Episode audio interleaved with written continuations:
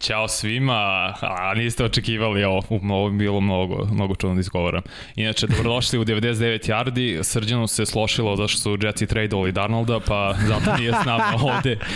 Ali šalim na stranu, šalim se, Cr Crki nije tu, tu smo naravno Miksa i Jimmy i ništa, držimo večeras, nas trojica. Večeras svako ima svoj kadar. Da, da, da. nije, mu se, nije mu se slošilo nego otišao Karolinu da moli. Da. vrati se! Seme, vrati se, sve smo ti da. oprostili. E, to je ono što smo ti ja pričali. Koliko imaju pobjeda Jetsi kada Darnold ne igra? Nula. Ajmo se, ajmo, ajmo u Charlotte. Ajmo u Charlotte da moliš. Može i krenu Charlotte. Ko zna? To ne. za nas čupri. Da, da. Istanbulova, evo slike. Da, da. smo videli video, smo videli ne, ne, znam, Nismo. Nisam vidio Istanbul na slici. Da, bravo. Pritom, bravo. dosta presedanja ima iz Istanbula kad se leti za Ameriku. Sve je moguće, ne znam. Mada do Amerike se uvijek ide preko Istanbula. Da, da, pa to kažem, da. A, u, sve je povezano zapravo. Izvaljenje. Izvaljenje. Ništa, šaljemo poruku. Da, šalim se. Uh, s čime da krenemo? Možemo da krenemo s tim zapravo. Za Moram. strane Jetsa, kako je trade ispao, koju ocenu vi dajete i kako vidite ovo za Jetsa? Pa ćemo posle proći za Darnolda, za Karolinu generalno. Ajmo Jimmy, pucaj. Uh, nova era. Nova. New era. Nova era definitivno u Jetsima. Ja sam mislio da će Saleh zadržati uh, Darnolda. Mada ispalo je na kraju da to nije plan. Plan je da se očigledno draftuje quarterback uh, po njihovoj poziciji trenutno na draftu i po tome uh, kakva je draft, uh, draft klasa. Uh, priču sam ubeđen da će, da će to biti neko od ovih momaka koji su ono budući gunslingeri što se, što se kaže u tom terminu američkom koji, koji koriste ovaj američke kolege, ali ovaj ja sam verovao u Darnolda i ja verujem u Darnolda i dalje. I mislim da će Karolina biti bolja ekipa, ali tvoje pitanje je bilo ocena Jetsa, ajde možda ceo draft, uh, to je trade, kako se desio. Mislim da je Karolina dala poprilično. Jesu dobili igrača, ali igrača koji ima dosta toga da dokaže, koji je onako dosta osporavan i koji ako ne krenu stvari dobro, a ne, ne znam zašto, bi, zašto bismo pretpostavili da će krenuti stvari dobro u Karolini. Ne mislim da je Karolina loša ekipa, nego prosto nije on jedina uh, de, delic slagalice koji će kao sad tu nešto mnogo da promeni. Treba Karolina tu još malo da, da poradi. Dobra vest jeste što se vraća CMC, no. što će on biti zdrav, mislim, bože zdravlja, što se kaže, ovaj, ali tri pika. Dali su tri pika Panthersi za Darnolda ove sezone, ajde, ok, pik šeste runde, tako? Tako. Da. Sledeće godine pik treće, drugi, drugi, i, drugi i četvrte. Uf, onako. Mada, znaš kako, je, jesi u pravu, možda je tim mnogo, ali ajde uzmemo uzir gde je on bio draftovan. On je bio draftovan u prvoj rundi u top 5 pikova. Treći pik okay, u nije, nije ispunio očekivanja, ali koliko pro bowler imao za sve ove godine u svojoj ekipi, druga stvar, ja samo ovako, da razmišljao sam nešto što nismo rekli u, u podcastu, koji je bio utorak. Setim se Adama Gejsa. Pa Tenehill je u Majamiju uz Adama Gejsa izgledao kao kotrbek u našoj ligi. Ali bukvalno.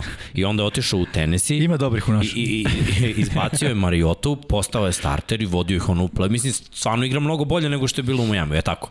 Jeste, jeste, apsolutno. I onda sada nekako pogledam Danu, pored tog isto Gejsa, koji nije baš opravdao neko očekivanja ofanzivnog uma itd dolazi kod drugog trenera, mladog trenera, glavnog trenera koji iza sebe ima ofenzivnog koordinatora koji je na LSU napravio ozbiljno sad. Mislim, Brady onako jako uh, friendly, ajde tako da kažem, prijateljski nastavljen za mlade quarterbackove koji tek treba da uče, znači koji još uvek sazrevaju. Tako da oni mogu zajedno da podignu njegovu igru na više nivo. Ono što njemu može da znači mnogo više odnosno na Jetce jeste bolja ofanzivna linija, koliko god ne bila sjajna u Karolini, bolje od Jetsa. Jest. I ajde uzmemo opcije. Znači imaće Robbie Andersona kog ima u Jetsima, to mu je bio najbolji hvatač u Jetsima, i imaće DJ Moore koji je pre par sezona bio top 5 hvatač po broju hvaćenih yardi dve jako dobre opcije. I naravno, kao što si rekao, Christian McCaffrey, da. running backa takvog nije imao. Nije ni imao, blizu. Nije imao ni trčanje, tako. Znači, ofanzivno gledano, to je mnogo više talenta na svakoj poziciji. I onda kad uzmeš u obzir, ok, videli smo šta može Teddy B, Teddy B zarađuje mnogo para, Darnold ne još uvek, e, i pitanje je da li ćemo oni ovaj, dati ugovor i kakav ugovor ćemo dati nakon ovo nije godina. Ok, Darnold je sad potpisan, ovo jeste trade, ali trade za pokupljenu opciju, je tako? Pa da. Tako da on ove godine igra maltene, što mi kažemo Za ovde, za kikiriki. kikiriki, tako je. Pa ako se dokaže, ako se pronađe u ovom sistemu, može da dobije neki ugovor. Uh, Teddy u Bridgewateru su rekli možeš da potražiš trade negde ako, ako neko hoće. Ma, moje mišljenje je da gde god da ode biće uh, borba za prvo mesto verovatno backup quarterback. Da, da, da. Da su oni procenili prethodne sezone da, da to jednostavno nije nivo startnog quarterbacka, jer sa Teddy Bridgewaterem znaš šta imaš. A s Darnoldom ne znaš, možda je, možda je to u stvari ono što je kopka. Možda je taj E. njegov ceiling, što oni kažu, američki termin, ta, ta, taj potencijal znatno više nego što mi ovde vidimo, zato što smo gledali u lošoj ekipi, u lošem sistemu, u diviziji koji su Jetsi bukvalno najgori tim, Jest. njegove loše performanse. Jeste, ja, ja se slažem, izvini. Vanja, samo ću da probam da budem kratak, da ne lažem da kažem kratko ću. ovaj, ja sam veran u Darnolda, mislim, setite se, premotajte da. nazad. Da, da. Ja sam pričao, ne, Ja šalno nikad stranu. nisam, baš. Da, uh, Darnold ima potencijal, ali ja samo govorim da taj trade, ok, ovo što su dali ove godine, sasvim ok, međutim to što je Karolina dala naredne sezone, ne znam, mislim, oni su i dalje ekipa koja mora da se oslane na draft. Imaju uh, mlade igrače, imaju da kažem pogotovo u odbrani, onako prilično, prilično mlada odbrana uh, i mislim da, da, da je njima draft i dalje bitna stavka, Jeste. da odatle mogu da crpe dosta igrača. E sada, ja ne volim to plaćanje na osnovu potencijala, u smislu, uh, on je došao kao veliki potencijal, ali ga nije pokazao. Pa znam, ali moramo da ga vrednujemo na osnovu onoga što je sada. A sada nije puno toga i dalje je potencijal. Da, ali E sad- isto, isto tako kao i ova draft klasa. Zar ne? I, čak i bolji, jer znaš, Videli smo video si ga. da. Jest, jest. Tako da, jest. ako uzmemo u obzir da li da draftuju ili njega, s obzirom da ga ne plaćaju ove godine, e, ništa posebno, onda mi je bolje to, plus te pikove koje su dali, bi mogli da dobiju nazad za trade Bridgewatera.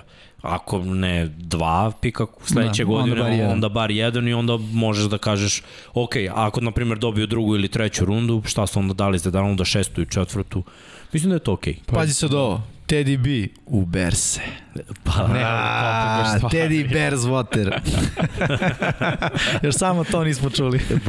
Pazi, sa strane Jetsa, ok, razumno je ono, Salah novi trener, hoće svog quarterbacka i to je totalno prihvatljivo. Ali mislim da nisu da, da to jest nisu dobili nešto mnogo, opet pa, Karolina nije dala pika iz prve runde što je uvek pozitivno, što je realno i moglo se desi. Mislim Ali da... pika druge runde sledeće Jest. godine. U stvari, upravo je miksa, ma, malo si proširio priču, ni- nisam baš toliko u zadru duboko, ali da, ako se traduje Teddy B, Pa da. zašto da ne, za sledeće Nadoknadiš. godine pik druge runde, to je... Treće, ne, nešto, Nije nerealno. nešto ćeš da nadoknadiš. Sad Karolina da. može se okrene na stranu, ok, sad možemo draftujemo nekog ili vrlo dobrog ofenzivnog tekla, da poboljšamo defanzivnu, ovaj ofenzivnu liniju ili da uzmemo prosto najboljeg igrača ko padne. Šta ako Pitts, taj kog ja obožavam, padne tu ili neki od hvatača Jamar Chase padne. Može se desi, nije ni bitno sad. Imaju dobre hvatače, ali opet bila upgrade na ono što imaju. Najbolje bi bilo da padne tackle i onda su ok, sad štitimo Sam Darnolda, imamo sjajnog tekla i to je to. A Jetsi iz početka, sad moraš da uzmeš quarterbacka, jedno je pitanje koliko ćeš da uzmeš, šta ćeš da uzmeš Fi, Fieldsa ili Wilsona. Jer ne verujem da će ni Lance ni Mac Jones da su realno u nekoj priči Ja. za to.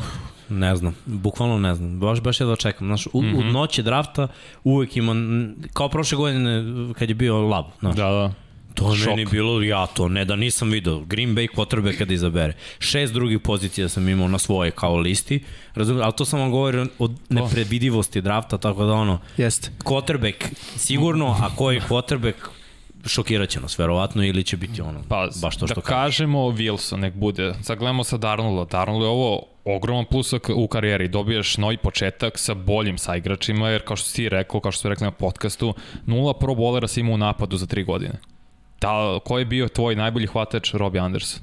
I realno Robbie And- Anderson, se ne lažemo, je više hvatač broj 2 nego što je ikad bio jedan. Koliko si imao na running backu Levian Bela koji Mislim, realno je postao sve gori i gori i gori. Ali samo da uzmemo u obzir da sve kreće od linije skrimidža i ofenzivna da. linija. Oni 10 godina nisu birali u, u prvoj rundi ofenzivnog linijaša i uvek su dovodili neka pojačanja. Redko kad i u drugoj rundi, znaš, kad tu poziciju koja je stvari najbitnija ti nikako ne želiš da obnoviš, da, Da. da dovedeš trenera, bukvalno sve odatle kreće. I uvek ćeš upirati prstom, aha, uh, ne znam, Sanchez je bio loš, Gino Smith je bio loš, pa Sam Darnold je bio loš, mislim, ajde da uzmemo ovu ofenzivnu liniju, koliko je bilo dobrih igrača da ih Talena zaštite, znaš.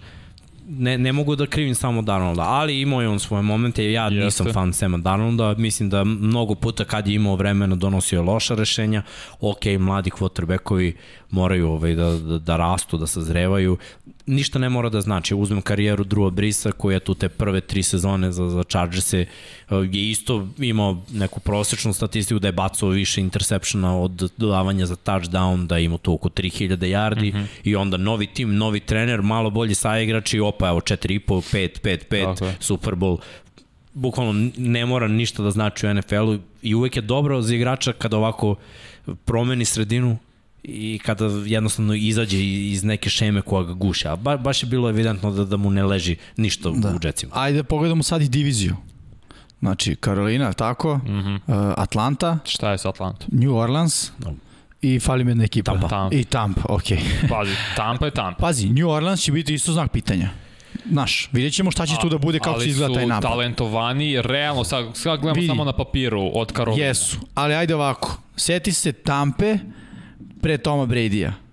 Isti talent kao Tom Brady, a quarterback kao u New Orleansu, Winston. Jasno, Što znači da Winston je sposoban da upropasti talent oko sebe. Mislim sposoban. No. Kadar je, ajde tako da kaže. Zna to da, da učini. Tako da, to što su bili New Orleans Saintsi pre penzije druga brisa, ne znači da će biti sad kad on više nije tu mm -hmm. i kada Kormilo preuzima no. uh, James Winston. Jer ko što rekao, Winston ume da upropasti, Da li će to uraditi? Ne znam. Da li je delo prošle godine da je sazreo malo i da deluje bolje? Jeste, ali budimo realni šta je imao ono pazi, na šta 20 to? akcija u, u sezoni. Bruce Arians voli da baca ogono dugačke lopte i naravno to je sve 50-50. Da, ali možemo se složiti sledeću stvar. A, a to je, Tampa će biti prvo u toj diviziji. Da. Atlanta da. smo rekli veliko znak pitanja. Ali hoću da kažem, odjednom sada ono što bi rekli Ameri Stocks, odnosno vrednost akcija Karoline po meni skače. Jer mhm. sad je Darnold došao, baš to što si ti Miksa rekao, potencijal se povećao. Mi ne znamo šta će biti, ali da je ostao, mislim ostao, Teddy B je tu, ali da je on opcija broj 1 za njih, mi smo to već videli. Da. Ok, videli smo ga ne sa CMC-em cele sezone, ali smo već videli kako ta Karolina izgleda. Da, jedna godina zajedno uh, je prošla, to je dobra stvar, u smislu prošle su te neke uh, bolesti u igravanje i ostalo, ali I trener, sad, takođe. I trener, tako Ovo je. Ovo će biti druga godina, Atlanti prva godina. Da. Jeste, tako da ono, Atlanta ja rekao ih pada dole, barem na papiru. Da, da. Uh, New Orleans, veliki znak pitanja, ali više nije toliko favorit ni za osvajanje divizije, tu sam siguran da nije, da, da taj da, favorit postaje Tampa, tako da uh, Karolina možda može i tu da se bori za mesto broj dva, ajde da izgovorim sad, prerano je, ovaj, zamerit će mi navijači Saintsa, ali uh, Zašto da ne? Opet kažem, da. Winston je pokazao da ume da upropasti da. celu priču. E sad, ali ovaj u njegovu odbranu, isto s obzirom da je on mlad quarterback, promenio je, evo, Arians je došao kad? Prošle godine. Da. E da, pre toga je bio drugi trener. I opet dva trenera, mlad kvotrbe koji mora da sazreva još mnogo. Njemu treba neko ko će da mu uprosti jednostavno da mu pojednostavi stvari. Ovo ti je prvi red, ovo ti je drugi red i eventualno bacaš treći. Nema tu sad ti da razmišljaš previše ili da bunariš. Jer Winston kad mu daš malo slobode, videli smo, to je haos. Znači ili je genijalnost ili je haos, zato ima 5000 yardi. Jer postoji da. neka doza genijalnosti da. u svom tom haosu. A ja samo verujem da je to metod ono pokuša i pogrešak. U smislu da. kad baciš 50 puta, morat ćeš imaš 5000 yardi. Pa. A, da. Ali vidiš, uh, s druge strane, Sean Payton je od druga stvarno napravio mnogo bolje quarterbacka i ja verujem da njegov sistem u napadu, naročito ako uzmemo obzir šta imaju u backfieldu, čoveka koji će verovatno sada preuzeti to taj najveći teret, a to je Alvin Kamara. Uh, da neće morati Winston previše, jer on u svojim danima u Tampi nije imao pravog onog running backa koji bi mogao, mislim da je bio Doug Martin jedna godina sa 1200-300 yardi, ali to je to. O, ostatak je bio ono, ajde dodajemo, dodajemo, dodajemo. Ovde je već malo drugačija priča o Saintsima, odbrana Saintsa mnogo bolja nego što je bila odbrana Tampe. Jest. Odbrana Tampe se skockala pre dve godine, ali prošla je zaigrala na onako malo jačem nivou. Da li su oni uh, favoriti za broj 1? Mislim da nisu, da što je Tampa osvojila i šampion je meni uvek favorit bez obzira da, da. koliko se roster im se nije mm, promenio. Pogotovo da, zato da. što je roster roster. Ali nije se promenio mnogo ni roster Saintsa. To, to je u njihovu odbranu da, da su ti glavni igrači nosioci igre pro boleri uglavnom ostali tu. Ali da ti pitam sad ovo, penzioniše se Brady i dođe Winston u Tampu. Jer ti Tampa, jer bi rekao, nije se prosto promenio. A realno se promenio kad je Drew Brees otišao. Pa, jeste, Iako je jeste. jedan igrač, ali to je igrač koji je, već smo rekli, ono, redefinisao tu franšizu. Jeste, ali u poslednje dve sezone Brice je propustio koliko 11-12 utakmica. Jeste, i brojke nisu bile fantastične, u smislu je. pravio i greške i možemo Isto. da kažemo da neke utakmice su izgubili zbog njegovog onog donošenja odluka. Tako je. Tako da, znaš, kad uzmem Da. te poslednje dve sezone, mogu da kažem da su bolji od Karoline. Ne kažem da su za to osvajanje divizije, ali Karolina, znaš, još uvek mora nešto da mi pokaže, a ovamo ima mnogo probolera, dokazano dobrih igrača i imam već sistem.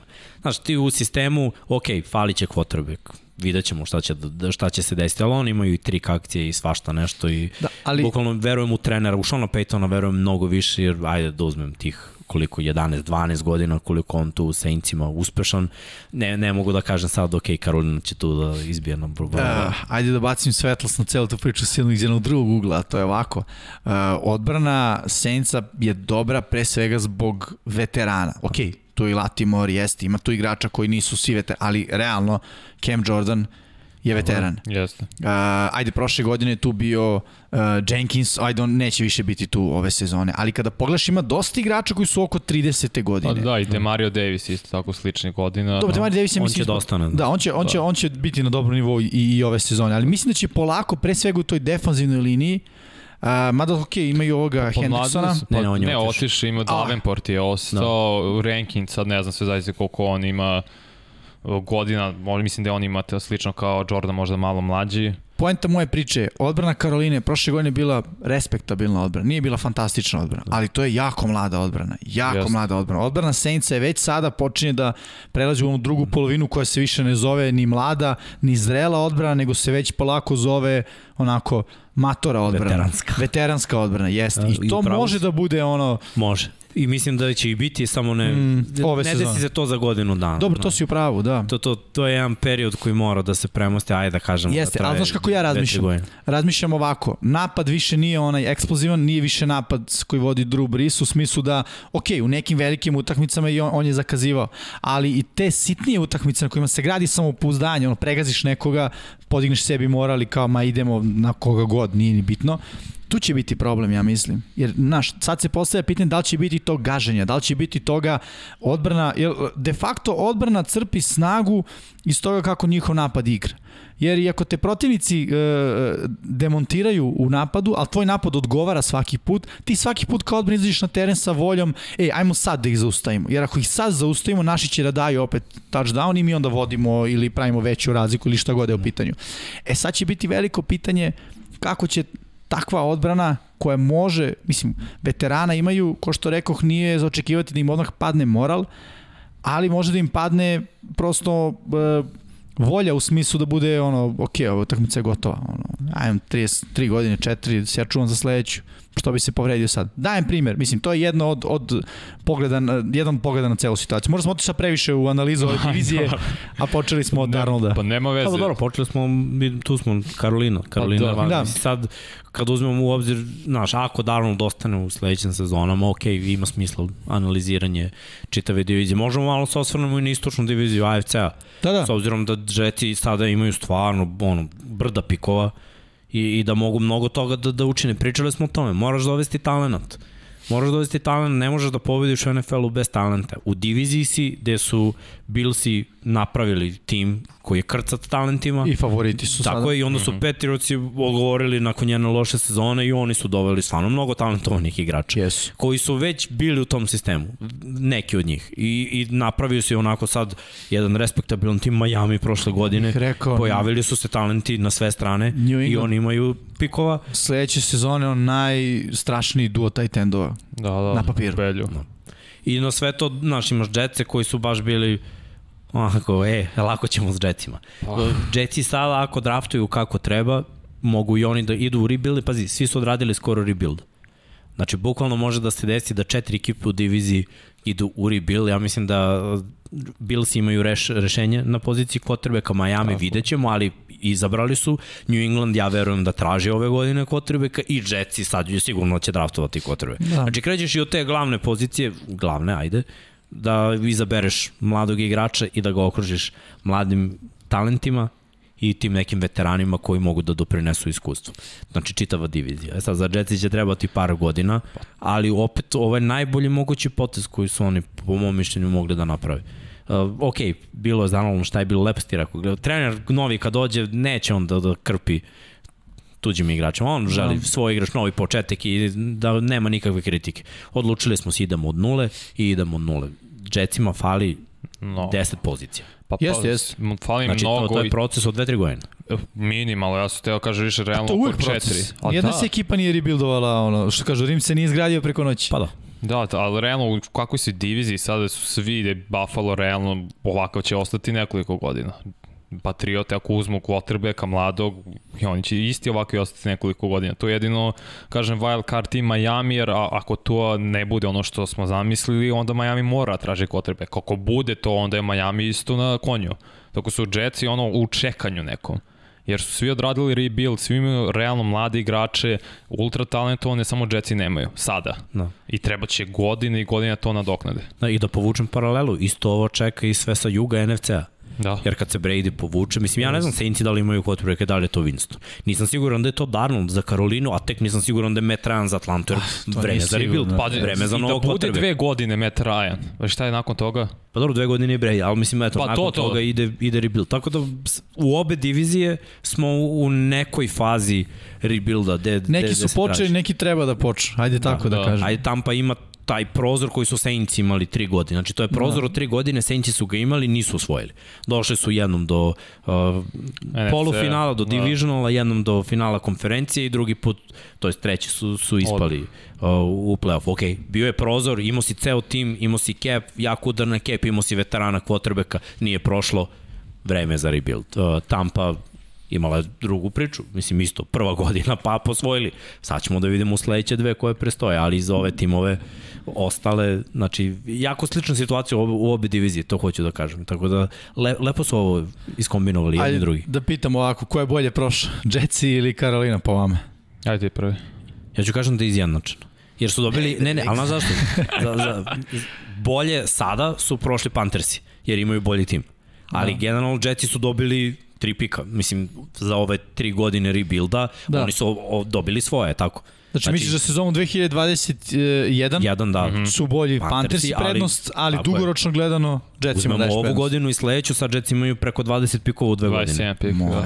Ja razumeš? Zato su oni... Ce, celu ekipu, to, napad i odbrana. zato su oni pobednici ono long term. Mislim, da, da, da. Ako Dobro. ti ima smisla. Smisla. Ja ću reći Karolina long term i sada. Mislim da Darnold će igrati bolje, da može bude dobar startni quarterback, jer gledali, prošle godine im pokazao neku tu hrabru što je u drugoj godini falilo što kad je bilo ono vidim duhovi, to je svoje ovoj prethodnoj godini stvarno pokazao neko srce i baš je dao sve od sebe da napravi nešto od ničega i rekli smo 0-10 bez njega, sa njim ne znam koliko nije ni bitno 13 13 25. Ne, ba da, 13 25, mislim loše loše, ali bolje je 13 nego 0. I mislim da će da se isplati on više Karolini, a Jetsima ako bodu quarterback sjajno, ako omaše opet iz početka sve. Toga da. sve zavisi da li je ovo za Jetsi na kraju isplativo ako oni ubodu quarterbacka kvalitetnog na draftu. Mislim, Jetsi su veliki znak pitanja, znaš, mi pričamo o quarterbacku, ne znamo ni šta je Salah kao glavni trener. Da. Možda bude bio ono fail. Viđali smo novog koordinatora koji se ne, snažu na, ne snađu na poziciji glavnog trenera.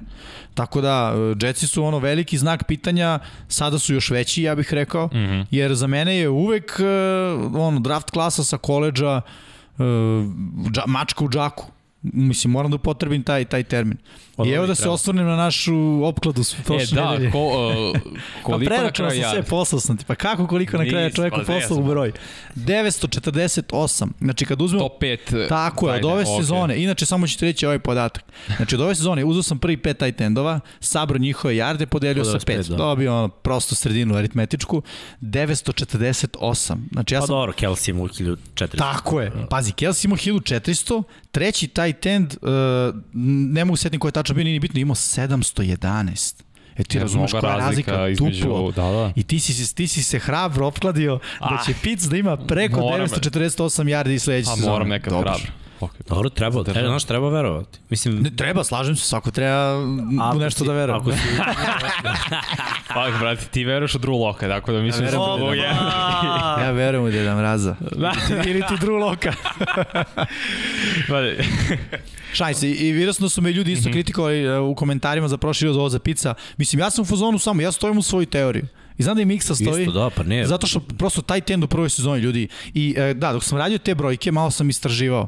Poslednji taj tend koji imao, da kažemo, dugoročno gledao na poziciji taj tenda uticaj, e, je bio 2017. Ingram u Giantsima, 714 yardi i recimo on je all time, na listi all time uh, taj tendova rukija, mm -hmm.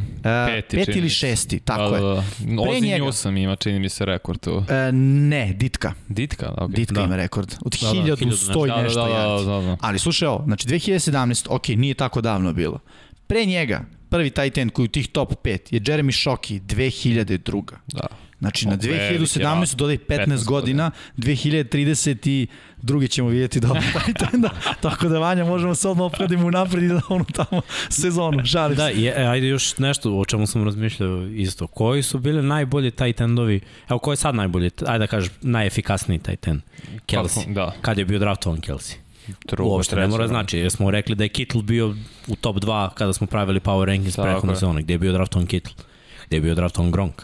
I, Ej. I dođemo do toga da uopšte ponekad dominacija na koleđu na poziciji tight enda ne znači. ne mora ništa da znači. U NFL-u, pazi, ti kad uvedeš tight enda, to je ono, onim personelima, ono što smo pričali.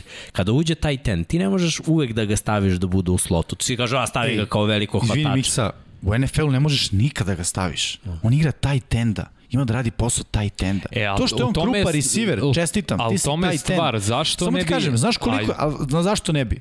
To nije pitanje za mene, to je pitanje Ne, za ne, trenera pa NFL-u. Ali gledaj, znaš ti koliko treba truda i poverenja da u NFL-u taj tendu kažu idi na slota.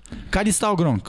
Ajde da se vratimo nazad da spomenemo ime koje, što bi rekli, niko ne se spomene, Aaron Hernandez. Kad je on stao? Hernandez je bio trkač, bio je tight end, bio je šta, si, šta je trebalo je bio. Ne zato što je on toliko sposoban, nego zato što je Bill rekao ima staneš pozadi, ono, ne sviđaju mi se ova tri trkača. Evo, na primjer, da uzmemo samo, samo Hawkinson, on je meni pravi primjer, on je uglavnom igrao kao hvatač na koleđu. I bio je, Mhm. meni je on delovao kao, ok, ovo je najbolji tight end ove klase. Ne no offend, nego baš on. Da, da, I, I delovalo mi je, ok, bit će, bit će ovaj produktivan i uspešan. Došao u, u sistem gde nema trčanja, tako da može da stane u slot, ali opet menjaš personal defanzivno, znaš, kad on stane u slot, uh, nije uvek najveća nagrada ti od njega ne možeš da tražiš da trči ruter, on nije toliko brz, jak, agilan kao hvatači koji mogu da igraju u slotu. Jasno, Jednostavno nije. Na NFL nivou, jer na college nivou on je dominantniji jer je viši i jači.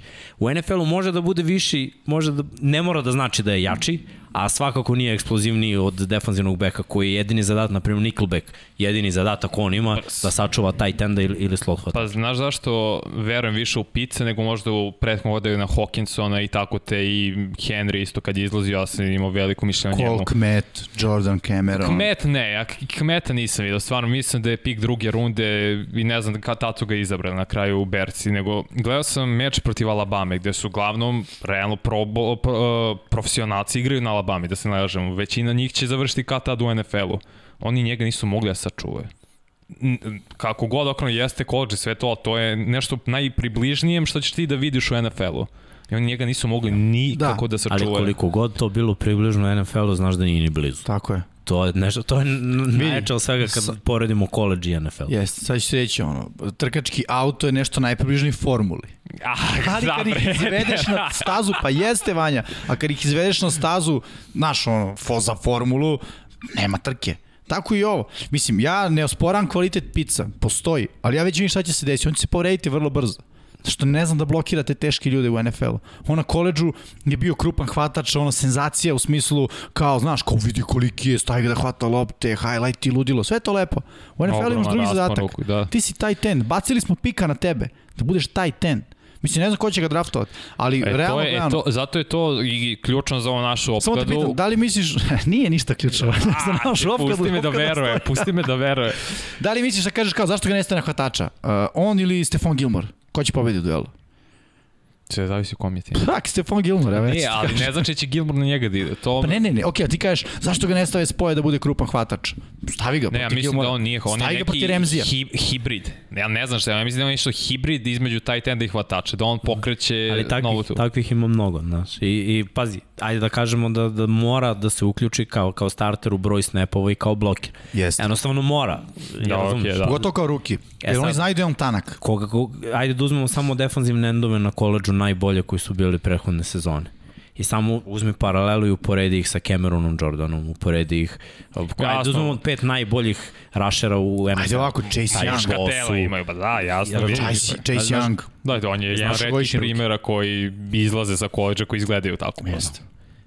Nije lako. Ja zato meni, na primjer, ruku. mene, mene, mene je Gronko odušeo, pa eto i Kelsey je pričao da u, u početku svoje karijeri da on nije mogu izblokira, znaš, nije mogu linebackera izblokira, naviko je da igra hvatač, on je uvek se ono otvarao kao hvatač. Da. Mislim, on i dalje igra kao hvatač, ali sad stvarno može da napravi Ume. neki blok. Gronk je jedini tight end u ovoj kao novijoj eri, Ja kog bih sam ja vidio, Kittle. sećam protiv Baltimora, Halotinata, defanzivni tackle. Da, da. Čoveče, bre, to je ono 350 Pounds. Funti, da. Da, i, i on ga ukopa u Dobri, kick out blok ti zatvore ga, jer oni rade onaj uh, stand. Uzme i zatvori ga s polja ne, ne može se mrne čovjek od 350, to je tight end. Koji isto hvata jednom rukom u end zone, ono na Da, da. back shoulder. E, to je meni, okej, okay, ovo je čudovište. Polako, ima vremena. Ne kažem da neće biti utro, samo, samo upravo je on za, za ruki sezonu. Jer njima je sve to, ta tranzicija, to, to je mučno za Tako. tight endove. Mislim, samo, ja upravo to, i ogradit ću se, ne ogradit ću, samo ću biti precizan. Pričamo o ruki sezoni pic. Ja ne sumeći picu u nekom trenutku, meni jedino plaši da, jer ti uh, uh, lepuškasti, ne mislim fizički, nego kao po stilu igre, lep, lepršave, da kažem, taj tendovi sa koleđa, kad dođu u NFL, uglavnom uče muku s povredama. Uglavnom.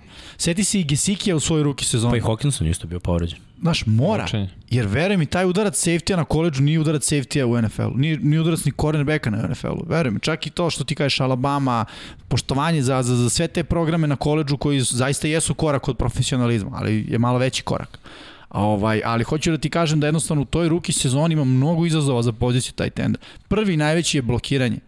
Drugi bit ostani zdrav do kraja sezone i on treći nauči da, da, da, da, da primiš udarac u smislu, a da te ne košta da igraš do kraja utakmice, sezone, par nedelja ili tako nešto. Tako da ima nekoliko izazova, vidjet ćemo i kad pogledaš ovo što je Mix, Mixa isto rekao, pogledaj sada trenutno najbolji taj tendovi u NFL-u, nisu bili ono flashy pikovi kada pričamo o pikovima prvih runda.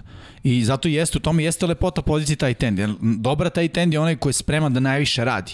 Jer on mora da blokira bolje od hvatača, Dobro, je sad ste ja kažem da hvata bolje od linijaša, to je smešno poređenje, ali hoću da kažem, mora da bude bolji u odnosu na koleđ u svakom smislu. Da, mora bude kombinacija, to ste da kažeš, linijaša, hvatača. Tako, to je mnogo bolje, da. Da, Da, blokira kao ofenzivni linija da Taj ten je baš jedinstvena pozicija, jer sve što radiš moraš da radiš uh, iznad proseka. Mm Mhm. -hmm. znači, znači, nema ono prosečan bloker, dobar hvatač, nema. Znači, mora da budeš iznad proseka bloker, iznad proseka hvatač i da budeš iznad proseka inteligentan, da bi razumeo sve Jeste. šeme, jer od tebe dosta toga zavisi u napadu. Jeste, jeste. Uglavnom, timovi koji igraju sa dva ili tri tight enda, da kažemo i timovi koji imaju jednog dobrog tight enda, svoju taktiku postavljaju tako. I opet govorimo o produktivnosti. Koliko lopti u prosečno dobije taj jedan Kelsey je jedan od redkih tight endova za kog možda kažeš 5 plus targeta po utakmici. Njemu je sigurno 5 plus targeta po Jeste. utakmici. Uglavnom se pravi onako, trčimo toliko puta, hvatač mi ima ovoliko targeta po meču, pa onda slot ili tight end. Nigde ne ide ono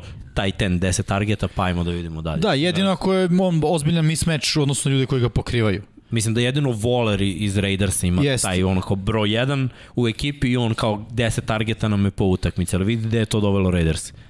Teško, teško.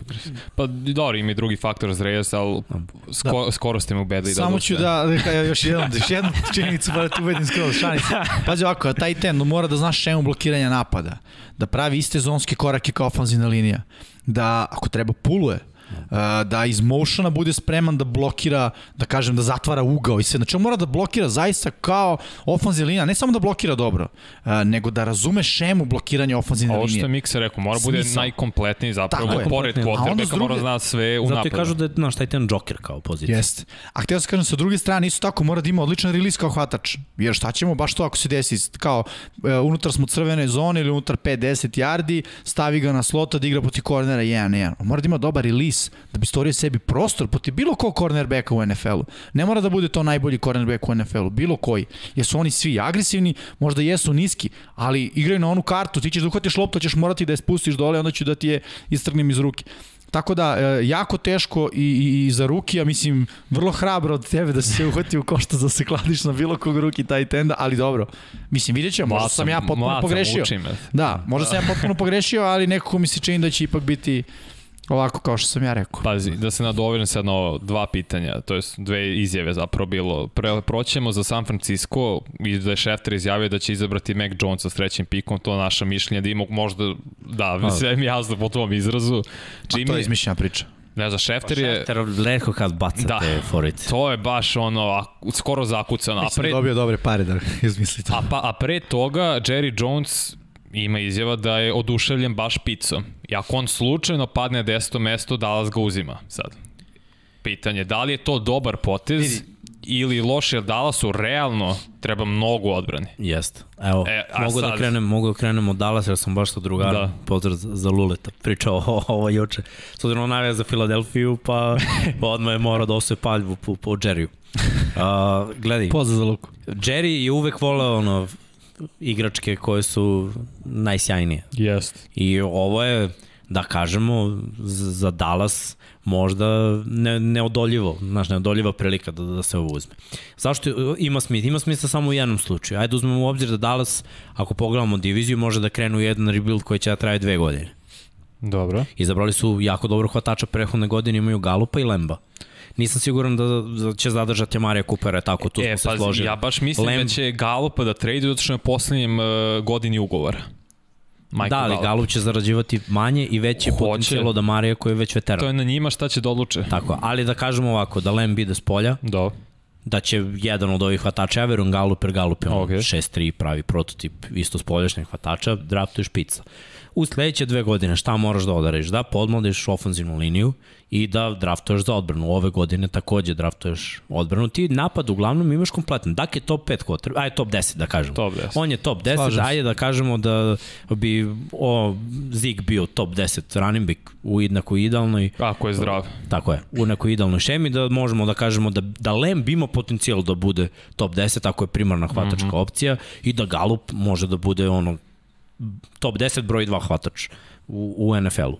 U tom slučaju ima smisla. Naravno, moje mišljenje bi bilo bolje odmah online, najbolje što može ove godine, jer imaju već dosta ofanzivnih oružja, a u diviziji se kr... odbrane sve jač... više i više jačaju.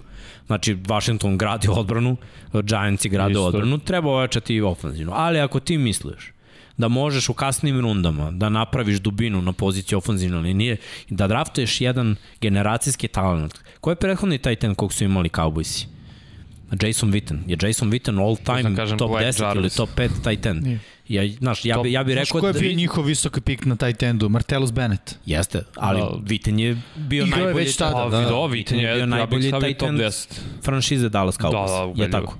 I onda uzmemo u obzir kakav je bio tim tada. Isto su imali s polja Terrell Owensa ili Patrika Craytona, imali su Vitana, imali su kvotrbe kako je bio top 10. Ajde da kažemo da je Tony Romo bio top 10 kvotrbe. Oko, da. Isto kao i Dak. Mislim, nema tu nekih rezultata, nekad uđe u playoff, nekad ne, ali ima potencijal, zna da baci svaku rutu. I ono, dobra ofanzivna linija i dobar bek. Uvek su imali nekog dobrog beka, jer mislim, to je Jerry Jones. A odbrana je bila uvek onako diskutabilna. E, pazi, samo da se ubati, to, to je problem sa Jerry Jones. On jeste imao, kad je osvajao Super Bowl, uh, Michael Irvin, ovaj, Emmitt Smith i Troy Aikman.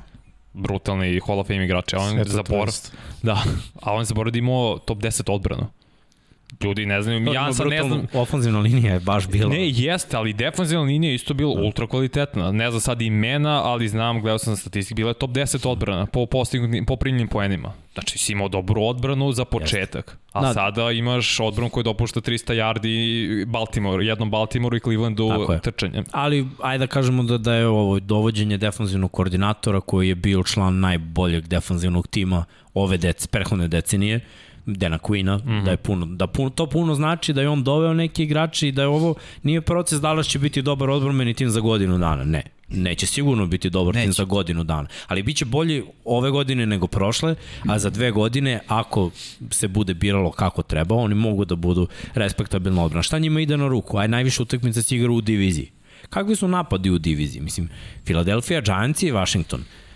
Ja ne znam da nabrojim. Znak pitanja, sve. Znaš, sve. svi su znak pitanja. Tako da, okej, okay, možda i ima prostora jedno dve godine da se ta odbrana skocka, a da se zadrži na okupu ono što je najbolje, jer Dallas je jedini tim koji baš obrnuto ima ozbiljan defanzivni problem, mislim da radi, Fila je, Fila je u potpunom rebuildu, ali yes. Fila je osvojila Super Bowl. Poslednji tim iz o, ove divizije koji je osvojio Izvini. Super Bowl. Tako da pa šta nakon. Super Bowla ti imaš pravo na jedan totalni rebuild. Znači, menjaš celu ekipu, menjaš trenera, šta jedan, menjaš sve. dva. Tako da Dallas, znaš, da. Kako god uradi, šta god da odaberu, nisu i dalje uh, poslednji tim u ovoj diviziji, jer imaju uh, imaju nešto da. Šalim se. Šta ti misliš, Jimmy? E, ja mislim da e, ovako bih vrlo kratko sumirao, pošto je Miksa vrlo lepo analizirao to, a i ti pre njega. E, Jerry Jones u napadu voli, što Miksa iz, lepo reče, e, te igračke, u smislu te popularne zvučne imena, a u odbrani ono negativce. Ali mislim da to nije dobar trend, generalno. I ako Pitts bude bio slobodan, oni ga uzimaju 100%, jer on je prošle godine dokazao da će uzeti najbolje ime na draftu, najbolji talent, koji Tako je. dostupan u tom trenutku, Da, da. ako ono što je želeo je otišlo. Uh, pik broj 10 ima, je li tako? Da. Na piku broj 10 njima će ostati, siguran sam, šta, manje više šta god budu želeli. Da, da. Real, Ostaće devet im- igrača će pre toga samo otići. Ostaće sigurno oba cornerbacka, ko- koji mi je ultra potrebno i Neće Farley i sumnjam. a mislim to im je najbit najpotrebnija pozicija Imaju realno. Diggs sa Burazera, tako? Da. A s druge strane imaju ništa. Nema veze, jedna strana je okej. Okay. Veruj mi, mislim, to je i neka filozofija u odbrani. Nećeš da, da, da potrošiš pik e, toliko visoko, imaš jednog respektabilnog cornerbacka, jednog dobrog cornerbacka s- perspektivnog koji Okej. ono, trenira s Burazerom i može da bude još bolji. mislim, šal na stranu. Nećeš ove godine da, da u prvoj rundi draftiš još jednog cornerbacka. Veruj mi, svi će kažu da si lud. Čak i da je to odličan pik. Svi će kažu da si lud. Jer Svi baš kažu to ti je potrebno.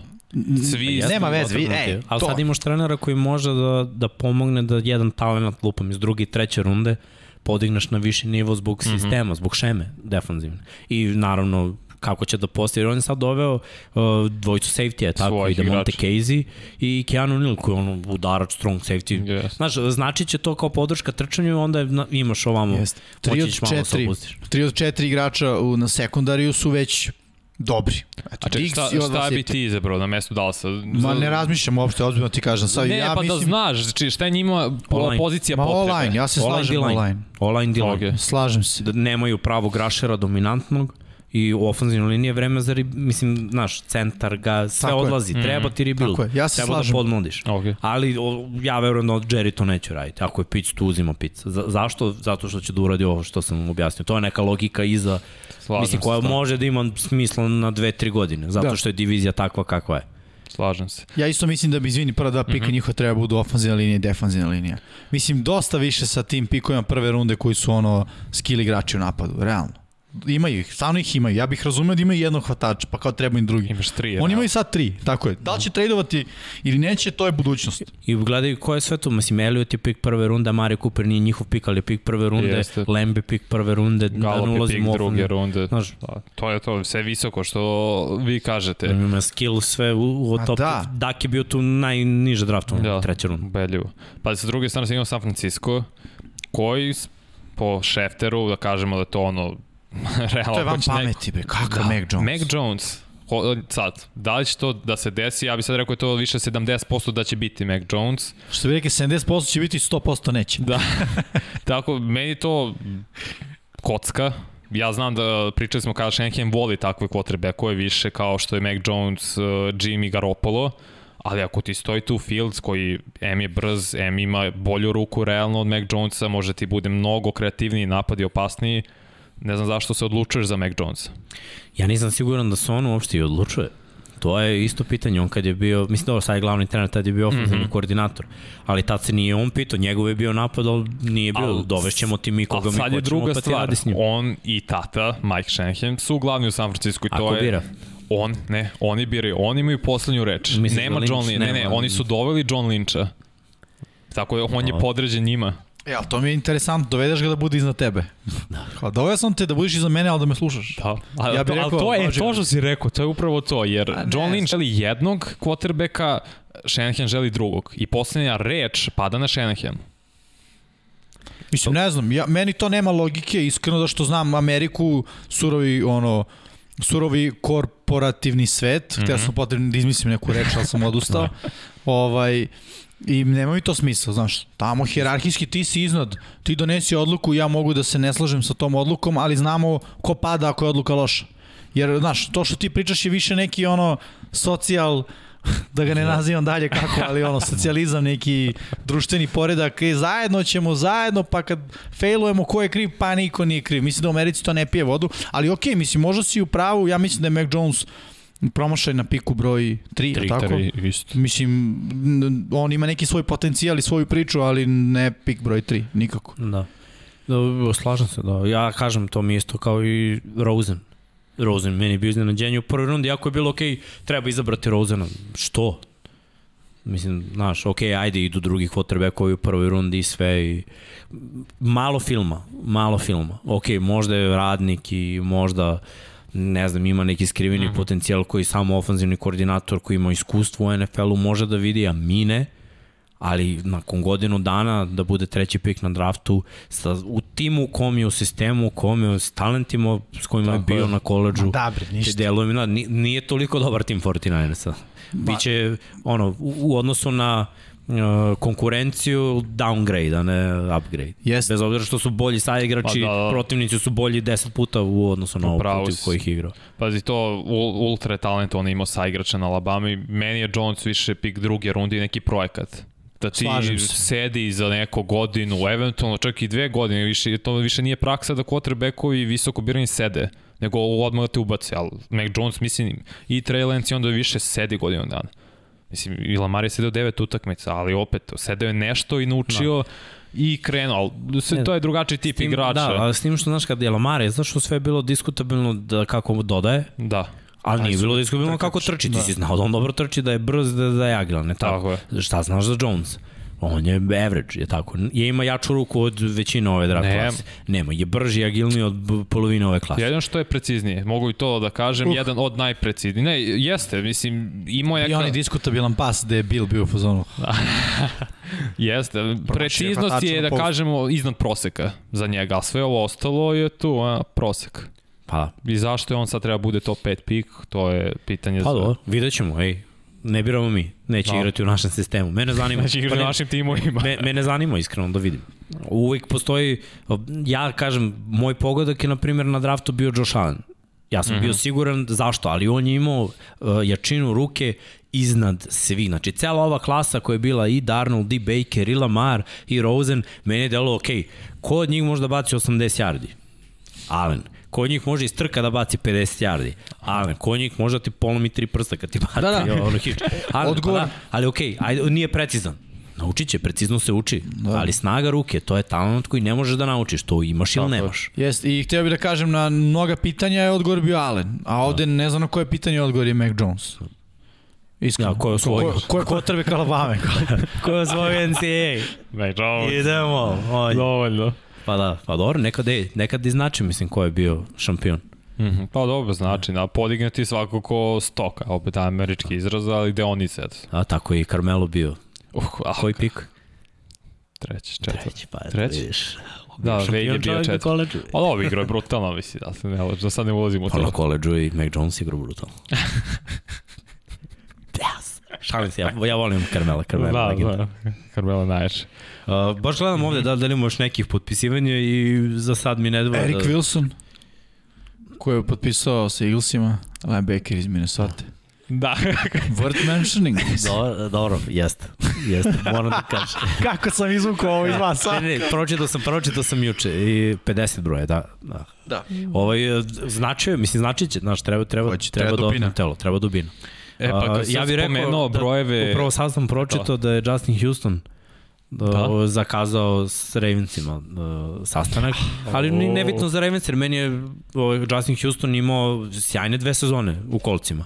I prošla je ona tamo, jer mi je delovalo nakon Chiefsa da su ga svi otpisali, ok, to je to, čovjek bre bio jedan od najboljih rašera u čitavom NFL-u. Da. Imao je, ok, mal, mali pad u igri, ali čim je došao novi tim, u, u kolcima je igrao sjajnim od dvocifren broj sekova.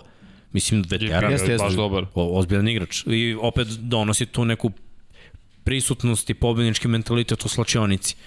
takav igrač, nevezano gde će da potpiše, ja mislim da će on potpisati ili neposredno pre drafta ili nakon drafta kada prođe se o, ova klasa endova i onda da se vidi, ok, kome baš bude falilo, oni će potpisati.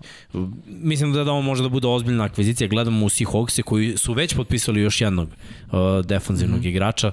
Zaboravio sam samo ko je u pitanju, ali mm, jo, još jedan dobro. dodatni igrač za liniju koju smo onako rekli fali im, fali im rašeri, pa onda su krenuli polako jedan po jedan, jedan po i sad mislim da imaju četvoricu onako sasvim korektnih igrača, eventualno Houston, Houston jer oni nemaju pikove. To, to, Houston će verovatno biti rešenje za neko ko nema, Ravensi nemaju isto, otpustili su dvojicu, da. ili draftuju ili dovode nekog veterana. I ima još timova koji imaju Minnesota, ima sličan problem, mm -hmm. isto Daniel Hunter iz druge strane, znak pitanja, moglo bi da se desi. Tako da on je meni jedan od ovih slobodnih agenta, pa, neko je pitao u komentarima ko su vam najbolji preostali agenti na, na defanzivnom endu, meni je Justin Houston onako top igrač. A pazi što se tiče to, da se nadoveže na to, Baltimore možda i dobije od Chargersa pika iz prve runde. Zato što je baš Staley rekao i izjavio danas da je ultra potrebno da se nabavi kvalitetan levi tackle. Da. Što mi dovodi do Čuo vaših to. igrača, što mi dovodi do da ja gubim pika prve runde, što se uopšte ne žele. Da, pročitao sam ko je Kerry Hyder koji je igrao za mm -hmm. 49ers. Da, da, da. da. Ja, jako dobro za dubinu, mislim, on je imao 8,5 sekova. Jeste, i to u trenutku kad su se svi ovi povredili, mislim... Dobio šansu, da. iskoristio da. šansu i evo sad no, novi da. tim, ista divizija, značiće, kako ne. Da, da, šta mislite ovaj sad, e, NFL izgleda će da izglasa promenu pravila brojevima? Ne znam da ste to videli. Ja video sam. Pa ne znam, mislim, sad, ne, nebitno. Evo sad kaže, running backovi će moći da koriste brojeve od 1 do 49 i, i od 80 isto. da, do 89, isto tako hvatači, linebackeri od 1 do 59, od 90 do 99 i defanzivni backovi od 1 do 49. A, pa malo kao college, ajde. Dakle, da. Pa da, znači sad ćeš moći da izabereš kad dođeš u NFL broj koji si nosio na koleđu. Zato što Chiefs su izgu, nisu i više imali brojeva za određene defanzivne bekove prethodne godine. Bogu nisu mogli ni da, da im uruče broj, baš zbog toga. Pa dobro, mislim, broj ko broj. Da, bitno je samo da se ofanzivna linija ograniči, pošto su to igrači koji ne mogu da hvataju loptu. Da. On, da. To je od njima od 50, od 50 do, do 79. Tako je. Do 80, da. 79, I da. to isto za defanzivnu liniju, isto od 50 do 79. I za defanzivnu? Da. E, to je novo. To je novo. Pa nije, mogli su oni. Mogu si da imaš I od 90 do 99 klasika. Znaš da je Mike Daniels nosio 76. Yes. Da, da, da. Da, upravo si, da. Mislim, on na koleđu inače pravilo za, samo za ofanzivnu liniju. Od 50 do 79 svi ostali mogu da nose bilo koji broj.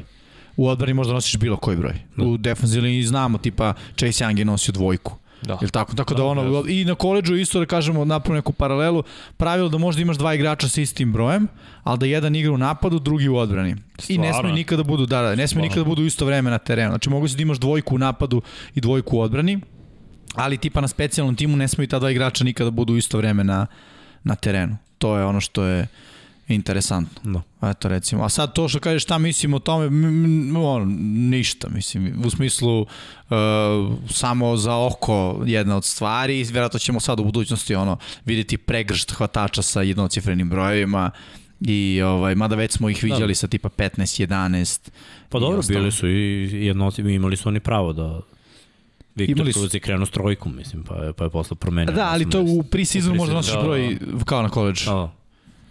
Dobro, uh, mislim, prošli smo neke vesti, ja, ja bih volio više da čujem zapravo o školi. Da još više učim. Da, zato gledam u tebe, Jimmy. I šta je danas zapravo na meni? Na meniju? Pa nije restoran. Koji danas čas? Danas pričamo o odbrani. Nastavljamo priču o odbrani. Uh, biće koncipirano tako da ću prvo uh, proći neke stvari koje sam uh, rekao da ću proći. Znaš koje? Pa malo sam se nešto setio šta je bilo. Eto, ako se neko iz publike javi ovaj, da, da, da zna tačno šta sam obećao, neka bude tu, ali ideja je da ovaj prođemo te neke da kažem modernije uh, koncepte uh, odbrane više će biti što što su rekli uh, prošli put kad sam pričao suvoparno odnosno teoretski zato što u Medenu ovaj uh, ne možemo baš dobijemo najbolju najbolju sliku o tome. Inače da najavim odmah uh, ono spoiler alert za sledeću nedelju. Uh, pribavićemo neke snimke stare s naših treninga. To smo hteli i danas al da budemo iskreni kasnili bi nismo hteli da kasnimo zbog toga jer ima malo, uh, da kažem, procedure oko svega toga da se to ovaj, implementira, ali od sledeće nedelje očekujte da će biti neki, neki snimaka sa, starih snimaka sa starih treninga, prosto ne mogu da otkrivam svima šta, šta igramo ekipa, pošto ni ostali ne otkrivaju nama, ali ovaj, šao na stranu, koristit ćemo te snimke i bit će dosta uh, uh, lakši za ljude koji prate iz prostog razloga što imamo žive ljude i ljude koji trebaju da donesu odluke koje smo i mi rekli da donesu, tako da otprilike uh, ćemo znati, kažemo otprilike, uh, možda nije lako setiti se pre dve godine koja je baš akcija pozvana, ali u svakom slučaju može na osnovu koncepta i odluka koje su igrači pravili da se to dobro objasni, tako da ćemo analizirati od naredne nedelje ćemo krenuti i sa time, par nekih snimaka, nemamo ih baš puno, obzirom da smo sa tom tehnikom snimanja e, treninga i utakmica drona, dronom krenuli tek od prošle godine, ali možda možemo i od ove lige 7 na 7 da nešto izvučemo da, koja je bila prošle može godine. Može koncept da. ofanzivno. Tako je. Da vide se... ljudi kako, kako se trče rute i, tako i je. to. Tako je, tako da eto, to će biti još zanimljivo što se tiče sledeće nedelje, a sada da lupim rukama. Krećemo sa odvrnom, gledam u, u Meden koji je trenutno iza mene. Ajmo da brineš sredina. tu je Meden. Dom, Treba ćemo samo vanje još jedan joystick. Koja je ekipa? A, o Ravens. Ajde da izaberemo neku ekipu, vajda je home uvek napad. Neka bude ista ekipa. Ajde ovako, Vanja, da ispratimo sledeću stvar. Evo, pitamo ljude koju hoće ekipu da izaberemo. Ti isprati tu, vidi, sad će ljudi sigurno ispisati nekoliko imena ekipa, ti vidi koja se ime najčešće spominje, pa ćemo izabrati uh, tu, tu ekipu. Može, može. Pošteno. Eto, dajemo ljudima jedno minut, otprilike, da počnu Ili hoćemo ko se prvi javi? to ko je se prvi javi, ne znam. Ajde. Sad ćemo da vidimo. Ja ću ovako da vrtim. Ima je ova opcija random. Opa. Što smo rekli na minut? Pa recimo. Da, dobro. Pa ima već, evo, prvo što je bilo Nikola D. Pittsburgh. Dobro. Vuk Đorđević, Patriot. Dobro, to su dva reći. Seahawksi, okay. Tampa. Uf, nijedno da se ponovi. San Francisco, Green Bay, Ajde, Saintsi. Prvi koji se bude ponovio, biramo njih. Ponovili su Patriote. Patriote? Dva Eto, New England, idemo onda. A ko je drugi ko se pojavio? Ponovio? Miksi, zaberi ti Patriote. Seahawks. Ja moram Ajde ovako. ti zaberi onda Seahawks, ajde. Da je to. Pa ne, je bio Pittsburgh, ali Seahawks je dva puta. Pittsburgh je bio da, prvi, da, ali da, bilo je Pittsburgh, put. Patriote, Patriote, Tampa, Seahawks, Seahawks. Samo u drugu smer, u drugu smer, okej. Okay. Eto ga. Seattle. A, a, a, znači samo namestimo All Pro da bi bili ole normalni igrači. I idi odmah gore na redi. E, e, ajde prvo ću da krenem taj uvodni teoretski deo.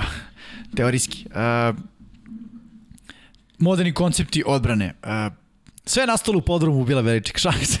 Ali ima neka priča da su stvarno Bill Beličik i pre svega Nick Saban. To je ova priča koju ja znam je priča koja se tiče Nika Sabana. Inače on i Bill Beličik, Nick Saban je glavni trener uh, Alabame, bio je univerziteta Alabame, bio je i glavni trener u NFL-u svoje vremeno i uh, veliki je prijatelj sa Billom Beličikom. I priča je ta da su oni, da imaju taj neki, da kažem, ritual uh, da bukvalno svake godine nakon jedne, odnosno druge sezone, college i NFL sezone, to sam ja čuo, ako, ako su mene slagali, lažem i ja vas, da oni na mesec dana odu u Montanu, u kuću, ja mislim, uh, Nika Sabena i ono, potpuno se izoluju od ljudi i samo pričaju o futbolu. Pre svega odbrani, pošto su jedan i drugi defanzivno orijentisani treneri i pričaju o tome uh, ono, kako stvoriti, da kažem, savršen sistem odbrane. Uh, jedno od tih e, sastanaka takvih ili kako već nazovemo brainstorming momenta je izrodio a, nešto što se zove, ajde ovako stvari krenemo od, od, toga kako su oni došli do toga. Nick Saban je razmišljao, ok, kako je najbolji način da kombinujemo, imamo zon, zonsko pokrivanje, imamo pokrivanje čovjek na čoveka, jedno i drugo ima prednosti i mane. Kada smo u zonskom pokrivanju, svaka zona, to smo već pričali na ranim časovima, ima određene rupe gde je slabo. Ono, cover 2 duboko po ćoškovima ili da kažemo ona ne toliko duboko, ajde između 10 i 15 yardi po ćoškovima, to je taj gap između flat zone koji pokriva cornerback i duboke polovine koju pokriva safety i ta duboka zona između dva safety-a. Ok, cover 3 po simu, odnosno u, u simovima je slab, to je ona zona otprilike oko hash markova, jer imamo jednog cornerbacka obično koji pokriva trećinu uz jednu out liniju, drugi uz drugu i safety-a koji je u sredini i sad javljaju se te rupe između njih. Isto tako, što se tiče pokrivanja pliće, javljaju se određene rupe i glavno je pitanje bilo uh, uzevši u obzir naravno i, i, i, to kako se u napadu pre svega, pre svega igra, jer koncept odbrane je uvek takav da se prilagodi onome što napad radi. Napad zna šta će uraditi, zna i odbrana u tom smislu da odbrana isto dobije akciju koju treba da odigra, ali ako odbrana dobije akciju, a napad izađe u formaciji ili u personalu koji nije u skladu sa tom akcijom. Ili shiftuje, mislim, motion neki promeni tako se formacija. Je, tako je. I ti si već osuđen na propast jer stojiš u defanzivnoj formaciji koja Jest. ne može ne da odbrani to što, što napad igra. Upravo tako. Prost primjer kao što si rekao formacija sa dva hvatača s jedne strane, dva sa druge strane, desi se motion. To odjednom postaje trips, odnosno imamo tri hvatača s jedne strane i jednog s druge strane. Ceo alignment, odnosno postavka igrača odbrane u tom momentu se menja. Kao što ti rekao, shiftuje se, pomera se ka strani da ima više hvatača. Prosto ne možemo više pokrivati na isti način stranu gde je bilo dva hvatača i sad kada taj jedan hvatač pređe na drugu stranu, ako mi ostanemo recimo sa tri igrača na toj strani da pokrivaju jednog, prilično besmisleno, na drugoj strani ćemo imati tri igrača koji pokrivaju tri igrača. Zašto smo ovde sebi umanjili jednu stvar, a vamo smo dodali dodatnog čoveka, a, a ne bi trebalo da bude tako. Ključna stvar svake odbrane da se prilagodi. Uh, kao što rekao, formacija, personal, downy distance, u smislu šta očekujemo da će napad uraditi i naravno ono što uvek spominjamo to je gledanje snimaka, da prosto a, kada toliko dobro upoznamo protivnički napad, da znamo na osnovu formacije, dubine rute koju hvatači trče, kretanja ofanzivne linije, quarterbacka, tendencija koje imaju, da znamo šta da očekujemo na prvom za 10, drugom za 5, drugom za 15, trećem za 20, trećem za 2, 3, 5, 6 i uh, samim tim da sebe iz aspekta odbrane stavimo u najbolju moguću situaciju da odreagujemo. Jer odbrana na kraju dana reaguje na ono što napad radi. Imaju zadatke, ali ti zadaci su donekle fleksibilni. Naravno, fleksibilnost je najmanja kada je u pitanju pokrivanje čovek na čoveka, imaš svog čoveka, Tako je. tvoje do kraja. Slična stvar je recimo kad je blic u pitanju, blic je uvek, da kažemo, ideja da se s dodatnim pritiskom e, ubrza kotrbe koji će ranije da se oslobodi lopte ili da pod pritiskom baci dužu loptu koja će biti nepreciznija, pre svega ili će dobiti udarac prilikom izbačaja, podbaciti, prebaciti šta već. Ajde da kažem opet, Blic onako malo smanjuje isto fleksibilnost iz prostog razloga što imaš svoj gap, moraš napasti tu jer nema smisla ako i Miksa ja odemo u C gap, a niko nije u B. Šta smo uradili? Ne mnogo. Treba svako da ispoštuje svoj zadatak koji se tiče koji se tiče tog, tog gepa. Ali sve ostalo manje više osim blica s jedne strane i pokrivanja čovjek na čoveka s druge strane uh, dozvoljava određenu fleksibilnost u odbrani. Da se vratim na inicijalnu priču. Hoćem se kao deda koji priča ratnu priču. Uh, Back in my day. um, pitanje je bilo kako, šta uraditi, šta je bolje, zona ili čovek? Jedno ima prednosti i mane. Čovek ti vrlo brzo umara defanzivne bekove. Ceo dan trče. Ceo dan pokrivaju. Drugo, ako je akcija trčanjem, aj moje su oči na hvatača i napad iz četiri hvatača, ti automatski imaš četiri obarača manje zna da bude problem, pogotovo protiv ekipa koja koriste quarterbacka kao dodatnu trkačku opciju i onda praktično imaš situaciju da napad može dobrim blokom i dobrim korišćenjem prednosti, ako se trči na desnu stranu, ono levog enda ne blokiramo, jer je manje više non-faktor, da bude situacija blok čovek na čoveka do samog kraja kotrve koji nosi loptu, vrlo dobra situacija za napad postigne da. touchdown. Pa čak i kad je play action, toliko defanzivni bekovi jure svog čoveka, da, Jeste. da kotrvek može da, da iza linije skrimidža lažira dodavanje, da čeka, da čeka, sve dok ne okrenu kukove defanzivni bekovi i nakon Jeste. toga jedan cutback, mislim to je minimum 5 yardi, videli smo. Tako je. Tyson Hill je dao dva touchdowna trčanjem na, na tu foru, Lamar mnogo. Dosta, da. da. Ali, uh, onda je ključno bilo pitanje, ok, ako zona ima rupe, čovjek ima rupe, da li možemo da napravimo Hibrid. Hibrid, tako je. Hajde da iskoristimo prednosti zonskog pokrivanja i spojimo ih sa prednostima pokrivanja čovjek na čoveka. Kako to da uradimo? Tada je nastalo nešto što ima nekoliko termina koji se koriste za, da kažem, takvu vrstu filozofije, ali recimo jedan od uh, termina koje sam ja čuo je uh, pattern defense, odnosno odbrana na osnovu šablona. kog šablona? Šablona pre svega ruta napada. Sad ovo što pričam se pre svega odnosi na pokrivanje pasa, da se razumemo. Pokrivanje trčanja, to je manje više jednostavno, u smislu kao što sam rekao, svaki igrač ima svoj gap responsibility, odnosno odgovornost da zatvori određeni gap i logika kaže, gapovi su rupe kroz koje trkač može da prođe, ako odbrana ima čoveka u svakom gapu, čovek ne može da prođe kroz prostor, kroz rupu, jer rupa, to je gap, ne postoji, čovek je, odbranbeni igrač je već u njemu. I e, što se trčanja tiče, tu nije bilo puno disku, diskutovanja i filozofije. Naravno, napad je evoluirao, spomenući to i kasnije, da odbrani maksimalno teža. Ali, ko što rekao, Hoša ću sada uglavnom pričati, evo mogu i da izaberem, uh, čao, neko od formacija, ovaj, uh, samo da ima, aha, ja sam napad, ti miksi, da, da, zamenit ćemo, samo ću, stavit ćemo ovde uh, polako. Samo da nađem neku formaciju, recimo sa četiri hvatača, možeš ti sve jedno. Da. Je, možeš ovako kad je taj ten jedan. Da može. Doubleska. Može, može, može. To je okej. Okay. Ja ću izabrati uh, Nikol formaciju. Pas? E, da. Da. Ok, evo da nađemo da li oni imaju neko tako a, a, a, pokrivanje. Čini mi se a, da sam video kod nekih ekipa cover 3 buzz press, Tampa 2 box slant, cover 2 sink. U suštini, evo ga, cover 3 meč.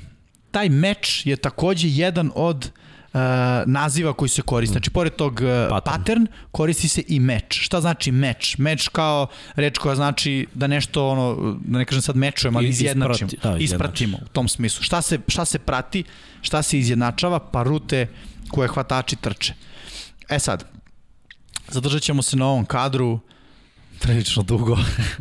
Mislim, moram da objasnim e, koncept, onda ćemo pustiti akciju da se odigra i videti e, videti kako cela stvar funkcioniše. Prvo što možemo da primenimo kod ovog meča je to što naspram svakog hvatača, hvatačke opcije, već imamo po jednog defanzivca. Da smo izabrali običan cover 3, koja bi prva e, razlika bila, to je da bi Adams bio na ovoj dubini, zajedno sa Diggsom koji bi bio recimo ovde i onda bi na snap Diggs išao gore, a Adams se spuštao dole. E sad, u ovoj konkretnoj situaciji, pre samog izvođenja lopte, Adams je već naspram svog hvatača. E sad, ko što rekao, ovo je Meden... Možeš undo. Aha, undo, da. Istražujemo yes. ovde. Što im tačku u sredini, a imam i tačku sa strane. Još jedna. Aha, Aha. ne, ok, dve tačke. Još jedan. To je ok, da. još jedan. Da, da, ne, to je to. Mislim da su... U sredini. Ili nije to to. E. Sad, jak je u sredinu ti je, mislim. Nije, nije. Ne, gore, a? Okay. Panja, hoćeš tebi da dam tastaturu? Može, ti može. budeš brisač. Undo, undo guy. Redar da budeš danas. da. Uh, Olovka guy, talking guy i undo guy. Tako je. E, ali ovo, ja, ja ovo ne crtam. Ne crtaš? Ne, ok, okay. Don Pablo za kontrolu, sad je ok, sad probaj ti okay. da crtaš. Aj sad probaj ti undo da uradiš. Da. Čekaj. Ovo su jedan zbog tehničkih eh, problema. Platforma na kojoj radimo nije savršena. Ne, da li je, ne znam koja je tastatura, da li je... Pa Ajde, ja ću da nastavim da pričam dok vi... Z ili Y. Da, da, da. Da, da na, na gore na Y je. Da, ja, znam, znam, da, sad da. da Nek može i Don Pablo nek uh, obrže pa ću ja Dobro, ajde, ja da ću nastavim. nastaviti teoretski, da, evo ga, sjajno. Jej. Ok, znači kao što rekoh, prva stvar koju vidimo odmah na startu to je da su igrači već postavljeni naspram uh, hvatačkih opcija i tako da ih nazovemo obzirom da ovdje imamo Huntera Henrya ne, ne, ovo nije Henry, izvinjam se, ovo je Izo. uh, mislim da je napad Chargersa iz nekog razloga, jako smo pre 5 minuta izabrali napad Englanda. U svakom slučaju, e, postavljaju se u naspram hvatača, s tim da ovde u Medenu su previše plitko namešteni. Zašto? Što je o kompjuter, on čita algoritam, ne čita kretnju, mislim, čoveka preko puta. Da. Kako bi trebao da se igra taj, e, taj e, meč? Tako da dubina safety-a i cornerbackova pre svih je malo dublja, pre snapa. Zašto? Postoje nešto što se zove ključna dubina hvatačke rute. Recimo, obično se postavlja 5 yardi. Ovo je sad vrlo bitno da svi, mm -hmm. da svi čuju. Uh, znači, 5 yardi je obično ta neka prelomna tačka, neko stavi na 6, neko stavi na 7, ali kažem 5 se uglavnom uzima kao neka, neka ovaj, zajednička, e, ovo je najbolji kadar, kao neka zajednička uh, distanca. zašto? Pa zbog kombinacija ruta koje napad ima. Ponovo, ko što rekao, zadatak odbrane je da se prilagodi da odreaguje na ono što napad radi. Znajući rute koje znamo, koje mi se objašnjava, imamo slant, dva, tri koraka, pravolinijski, pa pod uglom od 45 stepeni, da kažemo, ka sredini to je ruta znači koja se prelomna tačka ispod 5 yardi, tako?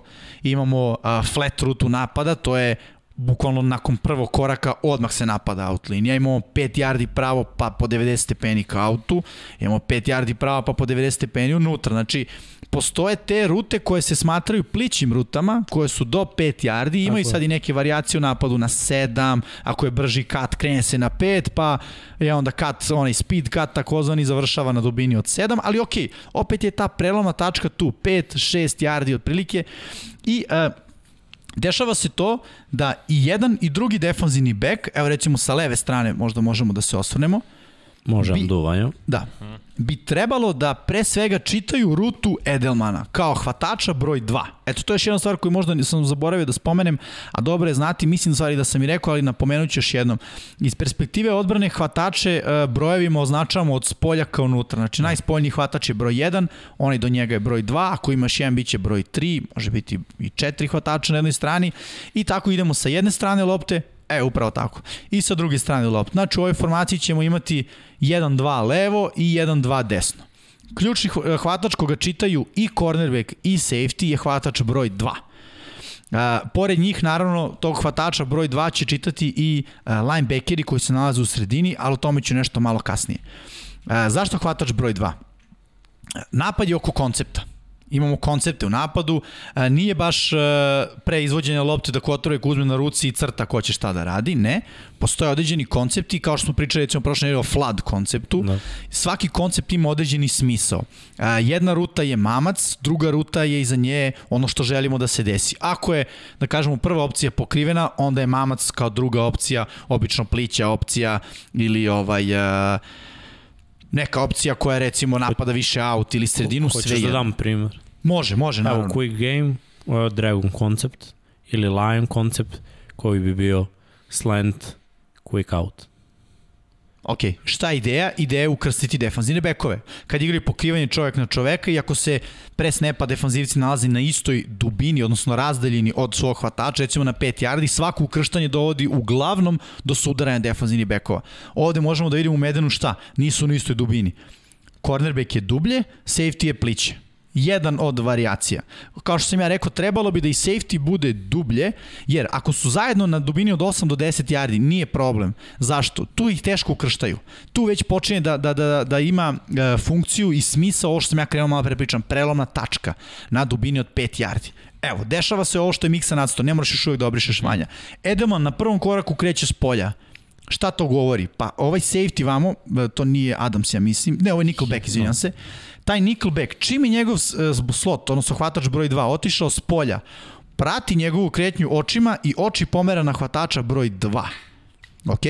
Cornerback s druge strane takođe čita broj 2 hvatač, hvatača, izvinjam se samo preko hvatača broj 2. Da, znači oči pomera na hvatača broj 1. Okay, tako okay. je. Uh, cornerback koji isto čita hvatača broj 2 u prvih 5 yardi, kada vidi njegovu u prvih 5 yardi kretnju ka autu, on zna da on postaje njegov čovek, a da safety preuzima na kila Harry u ovoj situaciji koju god uh, Harry rutu da ima. Ukoliko Harry ulazi unutra, fantastično, ide pravo ka nickelbacku i on dokle okreće oči ka spoljnoj strani, prateći spoljnu rutu uh, hvatača broj 2, već mu u vidokrug ulazi hvatač broj 1 koji ima uh, brzu rutu na unutra. Ukoliko bi postojao koncept da i Harry ide pravolinijski gore, go ruta, a Edelman da slama nas polja, e zato je tu ključno da uh, Nickelback bude na većoj dubini, da bi mogao da stigne tu inicijalnu dugačku rutu hvatača broj 1. Jer tu se dešava opet ukrštanje i pravilo je tako, svaka ruta koja je unutar 5 yardi, odnosno prelona tačka unutar 5 yardi bude ka spolja od strane hvatača broj 2, taj čovjek postaje hvatač uh, zaduženje cornerbacka. Znači, krećemo od zonskog zonske ideje. Zašto? Ne znamo ko je čiji čovek prema što se lopta izvede. Znamo koncept koji će nam pomoći da odredimo ko će biti moj čovek ako sam safety i tvoj čovek Vanja mm -hmm. ako si ti cornerback, ali pre snapa mi de facto ne znamo. Ukoliko bi nakon 5 yardi hvatač broj 2 nastavio da trči pravolinski, safety je čovek. Ukoliko bi nakon 5 yardi krenuo da ide ka spolja i dalje safety je čovjek. Znači, nakon 5 yardi pretrčanih pravolinijski, cornerback zna da nema hvatača broj 2, on ima hvatača broj 1. Okay. Tako je. U Sad- ovom momentu, na primjer, na kraju ove, Tako je. Ovde već Nickelback zna da je hvatač broj 2 njegov. Tako da počinjemo kao zona, imam svoje, da kažem, zonsko zaduženje, čekam ko će napasti u moju zonu prvi, unutar tih 5 yardi i nakon tih 5 yardi se ta zona pretvara u pokrivanje čovjek na čoveka. To je na koleđu jako popularno, u NFL-u se koristi, ali su NFL očekuje od igrača da budu, da kažem, spremni da čak uh, u tom pokrivanju čovjek na čoveka, ako su, ako su ovaj, e, naspram jedan drugog i ako se desi ukrštanje, ne mora po pravilu da se preuzme. Da kažem, na koleđu se uglavnom to radi, jer to je način da se olakša defanzivcima uh, upravo to preuzima je da ne bi dolazio do sudaranja i, i ostalih stvari u, u odbrani koje mogu dosta da zakomplikuju život. E sad ostaje pitanje, ok, šta ćemo sa unutrašnjom rutom hvatača broj 2? Kada on krene da ulazi unutra, recimo jedna od opcije je da taj nickelback ili safety, svejedno, viče in, in, in, in, in, in, in call ili under, under, under, mm -hmm. zavisi, koristi se različita terminologija, ali obično je in ili under. Koga obaveštava? Obaveštava jednog od dva linebackera koji su unutra. Ovo se je pričano pod uslovom da nema blica, da, da se razumemo. ćemo da sačekamo samo da usposobimo, pošto olovka nam ne radi, Ok, a ne možemo ni undo. Da, da, Don Pablo, please. potpuni blok. Aha, Sabotaža. olovka se vratila. A, Olovka is back. Sad da rešimo samo ovaj. Undo. Je, Evo ga. Cool. Ajde da kažemo, da kažemo da je double slant Može. i da nam i slot ima slant Mhm. Mm i da nam i spoljašnji hvatač ima slant. Bravo mix. Edelman kada zalomi unutra na slant, uh, Nickelback, ja možemo da vidimo kako se on preziva. Ne možemo da vidimo kako se on preziva. Aha, možemo. Znam kako ćemo. Amadi. Amadi. Amadi u ovoj situaciji govori in, in, in. Da kažem, da koristim tu terminologiju koja, ja se izvinjam, kombinacije ono, srpsko-engleskog, ali prosto... Pa ne postoji bolje, Da realno. ne postoji, mislim, ne govori se unutra, unutra, unutra, predugo je, opet govorim in, in, in, under, under, to su reči koje se koriste, opet se vraćam na ono, reči koje se brzo izgovaraju, a, a glasno ponovo mogu da se izgovore, nema zbunjivanja šta znači. Ako bi Amadi zvao in, in, in, automatski bi to Rajtu govorilo nešto dolazi ka tebi. Rajt okreće kukove ka tom e, hvataču, ja se to da ne mogu da izvedem nemoguće, ali on okreće kukove ka Edelmanu i napada tu unutrašnju rutu Edelmana. Šta radi Amadi? Odmah se okreće ka hvataču broj 1 i u ovoj situaciji double slanta on preuzima slant Herija, a slant Edelmana preuzima right. A šta radi cornerback na Cornerback Harryu? uglavnom, to je sad stvar dogovora, uglavnom ide gore. Jer je logika sledeća, šta ako se ovaj slant Herija pretvori u slant and go? Mora ga preuzme. Tako je, mora neko da bude dublje. Jer šta radi ovde Amadi? Amadi koji je bio ovde na, kada zove in, in, in, okreće kukove na ovamo i to onda praktično postaje, da kažem, double team na hvataču broj 1, s tim da je pravilo Amadi ima pliće rute na unutra, cornerback ima duže rute i na spolja. Znači, mada taj slant Herija, recimo u ovoj situaciji je, mislim logično, i unutrašnja ruta, ali Heri može da trči pravolinski da napadne Rida, Da, postoji double move koji smo objasnili na to whip ruta od koja bi nakon slenta imala završetak na out. na spolja, da. S tim što ja to opet mi je olovka. Da. Don Pablo Gubi da vrati na... Aha. Dobro, čekaj, probam da obiš. Evo je olovka. Je, Cool. Znači, pravila počinju da važe i uključuju uvek tri igrača. Uvek ideja odbrane sa ovim match sistemom ili pattern sistemom e, da imamo e, čoveka viška. Znači, mm -hmm. naspram dva hvatača da imamo tri defanzivca koji će rešiti, da kažem, njihove rute. E, uglavnom je logika jedan du, du, duže rute, dva pliće rute. Pliće rute su brže, i mogu da recimo napad ako ne reaguješ, ne posvetiš se plićim rutama na taj način, znači da imaš dva igrača za, zadužena za pliće rute, mogu da ti igraju ceo dan ono što su Saintsi radili uh, slant na Michael, Michael Thomasa, Thomasa. ti uzimaju po 5 yardi po, po playu, iz dva, iz dva, uh, dva playa će da ti uzmu odmah prvi down i ti to ne želiš. A često i nakon 5 yardi koju uhvatiš, mislim, Michael Thomas se bacio napred, to je 3 yardi još. da, Jeste. da. Pritom, da se vratimo na inicijalnu ideju, ukoliko bi Amadi pre snepa bio ovde, kao što sam recimo ja rekao, a, a Wright je bio, samo da ga vratim gde je bio ovde, da postoje dve vertikalne rute, šta sam rekao, znači nakon 5 yardi Amadi zna, aha, Edelman je moj čovjek, igram s njim šta god da on trči man-to-man coverage. Znači iz zonskog početnog koncepta pretvorilo se u man-to-man coverage. Ja možemo undo, delete mm -hmm. ove, ovih rutica. Znači, u slučaju dve vertikalne rute ima, imali bismo rida, terminologija over the top ili iznad hvatača, Amadija iznad hvatača broj 2, Reed iznad hvatača broj 1, obe dve rute dugačke smo pokrili. Dom Pablo može pomoći sa brisanjem, što tastatura možda nema više baterije ova, bežična. Ja ću nastaviti je, svoju priču. Eto, evo ja ću dati ovde ovo što je Jimmy rekao, mm. da kažemo, Bam. na primjer, da imamo go i Tako odavde je. bi najlogičnije bilo da imamo post. Ako možeš miksa samo povuci jednu crticu na 5 yardi dole, samo da znamo, znači, šta se dešava? Čita se broj 2, prolazi 5 yardi, nakon što je on prošao ovih 5 yardi, Reed automatski okreće svoje oči na Nakila Harry i igra čoveka man-to-man coverage na Nakilu Harryu. Okej? Okay? Uh, ista stvar je kod Amadi. Amadi gleda Edelmana, gleda njegov release, šta radi, prošao je 5 yardi, moj čovjek do kraja. I onda se tu igra tehnika man to man, odnosno pokrivanje čovjek na, na čoveka. Uh, ukoliko bi, ko što rekao, da podvučemo još jednom, unutar prvih 5 yardi broj 2, hvataš broj 2, ušao odmah unutra, imao unutrašnju rutu, uglavnom bi usledio, usledio poziv in, in, in, što aktivira ovog ovde linebackera, koji kada čuje da se na njegovoj strani zove in, in, in, okreće kukove ka autu, očekuje unutrašnju rutu hvatača broj 2, Može biti nekoliko opcija, može biti slant, može biti taj shallow, gde bi, evo Miksa ti nacrtaj uh, uh, shallow. Šta želiš od? Shallow uh, slota. Važi. Da, u ovoj situaciji, znači kada odmah zađe iza leđa, bukvalno defanzivnoj liniji, čuje se in, in, in, sad naravno tu postoje određena pravila, a, trend je da trenutno odbrane ne reaguju na shallow, zašto su se shallow nikad ne baca u ovom, da kažem, prvom prozoru, tako je tu, shallow uglavnom se baca ili Tako je, tu pa, negde. Prilike. Ponekad.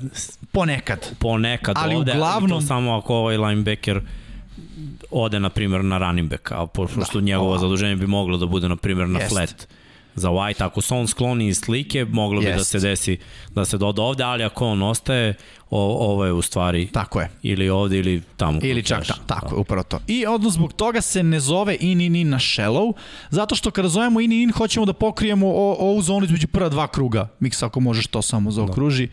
Pa da zamolimo tamo Don Pablo da nam uradi undo. Ajde, tako da je. Kažem. Znači in in in call, odnosno poziv bi rekao Rajtu, e, fokus na unutrašnju rutu koja ima prozor ovde. Uglavnom je to slant, ali može biti i 5 yardi in. Ali tako da je, da je, da je nazovemo. Uh, može undo Don Pablo.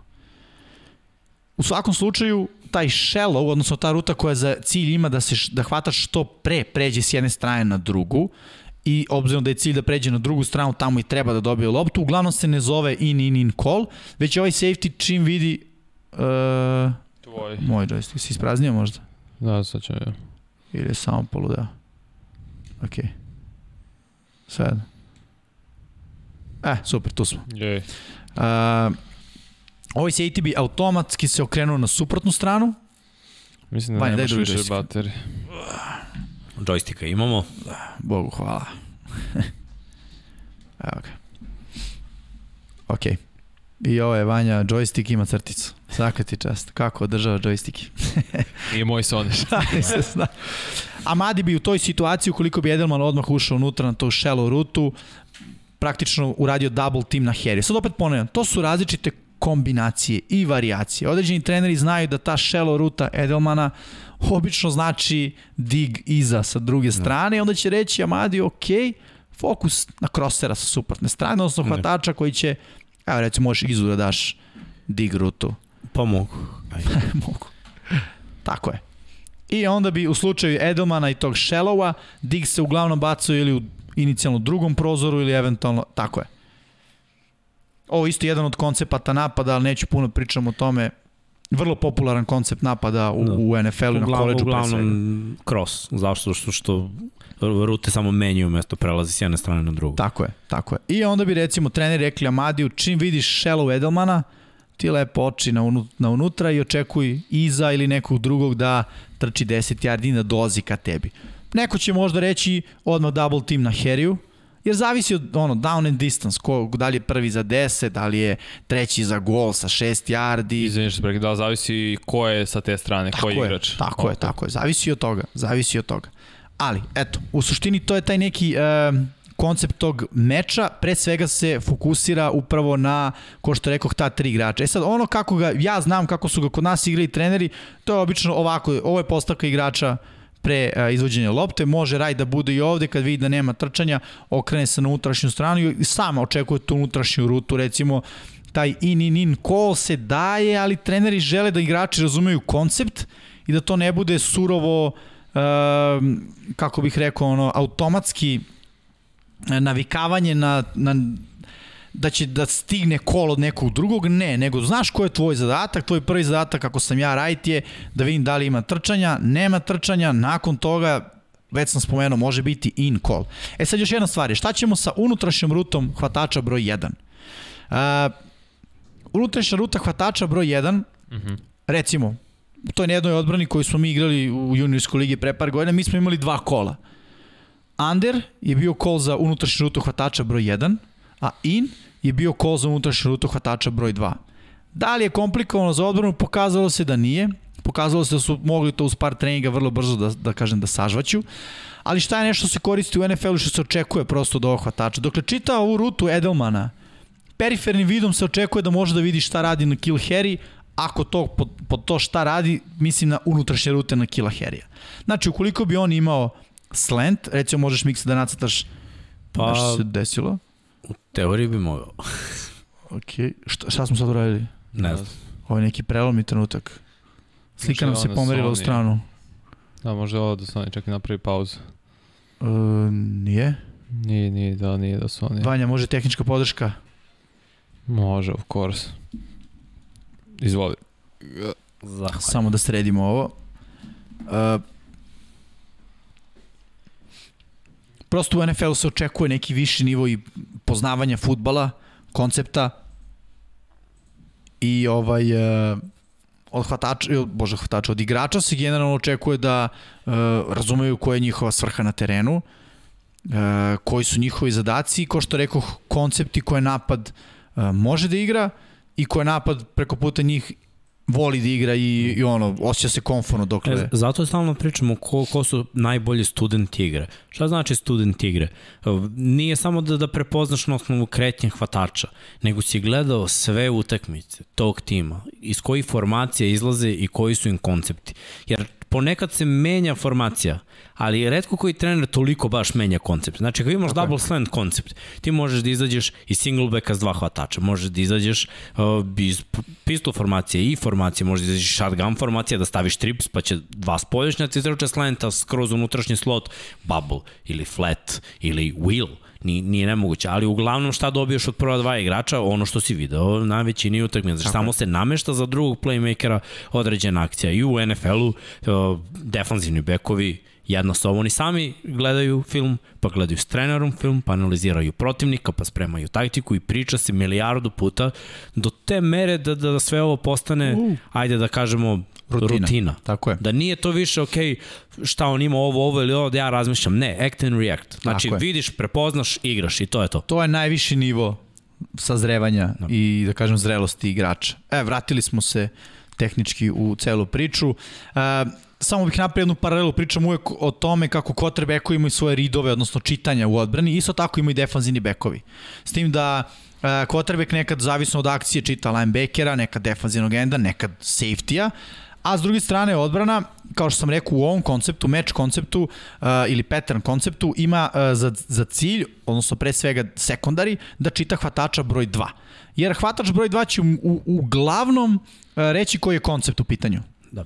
Jer, ko što rekao, to je ovo igra koncepta u napadu pre svega, E, zbog toga se recimo dešava ono što smo pričali, taj Rick Hill da uhvati u Superbolu ono, jer je to protiv koncepta. Da, da. Ali okej, okay, to je, da kažemo, magija i umeće da. napada da... I double move. Tako je, double, da promeni... Da, ovo jedino može da se reši u napadu, zato Jest. u NFL-u gledamo double move sve više yes. da, double move route. Jer, Jer double move, double move ima zadatak mm -hmm. da, da izbaci jednog igrača. Zašto? Zato što on ima svoj zadatak, veruje svojim očima Tako i je. ako previše zagrize, jer je video nešto, poželi interception, dovede se Evo, u lošu Miksa, situaciju. Nacrtaj vi prutu Edelmana.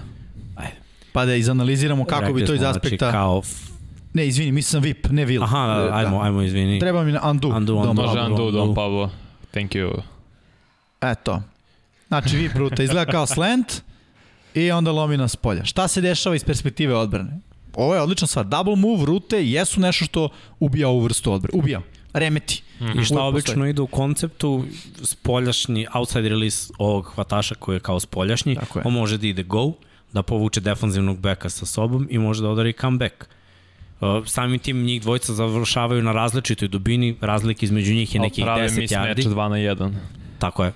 To da, i olakšavaju kotoreku read. On samo treba da pročita ko je ot- otvoren. Kako ko je... reaguje DB zapravo. Tako je, okay. Recimo, u ovoj situaciji Edelman ulazi unutra, tako, ja sam rekao Amadi zove in, in, in call i recimo svoje oči i, uh, da kažem, okreće kukove ka Heriju, mm -hmm. a očekuje od Rajta da pokrije ovaj slant. Međutim, slant se ne dešava. Negde na, kažem, jednom delu rute slant eh, Edelman staje i menja pravac ka spolja. Ovo je nešto što ovu odbranu zna da zbuni. E sad, naravno, Zavisno od toga na kom nivou pričamo i kakav je, kakav je igrač. Amadi može sačekati ovaj slant da pozove i ne okrene oči na Herija da vidi da li ima slenta kao uh, sledeću brzu opciju koja može da naruši njegovu, njegovu zonu komfora. Ako ne postoji ta ruta, on može da vrati oči na Edelmana, da bude pomoć Rajtu. Rajt je na kraju dana linebacker. Drugo, ako Edelman uradi slant and go, Uh, Amadi bi opet trebalo da bude tu, zbog toga je bitna ta inicijalna dubina defanzivnog beka. Da može da, da time što stoji na 8 yardi ili 10, da može da da sebi lufta da odreaguje. E sad, šta ćemo sa hitch rutom, recimo 5 yardi, okren se kao unutra, možeš miksa da, da nadstaš. To je nešto što se očekuje, ovo već podleže pod onim, da kažem, koncept zone je ovde, to amerikanci zovu quarters, odnosno četvrtine. Mm -hmm. Svaki igrač inicijalno, prema što je lopta izvedena, ima koncept zone četvrtine. Miksa možda nam povučeš ovako. Znači, podelimo teren na pola, pa na još pola. Četvrtinu, logično. Pa da kažemo brojeve, a? Tako je, može. Brojevi su to. Znači imamo to, otprilike, heševi ili malo inside od heša, sve jedno, da. Mislim kao četvrtine koje će u sredini imati mali Da, gap. pokušavamo. Jer, opet da se vratim na ono, nijedna odbrana nije savršena i dalje ne postoji odbrana koja je ono što amerikanci kažu one size fits all, odnosno odbrana koja Da li brani... je to uopšte i realno? Pa nije. Nije, definitivno nije realno. Jer ti za dobar pritisak ti treba 4 do 5 igrača. Za dobro pokrivanje ti treba 8. E sad, ako šalješ 4, ne možeš da imaš 8 pozadi, to je 12. Ako šalješ 5, ne možeš da imaš ni 7, nego ćeš da imaš 6 pozadi. Znači, to je ono, trade-off. Nešto moraš da daš, uh, a da bi nešto drugo napao, eksploatisao. Sad je samo stvar defanzivne filozofije, toga šta igrači mogu da izvedu i šta, i, i šta ovaj, ne mogu. Ko je po tebi u skorije vreme, ja kažemo ovu poslednju deceniju, jedna od najkompletnijih odbrana? ili top 3 najkompletnije, koje ti vidiš kad, kad ti gledaš, vidiš aha, ovi mogu da pokriju 90% stvari. Pa Patriote su uvek u, toj priči, mm -hmm. mislim, i imali su nekoliko sezona unazad e, dobru odbranu. Uh, Eaglesi su znali isto dobro da se drže, recimo, i oni su bili ta vrlo respektabilna odbrana. Uh, Saintsi, Saintsi pre svega, jer šta je prednost Saintsa? Imaju tako dobre uh, igrače u sekundariju, koji mogu da igraju čoveka skoro celu utakmicu. Latimore. Na primjer. Mm -hmm. Mogu da igraju pokrivanje čovjek na čovjeka. Ti kad imaš takav, takav sekundari, koji može da igra kao recimo i Tampa na kraju dana. Tampa je to uradio protiv Chiefsa u Super u najboljim godinama. Legion of Boom. Dobro, da, da, da, da Legion of Boom, da, okej, okay, okej. Okay. Ali ovaj, kada imaš defanzivne bekove koji mogu ceo dan da igraju pokrivanje čovjek na čoveka, tebi ostaje 7 igrača da vršiš pritisak. Mislim, u teoriji, neće svaki put. Ili obrano, tako imaš četvoricu igrača koji mogu da vrše Kao pritisak. Kao Saints, tako je. Ti da. onda možeš da kombinuješ da ostaješ 7 pozadi uvek, mm -hmm. i da stvaraš komfor defanzivnim bekovima. Još onda kad imaš tako jednog defanzivnog beka kao što je Latimor koji može da stavi u džep manje više bilo koga, ti onda zaista imaš dovoljno prostora da se, da uslovno rečeno, igraš protiv, protiv napada. E sad naravno, ko što sam i ovo rekao, uh, napadi će isto tako s jedne strane praviti trade-off, reći ajmo da ostavimo protiv Saintsa uh, tight enda da blokira i sad imamo šest, plus trkača koji će inicijalno da ima blok, pa ako dve sekunde nema niko ko dolazi do njega, izdvoji se na rutu na spoljnu stranu ili kroz sredinu, zavisi kakav je, kakav je koncept. Jasne. Tako da i napadi prave taj neki trade-off, imaćemo manje hvatačkih opcija, ali će kvotarek imati više vremena, jer pravilo je, mislim, ono, fizikalija je tako, zakoni fizike, kako već da kažem, je da ti ne možeš kao cornerback da, ceo, da pokriješ 7 sekundi rutu. Prvo ne postoji ruta od 7 sekundi, sve su rute 3 do 4 sekunde. tako. Nakon toga kreće nešto što ti kao odbrana ne možeš da prepoznaš. Ti ne znaš šta je njima plan. Uglavnom su pravila u napadu dugačka ruta, nakon 4 sekunde kada dođeš na vrhuncu svoje rute, nije se desio pas, duže rute se vraćaju nazad igrači, pliće rute produžavaju gore, da se desi ta neka vrsta zamene, da se odbrana zbuni. A to nije uvek pravilo. Vi- Ono što smo pričali prošle nedelje, Mahomes se fantastično razume sa većinom svojih hvatača, Kelsey je definitivno jedan od njih. I on tačno zna kako će, ako Mahomes beži na levo, cela odbrana beži na levo, sve rute idu na levo, Kelsey će samo jednom trenutku da stane i da se pomeri korak u desno. Scramble drill. Da. Tako je, i Mahomes će trčaći u levo, gledajući u levo da baci u desno. To ne može niko pokrije. Bukvalno ne može niko da Jasno. pokrije. Ove, ali opet, koliko znamo ekipu u napadu koje to rade? Jedno. Ali zato imamo neke forice u, u napadu ko, koje se rade, to, to su search rute. Faktički zadatak hvatača jeste da na nekoliko načina proba da nađe rupu, to jest da proda jedno, a da istrče drugo.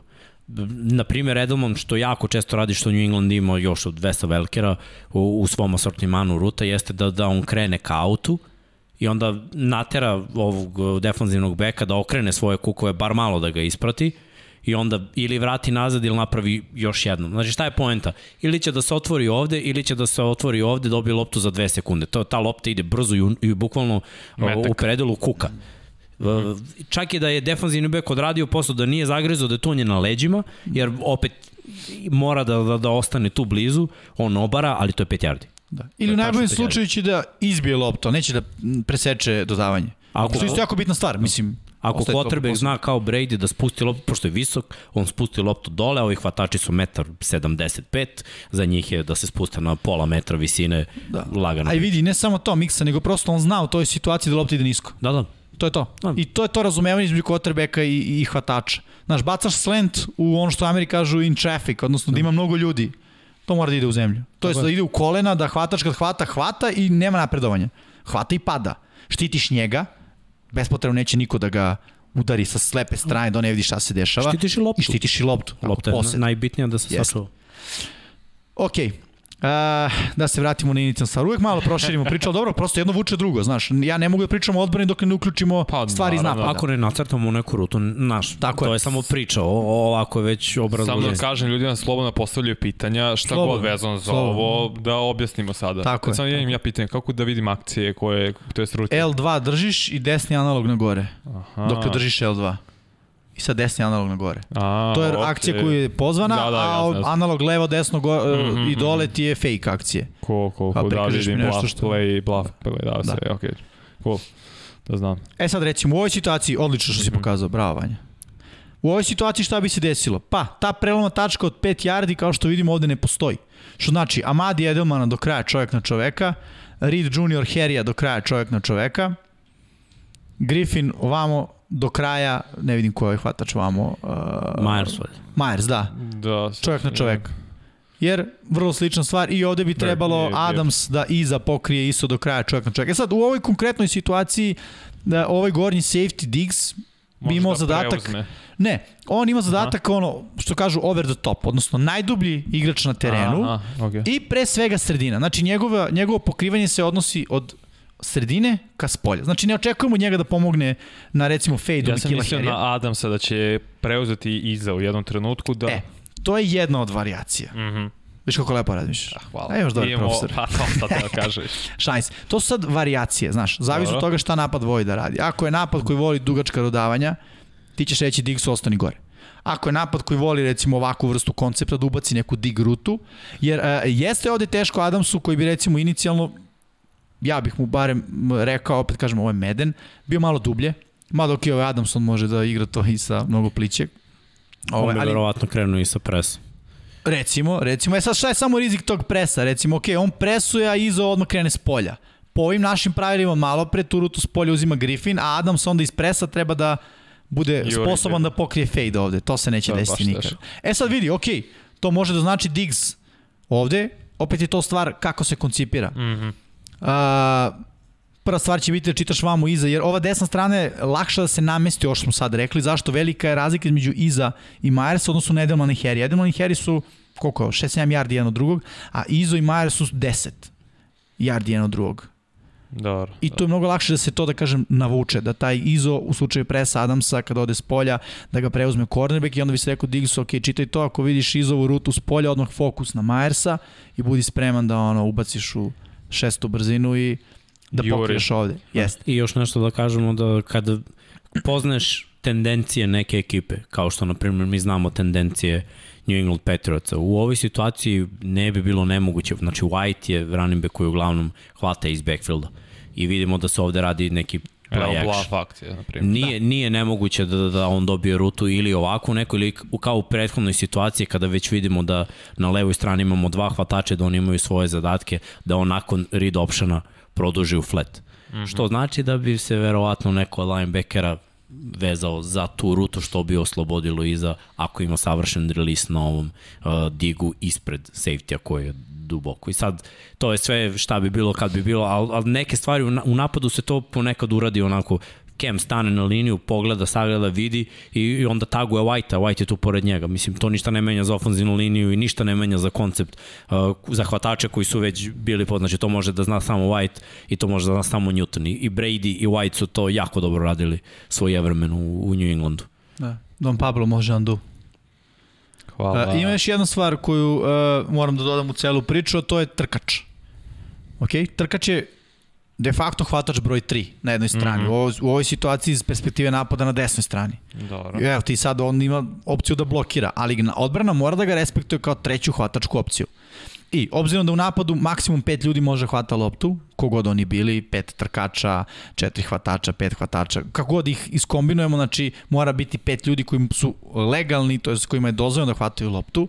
Odbrana mora tako da, odbrana uvek zna da će imati na jednoj strani više hvatača, tri, može da ima i četiri, a na drugoj strani Uh, dva ili jednog, zavisi sad koja je, koja je formacija. U ovoj situaciji, recimo, i Diggs bi bio uključen u celu ovu priču i njegov prvi drop bi zavisio u odnosu na Vajta. Ok? Dobro. Što se njih, što se ova dva igrača tiče, Adamsa i Griffina, obzirom da, su, da je Adams ovde nominalno nickelback, ako se, ne, on je safety, izvinjam se, koji se spustio, mm -hmm. nickelback je sa suprotne strane. Uh, ovo bi moglo da izgleda malo drugačije obzirom da je tu sada da je tu sada tight end. Recimo, kada bi ovde bilo razmak između Iza i Myersa uh, kao pro- između Edelmana i Herija. Znači, Split su malo bliže. Da. Tako je. Adams bi onda imao drugačije. Adams bi bio na pola puta između Iza i ofanzivnog tekla. I njegov prvi read bi bio de facto White dole, a Diggs i uh, cornerback sa desne strane bi radili to čitanje mm. dvojke i u odnosu na prelomnu tačku dvojke reagovali ko ima spoljnu stranu, ko ima unutrašnju stranu. Uh, u ovoj ovde situaciji bi stvar mogla da bude drugačija. Uh, kažem opet, zavisi od koncepta. Diggs bi mogao da bude taj koji prvi čita rutu broja 3 i onda naravno tu možemo da ubacujemo različite te uh, uzvike, kolove, prilagođavanja kako već da kažemo, da recimo u ovoj situaciji a ukoliko bi White White bi ovdje imao lažno uručenje, tako? Što znači da Diggs postaje dodatni safety, kao ono što smo malo pre objasnili. Prikaži samo neku drugu akciju, ako možeš, Vanja. To je trčanje, daj nam pas. U ovoj situaciji White isto ostaje da, da ovaj, e, bude bloker, što znači Diggs je ponovo dodatni safety. I imamo još jednu akciju. Tako, u ovoj situaciji White ide na spoljnu stranu. Ok.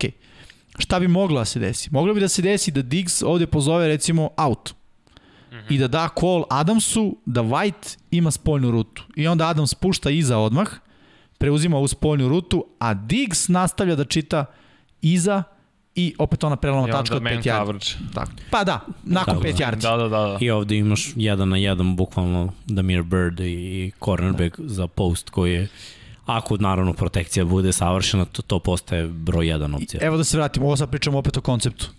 Ovde bi Amadi zvao in in in, tako pošto Edelman odmah ulazi unutra, uh, Raid bi se aktivirao, pokupio to i sad se vraćamo na ono što sam rekao. Obično kad ima Shellu s jedne strane, dolazi Dig sa druge strane. Obično, ne mora znači, kao što rekoh, ofanzivni koordinatori znaju namerno da, da go drugačije koncipiraju akcije da bi da prosto st- stvorili se i prednost. To bi onda značilo da Diggs kada vidi Dig, a, ne mora da juri za njim, jer zna da će Amadi ovde kada pozove in in in, da termin koji se koristi je skviz, odnosno da pritisne mm -hmm. se bliže sredini i da očekuje taj eh, dig iza koji se obično baca ili sredina između hešova, heševa ili posle heša kada on pređe na drugu stranu. Opet, da kažem, ide ka Amadiju. Ceo ovaj koncept ideja je dozvoli da rute idu ka tebi. Nemoj da juriš rute.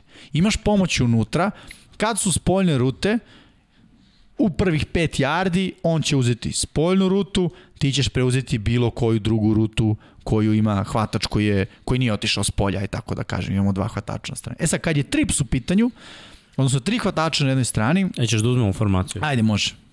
Može. Uh, evo ja ću da izaberem. Mm -hmm. Dom Pablo, please. Thank you. Choose new play. Teo sam da nacrtam smajli. Imaš jedna tačkica. Postoje sad nekoliko koncepta. Ima ih.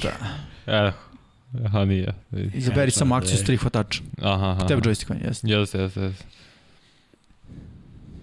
Shotgun pass, to. Mhm.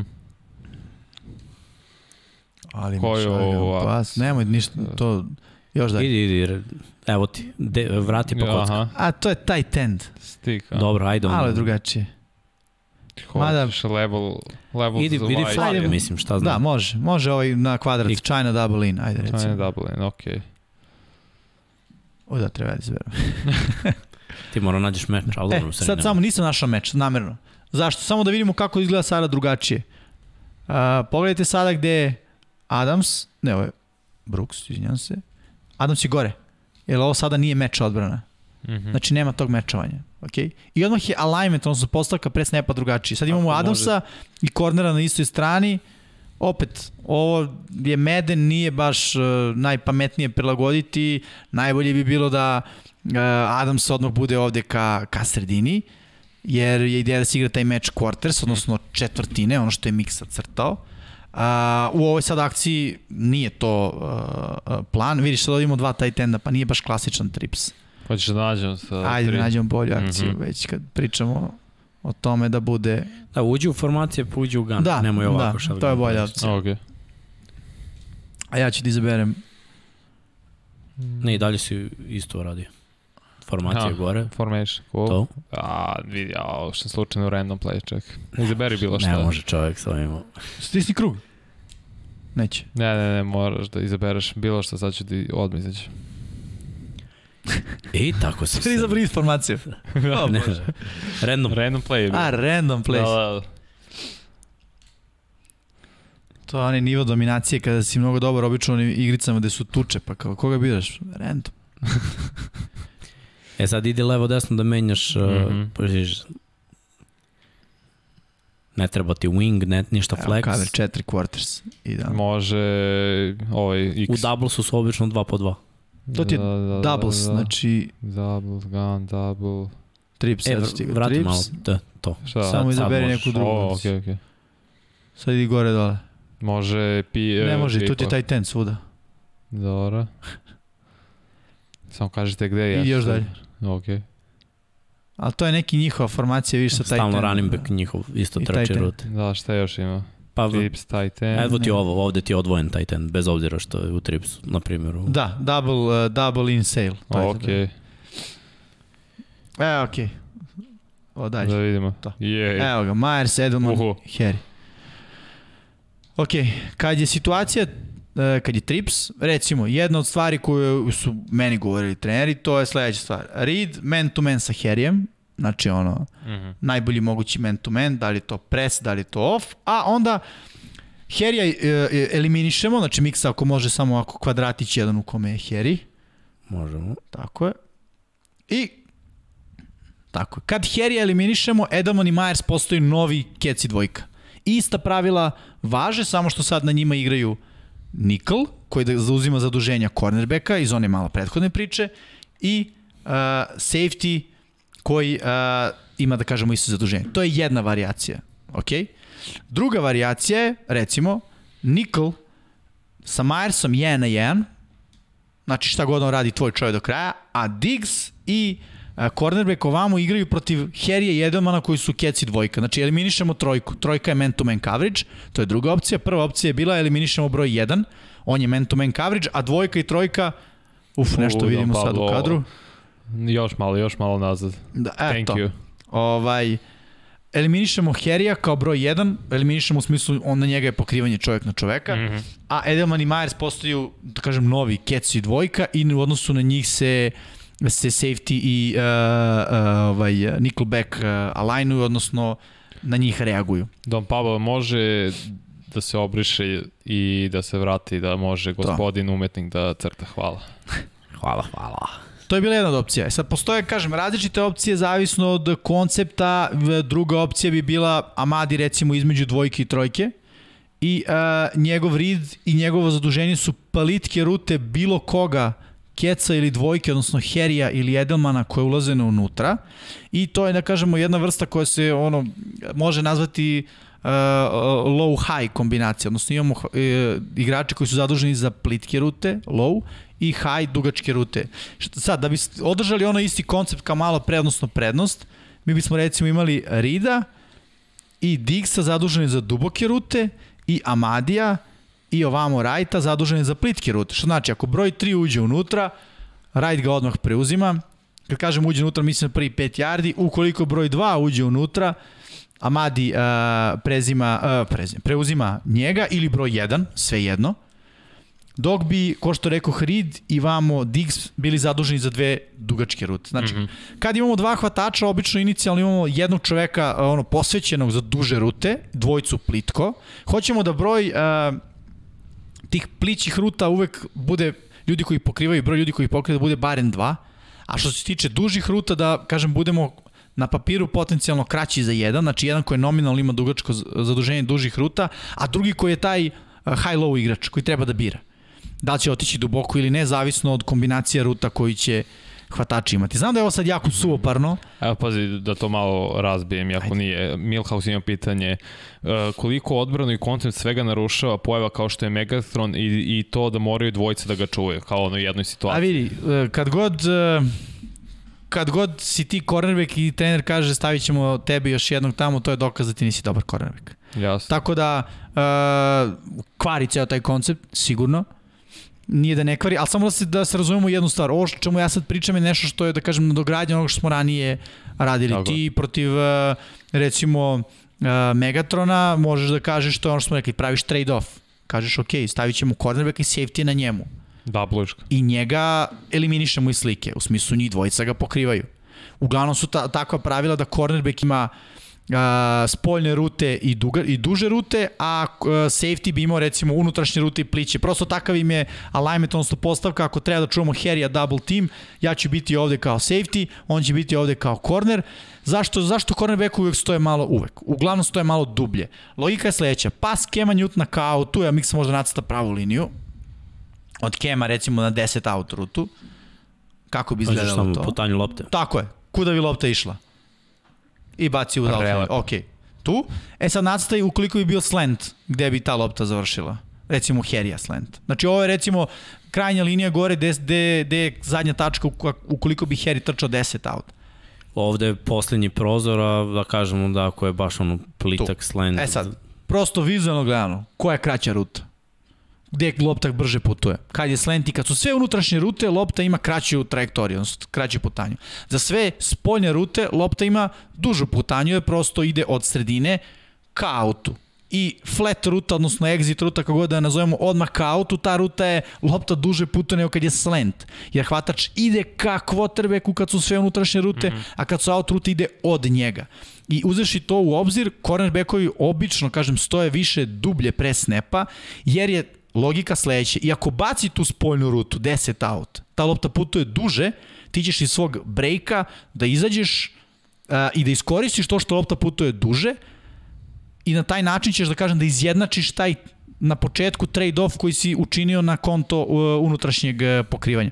A da se vrati na Milhausovo pitanje. DP, jel može da se obrišava? Šta je DP? A, no, Pavo. Ja. Zavisi u kojoj industriji. Pričamo, a... si gledao Deadpoola? Sad to moraš polako. A? Si gledao Deadpoola? Deadpoola? Da. Deadpoola. Da, pa on je DP isto. Pa. Dobro, ok, cool. Pa. Gledao sam Deadpoola. ok. Ovaj, e, da, znači se vratim inicijalno na to pitanje, da, to zahteva poseban potpuno koncept, a recimo ako pri, bi primenili ovaj koncept, to bi bilo dva igrača na Megatronu, a ostali igrači, po meni bi to značilo malo više defanzivnih bekova na terenu, malo manje nominalno linebackera ili igrača defanzivne linije, možda neka postavka sa tri igrača u defanzivnoj liniji, dva linebackera, to je pet i onda imamo šest defanzivnih bekova, od kojih dva posvetimo pokrivanju jednog hvatača, imamo četiri da pokrijemo još preostala tri. Možemo negde da se sa time nosimo. Ali definitivno jeste to problem i, i ovaj velika glavobolja i za defanzivni Pa da, koordinator. u- uzmite mislim u obzira kako Chiefs igraju, oni nemaju Megatrona, ali imaju Terika Hilla koji je problem zbog brzine i Kelsey koji je problem zbog, zbog njegovog načina na koji trče rute i razumevanje igre. Tako je. I ne mislim, možeš da udvojiš, ali jednog udvojiš, drugi te pobedi i zato su Chiefsi, da kažemo, uspešni, ali postoji za to rešenje, kao što smo videli, Chiefsi gube utakmice, moraš samo da se spremiš Tako za je. sve što oni radi, mora da vršiš pritisak na kotrbe, koji je onako čuči 5 sekundi u džepu, te, tebi džabe, Nema te rute. najbolji defanzivni bekovi. Jeste. A quarterback ima jednu sekundu ili dve, onda svi koncepti ruta, sve to pada u vodu. Ništa od toga. I dodao bih još jednu stvar. Uh, ono, moraš da imaš atletu. Ko je zaustavio Kelsija? Fantastičan linebacker Tampe u Superbolu. Da. Znaš, ne bi ga zaustavio ja. Mislim, možda i bi. Šalim se.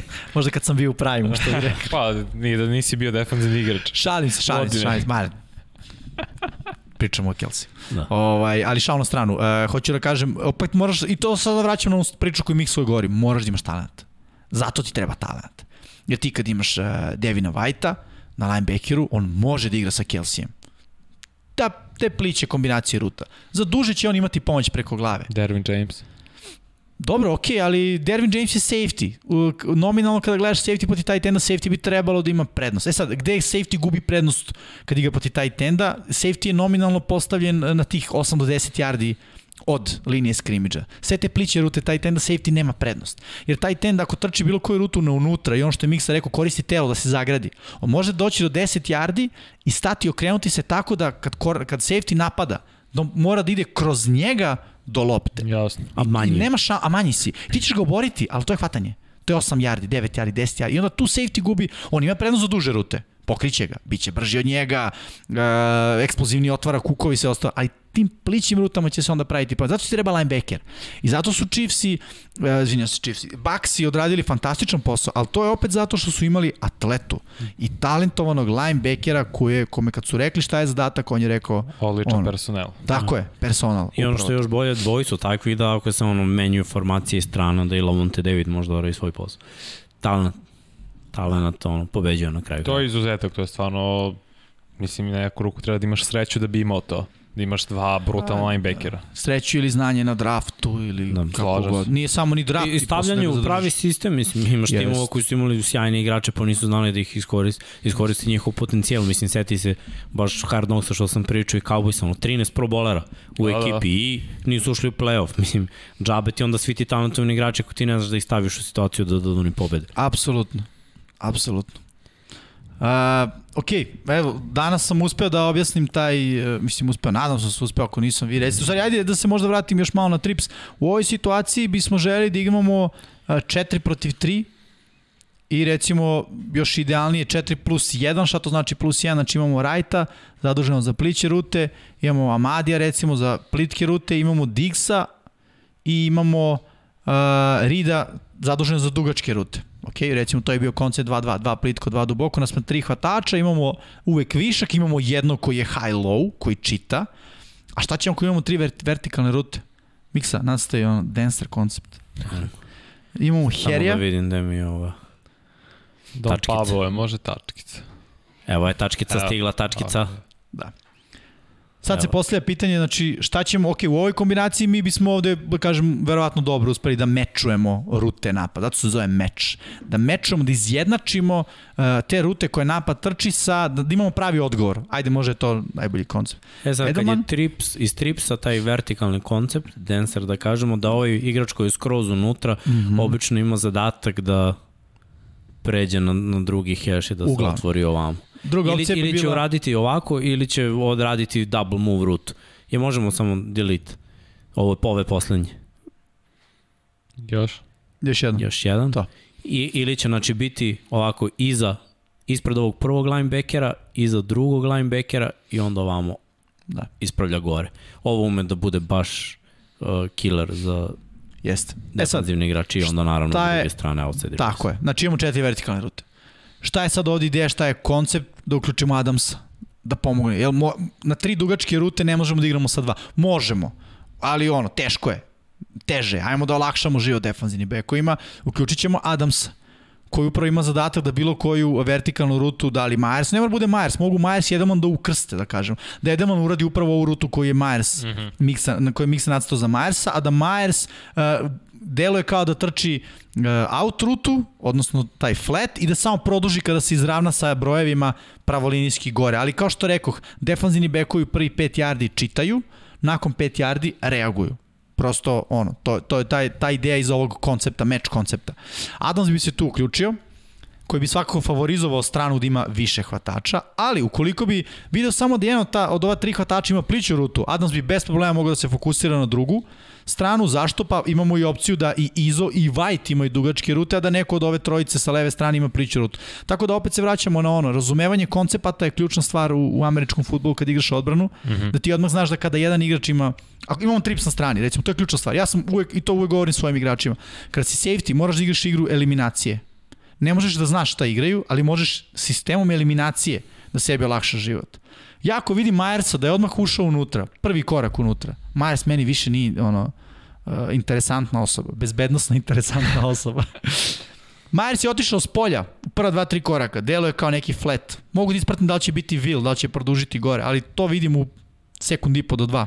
Evo, pa imam baš dva pitanja za koncept. Da li se koncept odbrane prilagođava ako imaš ekstremno dobrog čoveka na nekoj poziciji, kao što Ramsey imaju Donalda, pita Dejan Jovanović? E, da, može da se da se ovaj e, da kažem prilagodi, mada ajde Donald je više u defanzivnoj liniji, on toliko ne utiče na koncept pokrivanja ruta mm -hmm. u slučaju Generalno pasa. na koncept odbrane. Pa mogu, recimo. On, on samo pomaže da, da napad mora da požuri Da. s donošenjem odluka. Tako je. Da. Tu pomaže defanzivnim bekovima na, na taj način, ali bilo je utakmice, ja se vraćam pre dve godine protiv Ravensa, da Lamara niko nije pipno, on je u svakom drive-u bacio touchdown, ne tako? I bio je blowout u LA-u, gde ni Donald ni Brokersi niko nije bio faktora. Zašto nije bio faktor? Bilo je touchdown, četiri dodavanja za touchdown plus trčanja. Zašto nije bio faktor? Zato što je sve bilo iz nekog grid optiona i opet tu da je bio Jalen Ramsey, on bi bio taj igrač koji bi pomogao, a njega nije bilo te godine. Da, da, E, da. tako, znači, više u ovim stvarima uh, znači da imaš Apsolutno. jednog DB-a koji je lockdown DB. Jeste. Znaš da, da, da je dečko 100 kila, da ima duge ruke, da razume, da uči i, i da možeš da se osloniš na to da će on da donese pravu odluku u svakom trenutku. Opet, idemo na prethodnu godinu, idemo na playoff, na utakmicu protiv Green Bay Packersa, gde je on prepoznao ovo što Jimmy kaže. Ovo je bila situacija gde on nikako ne može da stigne hvatača koji iz motiona trči flat na drugu stranu, već neko drugi mora da preuzme. Zato I zato je on- on toliko poludeo i, i krenuo odmah da ispoljava svoju frustraciju zato što je gledao, znao i zna od, od prilike šta je bio dogovor. Mi ne možemo znamo šta je bio dogovor, ali možemo pretpostavimo. Ako se pro Mhm. bowler ljuti na igrača koji nije pro bowl kalibar, verovatno je pro u pravu. Pritom, ajde da primenimo ova pravila. Sad sam rekao, znači unutar 5 yardi, Adams ne da je bio unutar 5 yardi, Adams Da, je na snapu. yard, tako je. Da, ono, nije uz, uopšte uzimao, da kažem, teren, nego je bila ideja samo pobegni što pre. Evo, ko- Korner je trebalo da tu Mhm. uzme Adamsa, a Remzi koji svako dolazi s suprotne strane, uzme bilo koju rutu inicijalnog hvatača broj 1, koja čak i da je fade, on je u punom trku, može samo da produži gore, ne da stigne da napravi interception, da igra njegove šake, da ovaj skoči na, po loptu kada ima kontakt s njom, da Remzi izbije tu loptu, na primjer. Ili slentno unutra, ide ka Remziju. Prosto samo jedna ruta pravi problem tu tog spomenog hvatača, to je fade, ali što kaže Miksa, imaš pro ball cornerbacka, koji će verovatno da ono, mislim, težak je zadatak, ali za teške zadatke pravi ljudi. Da, da. I ne dobija džabe tolike novce. Znaš, Da, a da. ovdje imaš korena koji ne reaguje na tu spoljnu rutu Adams, nego očekuje da Remzi u punom trku s suprotne strane bude, ne, nemoguće. Dobar quarterback to vidi u sekundije, znaš, taj, Jest. taj da kažeš, tu, tu lošu komunikaciju i loše preuzimanje. I to, to je ono što se traži. Znači, čim vidiš da nešto kasni, da nešto nije dobro, ti znaš. Ti namerno pozivaš ofanzivno te motione akcije i, i prelaze da bi naterao njih da oni razmišljaju ko ima šta. Jedan delić sekunde da oni nisu odlučni ko ima šta. Da. Dobar quarterback čita govor tela. Odme ide lopta dalje, Ba. kao, kao što je Rodgers to radi. Ta lopta je bila obačena ali tako da niko nije mogao uh, da, da ju priđe. Da. I da, idealno izvedena akcija, baš Da. i, i loše izvedeno ovo što Jimmy priča. I sa- verovatno samo ću kažem što kratko u odbranu, ne znam ko je bio koremak u toj situaciji, pokrivanje je bilo čovjek na čoveka, to je definitivno. Samo što je Remić očekivao prilagođavanje kada ovaj u punom trku no. Prelazi na drugu stranu, da se igramo čovek, čovek na čoveka, ali koristimo ta pravila unutar prvi pet yardi, jeste. Mm. -hmm. Da bi čisto stavili sebe u najbolju situaciju. Jasno. Pa, jer ko- ne možeš da igraš, to je ono što je on lepo rekao, ne možeš da igraš ni zonu ni čoveka danas. Jer napad toliko da, zna da promeni, da se prilagodi. sve ima killer. Sve ima killer. Zna se šta ubija zonu, zna se šta ubija čovek. Jasno. Pokriven čovjek na čoveka ubijaju ukrštajući Tako rute. je. On je vidio da je man coverage kad je Remzi krenuo da ga prati, je tako? Samo ideš od njega. Znači, on ne može da prođe kroz šumu. Pogledaj koliko, četiri igrača u defensivnoj liniji, dva linebackera. Kako će DB da, da prođe na drugu Znaš stranu, a da će? ga neko ne uspori? Plus sve je znaš kako će? skupljeno zato što je Sad na ću ti reći, znaš kako će ovako da se odalji 3 yarda iza i on na toj pliće ruti već nema prednost. Tako je. Da. Dok on trči gore i zaobilazi svoje linebackere, on već gubi prednost da napadne bilo koju plitku rutu Adamsa. Ruta koja ide ka njemu ga vraća u igru. Ruta koja ide od njega potpuno ga eliminiše što se desilo. Igra Pa to zato što je baš bilo na goal line-u i to je bukvalno koliko bilo 2 jarda od To je sekund za Da. pas. To ne, pogotovo kad ideš poti Rodgersa, on tu ne drži dugo loptu, zna da je sek, potencijalno odbrana u toj situaciji kad stiže na sek, ne ide samo na sek, to je već gubitak yardi, Da. nego ide na, na sek uh, strip fumble. Ide se, napada se lopta i ti ćeš da ga sekuješ. Uh, on je krenuo sa 4 yardi, ti ga obaraš, on je već na 10 to i dalje nije idealna pozicija za odbranu. I dalje je to šut za 3 poena, sledeći napad touchdown. Ideš na loptu, malo preuzimaš rizik. Mm -hmm. Rodgers je iskusni quarterback u toj situaciji, ono, za sekund, dva maks se oslobađa lopta. Evo, pita Aleksandar, koliko je brzo vreme da Adams odreaguje na sve, misli na Jamal Adams sad ovde i, i ne upuca blic? Bli, pa nema blico. Nisam baš najbolje razumio. Nisam ja, mo, ako može Aleksandar Ajde još da jednom objasni. počitaj. Koliko je brzo vreme da Adams odreaguje na sve to Dobro. i da ne upuca u blic? Na ovo što smo pričali za Da, da, da. Devonte Adamsa. Ne, ne, ne, ne, baš za Jamala, pošto je bilo pitanje pre ovog. Dobro. Okay. On odavde u bliz neće ići. Mm, Pred, Kao, kao safety gde stoji ovde, da. Jedino ako stoji u boksu kao strong Jedino ako safety. stoji pa se pre snepa da kažem prišunja, uh, lažira da će odre pokrije, onda bam krene u blic. Mislim, može to da se desi. Ako je pitanje da li Adams može da ide u blic. Koliko je to brzo zapravo, realno njemu U sve treba. NFL-u je to brzo, da. Za Adamsa, Taj koji Adams ima je- dvocifren broj sekova, Jest. da ne pričam. Taj Adams će sa ove dubine stići za ono, treptaj oka sporije nego Wagner sa ove brzine. Samo zato što je brz, naravno pod uslovom da nema čovjeka preko puta sebe, što ga sve usporava. Da, ono što smo mi najviše videli od uh, Adamsa ove godine jeste da, da dolazi sa spoljašnje strane, bez Da. obzira što je daleko, daleko s polja, on je opet dolazio do obaranja, znači mm. na kontra strane. Možda ga spustiš do, na primjer, na tu stranu na kojoj je već. Znači, o, a i da je trčanje na desnu stranu, on je dolazio iza linije skrimidža do tih obaranja, tipa ovde, i, Jest. ili do seka prehodne sezone, što, što je stvarno impulzantno za, za jednog defanzivnog beka. Mislim da je i oborio rekord po broju sekova kao Jest. safety. Jest. Ali opet da kažemo da često i Bobby Wagner kao uh, middle line ide na prethodne sezone, bar bilo zato što nisu imali D-line koji je vršio pritisak pa su slali Wagnera koji isto da. imao veliki broj sekova. Mislim da imao jednu utakmicu da imao dva i po seka čak prethodne da. sezone. Što je onako za, za podršku defanzivnim bekovima vrlo važno. Pravda za bowler defanzivni linebacker. Šanica. e, hteo bi sad, ako, imamo pitanje? Uh, Ajde, ima, ima. daj. Koji su vam top 5 DB-eva koji mogu da zatvore prvog hvatača? Znači Pa, lockdown. Ramsey, uh, Gilmore, što se Latimore. mene tiče, Latimore, definitivno. Xavier Howard. Mhm. Uh, Da li slažem se. postoji pitanje da se ne dovežem safety Dobro. koji može da zaključe broj 1? Trenutno u Uh, ligi. Trenutno u ligi. Meni, da, ja nam je za Chargers, ali Derwin James je to često sam da radio kažem, ali kao ruki. dve godine, mislim. Da, da. Da. Uh, pa mogu da kažem, da, da, da probam da kažem Tyron Matthew, koji ima jako dobru tehniku. Mm -hmm. Mislim, on nije, ne mogu kažem, klasičan safety, on, on je meni sve. On može da igra i kornera i safety-a. Svi i Army Knight, što bi tako je. Ali stvarno može da odradi dobar posao u, u pokrivanju hvatača. Mislim, ne mogu da ga krivim za oni touchdown u Super Bowlu, jer ono, ne znam šta je bilo bolje, ruta ili Do, lopta. dobih Simons iz, de, iz Broncosa. Da. Isto je odličan mm -hmm. uh, na pokrivanju. Da. Ali uh, redko kad ćeš imati safety na hvataču broj 1. Osim ako hvatač broja ne uđe u, u, u slotu. Ali i u tim situacijama smo vidjeli da, na primjer, Remzi ima zadatak da pokriva nekoga čovek, čovek na čoveka ceo dan i ako on stane u slotu, uh, i, i, i, igra sa njim i ga dalje. svuda, pa zapravo. Da, pa da, pa da. Šta je bio koncept odbrane kod Butlerovog presečenog pasa u Superbolu protiv Patriota, A, to je protiv pričao Butler. Seahawksa? To je pričao Butler, to može Mhm. se pogleda na YouTube-u, onaj serijal Do Your Job, mislim da je to drugi. E pa to, da li je dobro Patriotama. postavljen plan odbrane ili Ma njegova to je reakcija? pročitana akcija, Butler je pričao o tome, oni su pred sezoni vežbali tu situaciju. Da. Da. I dobio je zeleno svetlo od... Uh, je Patriša tad bio defazni Yes, koordinator? pa, da, On da. je dobio de, uh, zeleno svetlo od Patriše da u situaciji, oni su bukvalno pričaju o tom, to je nevjerojatno, treba se pogledati Do Your Job, to ima na YouTubeu da se, da se pusti, gde on priča su oni u predsezoni uh, pričaju o tome koga bi mogli potencijalno sretnu u play-offu. Nije bila priča o Superbowlu, play-off. Jedna ekipa je bio Seattle i bila je analiza upravo toga, uh, šta je prva stvar? Evo ovako, kad igraš safety-a, cornerbacka, defensive backa, ajde da kažem generalno, alignment, formacija, napad izlazi. Ono u čemu je Seattle izašao, to se zove stack. Šta znači stack? Hvatač je, stack je gomila, to jest uh, niz, ili tako i mislim da se dobra je reč gomila. Da, okej. Okay. Ali uh, uh, uh, i bunch je gomila sad, to je malo. Pa stek Da. kada da. stavljaš jedan na drugi. Da, Kad stekujemo nešto, nešto tako se je. ređe jedno na drugo. Ok, Tako hvatači upravo tako i stoje. Banč je uglavnom u trouglu. Delo Da. kao Evo, trouglu. Miksa nacrta i kako bi stek izgledao recimo u odnosu na, na Edelman. Ako je Edelman ovde gde jeste, uh, kada bi hvatač bio stekovan iza Evo, evo njega... stiže olovčica. Aha, E, cool. Moraš da Neka- obrišeš ovu da, slučajnu to. liniju. E, okej. Evo, Pa, pa, ajde da kažemo da, da bi Myers mogao da bude iza. taj kružić. E, sada bi Edelman i Myers, koji recimo ne postoji ovde gde je sad, nego gde ga miksa nacrto, bi bili stekovani. Ok. I to je prva stvar. Moraš da znaš kako se napad postavio. Formacije u kojoj su izašli. Dva hvatača s jedne strane, tri hvatača s jedne strane, jedan hvatač s jedne strane, uh, jedan hvatač s druge strane. Taj tend u formaciji nije taj tend. Dva trkača. Sve ti to govori šta napad može da igra. Prvo, ne znaš ko je tvoj protivnik, ali po formaciji već možeš da stekneš.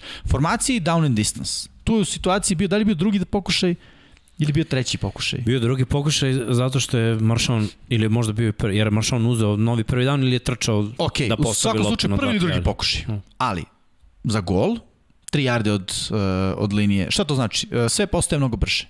Tako je. Tu, tu, e, to možemo napraviti paralelu sa touchdownom koji je postigao Antonio Brown. To isto znao je Tyron Matthew.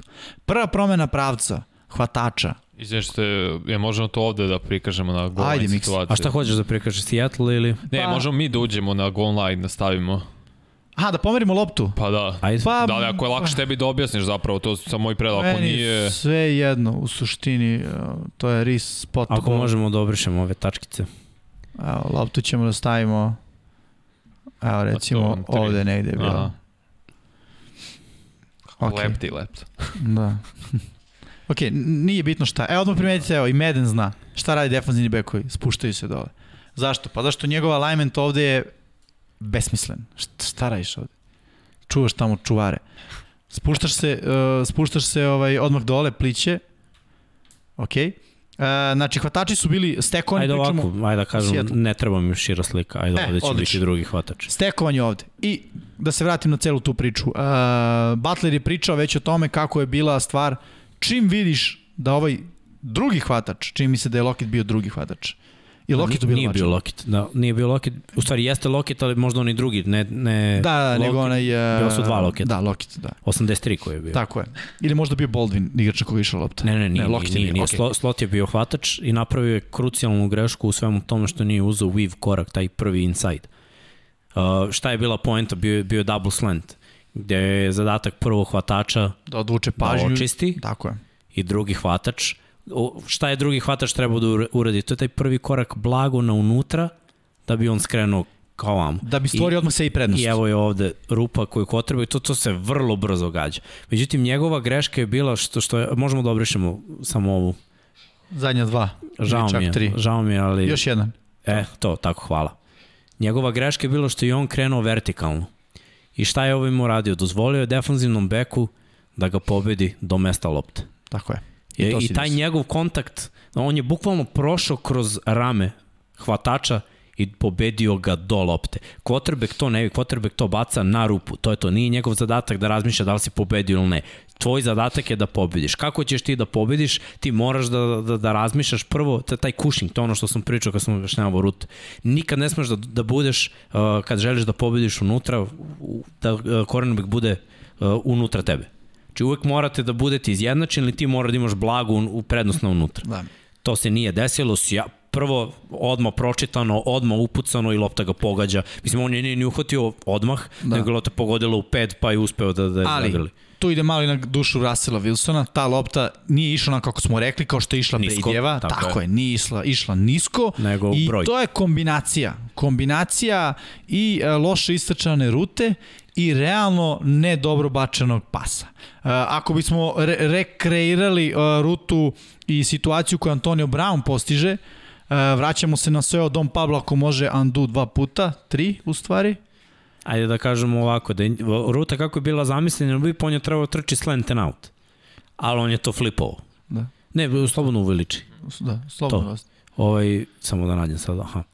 On je to okrenuo, šta znači flip, znači samo se okrene kao da je u ogledalu on je trčao out in, ali je ovaj break ovde napravio na jedan korak bukvalno i natero je Matthew da, da se previše obaveže i da bude s polja i dok je on stigao nazad lopta pravu I, bukvalno je bila ispod uh, nivoa kuka. Jeste. On je uhvatio pa odmah. Mislim, on je uhvatio loptu ono... Tako je. Tu hvatač mora da ima, to, to ono što Brown posjeduje, mogućnost uh, da, da locira loptu vrlo brzo. Koordinacija očiju i prstiju. Jer ti, to, ti, ti loptu vidiš kada je ona bukvalno na 30-40 cm od teba, a to je projektil stvarno. Da, to se hvata i na osjećaj i na uigranost ne, nema svako tu sposobnost da uhvati tako brzu loptu koje, koju vidiš, ti si se okrenuo iz brejka i, i bukvalno vidiš samo senku, obris loptu. Da. Moraš da reaguješ na nju i da ju uhvatiš. Jeste. E sad, u odbranu ta, Tyrana Matthewa, upravo ono što sam rekao, ispred end zone stvari se, uh, uh, prostor se smanjuje, vreme se ubrzava.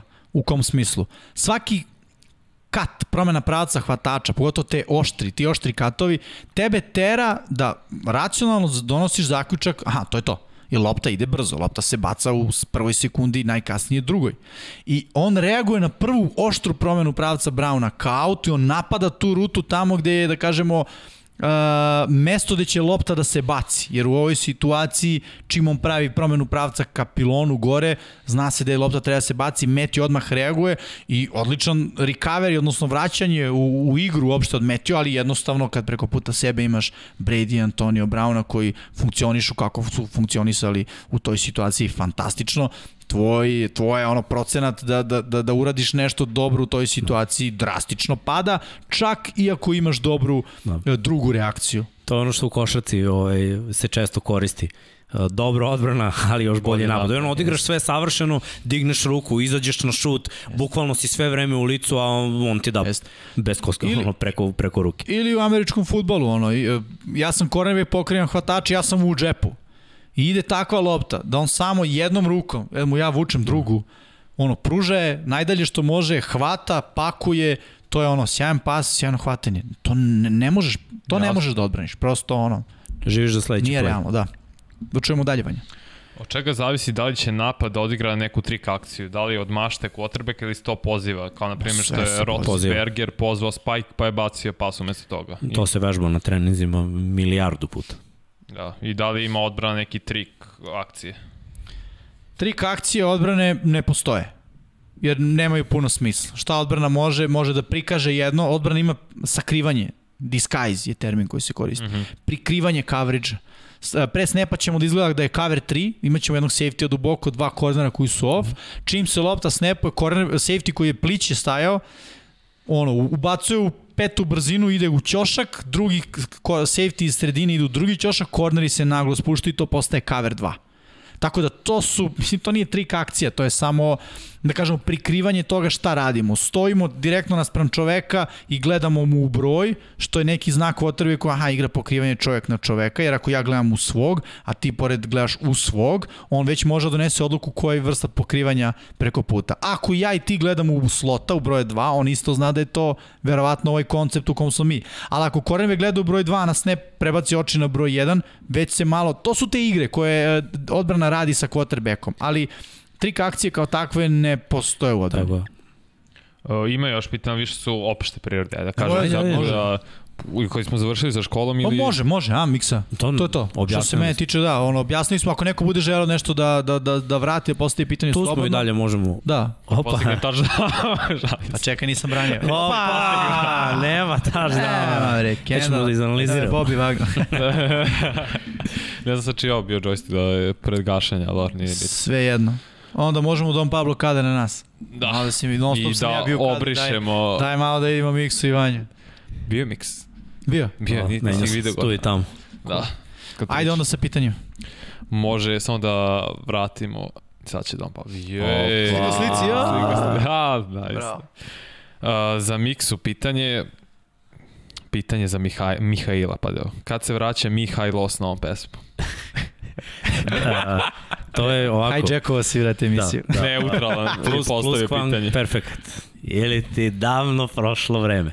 Ali ovaj, pratite kanal, Don Pablo ne moram ja da pa možete da nađete neke stare koje su obilaljene. Don Pablo namerno. Neka, budi tu, budi tu. Prosto Samo Miksa budi i ja u istom kamera. Ode kući. Rešio nas. Jeste. Ne može nazad. Tu smo. O, i nestala slika u slici. Samo ova tačkica crvena. I...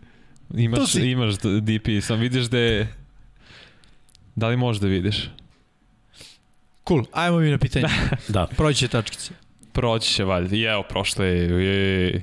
preći. Uh, pita Darko, da li se zna nešto, da li će Patriote uzeti pik Atlantine i birali quarterback ili to samo trača? Koliko sam ja čuo Atlanta ima i tekako dobar razlog da to uradi. I Da. Zašto? Zašto im fali mnogo igrača, dobili bi par pikova, mislim s obzirom da je njihov pik jako visok i da je to top 5 igrač na draftu, verovatno ako uzmemo obzir da će prve tri opcije biti quarterbackovi, znači najbolji igrač na bilo kojoj drugoj poziciji. Za to vredi da daš jednog pika prve runde, tako, bar jednog pika mm. u sledećoj godini. Znači, da kažemo, onda Atlanta dobija dva pika prve runde, idu u rebuild, njima to treba, ima smisla. E sad, možda oni žele više, možda žele tri pika prve runde ili ne znam, dva prve i jedan druge, što opet za njihovu situaciju važi. Sad je sve to, hoćeš, nećeš i, i šta želiš, da li želiš ovo ili ono. Da li ima smisla i tekako ima smisla. Ima smisla i za mnoge timove kojima je potreban najbolji igrač na nekoj drugoj poziciji sem quarterbacka odmah. Znači ti ako biraš 25. ili tako nešto, teško da ćeš dobiti najboljeg igrača na poziciji. Možda ti taj jedan igrač fali da osvojiš. Dajem primer, da si Pittsburgh. Možda ti treba baš jedan najbolji igrač tu, ok, ili neki drugi tim, ajde Pittsburghu, možda treba i quarterback. Da, da, da kažemo, ajde daj mi neki. Bay. Kolci, pa možda kolci. Možda kolci, tako je. Nji- Njima bi možda falio igrač na nekoj drugoj poziciji. Da. Za, zašto ne izabrati Jamara Chase-a i ono, Vencu olakšati Da. život, maksimalno. Da. A imaš već kompletan tim ko- koji može daleko u play-off. Da, da vidimo. Mik se priča koliko je playbook napada, koliki je playbook odbrane i sad pitanje je da li se brže usvaja napad ili odbrana koji igrač dođe posle trade, na primjer. Ja bih rekao brže U sred odbrana. sezone, Brže naravno. odbrana, to sigurno. Da, brže odbrana, ali um, jednako treba jednim i drugima da to deluje kako treba da deluje.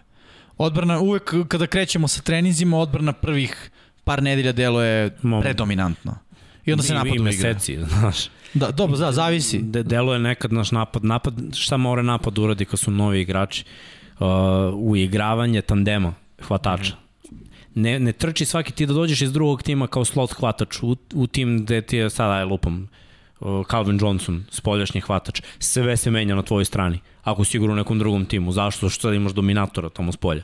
I sva pažnja je na njemu, znači bit će ti lakše. Opet moraš da gledaš kako on trči s polja rute, kojom brzinom, kako skreće itd. itd. Uh, To uigravanje napada traje, da ne pričam ako menjaš uglavnom igrači kada menjaju tim, kao na primjer sad Sammy Watkins, došao u Baltimore. Zašto baš u Baltimore? Zato što mu je uh, Greg Roman bio ofenzivni koordinator u Billsima i zna taj sistem. Koliko će trebati njemu u trening kampu da se prilagodi malo, jer je već igrao tamo Da. dve godine u njegovom sistemu i sad samo će da se prešalta u drugi tim, drugi igrači, ali da kažeš da, da pozne sistem. A da dođeš u novi sistem, novi igrači, sve je novo, puf, pa sigurno treba mesec, dva, zato i postoji ono uh, pre-trening kamp, pa onaj mini kamp, pa onda ide trening kamp, pa Da. te ide predsezona, pa tek onda sezona. Mm. Evo, pita Dejan Berkeš ili Berkeš, pardon, ako sam pogrešio, zašto kada DB, linijaš, running back, wide receiver potpiše na 4 godine 50-60 miliona, svi su ono svaka čast, ali kad potpiše quarterback, to ispod časti se uzme sada, manje od 40 miliona po sezoni. Brući ja, to je jednostavno, quarterback je najbitnija pozicija na terenu da se razumem. Ako nemaš dobro quarterbacka sada, ne možeš da osvojiš, a i oni su uglavnom glavne zvezde. Pre par godina kad se Rodgers povredio, Green Bay, Green Bay je bio negledljiv. I bukvalno, i to je sve ono i TV pare, ko, ako imaš, ako Rodgers igra, svi veliki CBS, Fox i tada će uzeti taj meč. Ako ne igra, povredio se, ono će gledati da zamene. Tako je. I ne, idemo do, do drugog da, pazi pravila kako se menjuju. Uglavnom. Tako je. Quarterback se povredi, on menji pravilo. Da. Zaštiti quarterbacka. Defanzivni back se povredi, ok, koliko ih ima na draftu? Stop, o, šta? Pa, naći ćemo, naći ćemo neku zamenu. Vidi, jedino manji igrač u ekipi na jednoj poziciji kad gledamo dubinu od quarterbacka imaš na poziciji kikera. I Pantera. I Pantera. po jednog. Pa da. Na svim ostalim pozicijama imaš više svih drugih igrača nego quarterbackova. Ti quarterbackova imaš jedno tri. No, od max. kojih su dva upotrebljiva. Treći je tu samo da popuni broj. Pa da, jeste, Dejan jeste upravo, to se oduzima timu šanse za Super Bowl, jer opet to je veliki cap udarac, ali to jeste. je sada promenilo se. Stari quarterbackovi uzimaju manje para, I tako mogu ostali igrači se potpišu ili quarterbacku i na ruki ugovorima, kao što smo pričali. Zato je Liga fair, znaš, da. zato svake godine imamo nove timove u play-offu, baš zbog toga. Jer kada bi sve bilo lepo da quarterbackovi zarađuju i da timovi ostaju na okupu, onda bi gledali isti play-off svake godine, tako. A sad svake godine vidimo no, neki novi tim. Svake godine bar dva, tri nova tima, evo koliko jeste, jeste. Billsi su posle koliko bre godina ušli, Brownsi. Da, da. To je samo primer, jedan od primera u AFC-u, ali stalno se nešto meni u NFC-u. ulazio da kažem ušao je godine. Pita Ozren, pozdrav ekipa, možete li deliti mišljenje sa mnom da, da su Broncosi samo vrlo dobrim quarterbackom udaljeni od nečeg velikog? Možete Mislim da nisu samo quarterbackom. Nisu sigurno samo. Da, ima tu rupa koje treba popuniti. Tipa, uh, Melvin Gordon je uh, došao i nismo videli ne znam šta. Što znači da treba ofenzivna linija? Tako Jer on je. jeste dobar trkač, tu, tu nema govora. Čak su imali one two punch, a sad su izgubili taj second punch. To na dubinu, Lindsay da. otiš. Onda odbrana. Nije baš čarobna, mislim. Pa i one u nekoj vrstu rebuilda. Imaju Jest. dobre mlade Dobro igrače kao Simons. prošle godine, to, da. to moram da kažem. De, ovi defensivni bekovi koji su bili u kasnim rundama pun pogoda. Mm -hmm. Ali svakako im jeste potreban bolji quarterback da bi napravili možda još jedan korak bliže po a, a da, a, al, al moraš da uzmeš, moraš da uzmeš u obzir, ja uvek uzmem u obzir diviziju, da. znaš, kada analiziram neki tim, pa oni su u svojoj diviziji poslednji tim. Jer ne mogu da bolji od Chiefsa, uh, ajde Raidersi koliko god kakvi god bili oni su nas navikli na standard njihov standard je 50% Denver još uvijek nije ni na 50% ja vidim da Raidersi mogu budu samo bolji ne vidim način da, da sad imaju sezonu 4-13, pošto imamo 17 da, utakmica. Da. Delo je mi okay da, da, da će ove godine, ne znam, biti 9-8 ili 10-7. To bi bar trebalo da se desi jer su napravili dobre promene. Su sad pojačali defanzivnu liniju, je tako doveli su neke slobodne agente, mm. ma malo su popravili svoj roster, onda dođemo do Chargersa koji bi mogli da budu konačno zdravi sledeće sezone i kojima fali manje igrača nego Denveru. Znači Chargersi jako nekim čudom draftuju najboljeg levog tekla ili odrade trade, sad ima onda, onda imaju dobru ofanzivnu liniju, mlade kvotrbe koji je bio ruki ofanzivni godine, imaju bolje hvatače, do, koji su dokazani, Keenan Allen je bolji od svih hvatača Denvera, koji možda jesu perspektivni, ali nisu bolji, ovaj se dokazuje go, iz godine da, da. u godinu. Uh, takođe Mike Williams, jako dobar mm -hmm. hvatač na running backu, ajde da kažem, manje više isto priča. Pa da, Denver sad baš jednoj specifičnoj situaciji. Oni jesu, ako traduju za nekog dokazanog quarterbacka, to je već ozbiljnija ekipa, ali opet pozicija tekla, što ste rekli, je ozbiljna znak pitanja za Denver. Pita Đorđe, ko su vam omiljeni bivši NFL igrači i neki momenti iz istorije NFL-a? Sean Taylor. Steve Smith. Megatron. A. Moment Pro Bowl i Sean Taylor obaranje. Da, ovo, Pantera, nesretno. Uh, pa ajde nekoliko momenta. Jedan od najljepših momenta momenata, bilo ih je više. U, mm -hmm. Znači, utakmica novogodišnja između Giantsa i Eaglesa. Gledam meč da Eaglesi gube, ne znam koliko je bilo, 20 nešto razlike je bilo, mislim da je 3 posljeda bilo, nisam siguran. Michael Vick, ono, comeback posle svega što mu se izdešavalo i kreće mašina. Prvo post za Deshona Jacksona koji je ono bio lagan za touchdown. Pa onda mislim da to bio projektil od nekih 50-60 da, yardi da, da, lopta da. u vazduhu iz trka. Pa, pa nakon toga sećam se ono Jeremy Macklin da, da, da je isto odradio i onda dolazimo do panta gde trener Coughlin viče pantuju out, pantuju out, nemoj Dešonu Jacksonu. Ovaj ispušta pant svi ga sustižu, on ulazi u sredinu, krene onaj wiggle, wiggle, veže na stranu sve ih i u tom momentu kada dolazi do end zone, ja ono gledam, to je to touchdown i ludak krene onako po liniji end zone. Da. I ja, a, a, još je jači moment jer je njemu otac preminuo, otac koji ga je gurao da igra mm -hmm. američki fudbal, vodio na sve treninge od ono malena i baš u tom momentu ta takva utakmica i takva pobeda jedan od momenta, ali, ali stvarno NFL je specifičan po tim neizvesnim utakmicama pobedama u posljednjoj sekundi. Sve. Ali ovo je bio jedan trenutak jer sam obožavao i Vika i čitav taj tim uh, Filadelfije, nikad nisam gotivio Giantse i onda ono da vode toliko i da izgubim na kraju, to mi je nekako bilo lepo, poetski. Da, e da, zaboravio sam, uh, zapratite, subscribeujte, to je to isto, lajkujte, podelite, mislim, ne mogu te srđeno deo da E, šta Dobre. još imamo termina? Patreon, ajmo samo da, da termine. Like, share, Na Instagram, da. Instagram. Sve. Šalom stranu, da, svaka podrška znači. Tako I je. hvala. Da. sad sad je moj kadar. Tamo, tamo, tamo, tamo, tamo, tamo, tamo, tamo. To je, Palčić, to je to. Nabavit ćemo i tu neku grafiku da ubacimo i za lajkove i za, za sve ono YouTube obeštenja kao Čekaj, zvone. Kako Kevin Hart ima onu belu ruku, moramo i vidjeti. belu ruku u kadru. Da, pa do, ne može da on padu sve. I treba i tamo i ovde. Da. Mada imamo jednog ovde gosta, mogu bi on da bude to. Da, tako je. Ubacujemo lajkove da. svuda. Pita Lems, da li ste imali neke teže povrede u karijeri i koliko im bilo teško psihični da se vrate posle njih? Mi? Mi? Da, Aha. vi. A. ne, ne, pošto da li ste imali povrede koliko im je bilo teško, pa gledam da. kome. Kao familije, šta? pa njima je bilo najteže. Moje mami je bilo najteže, da, da. svaki put.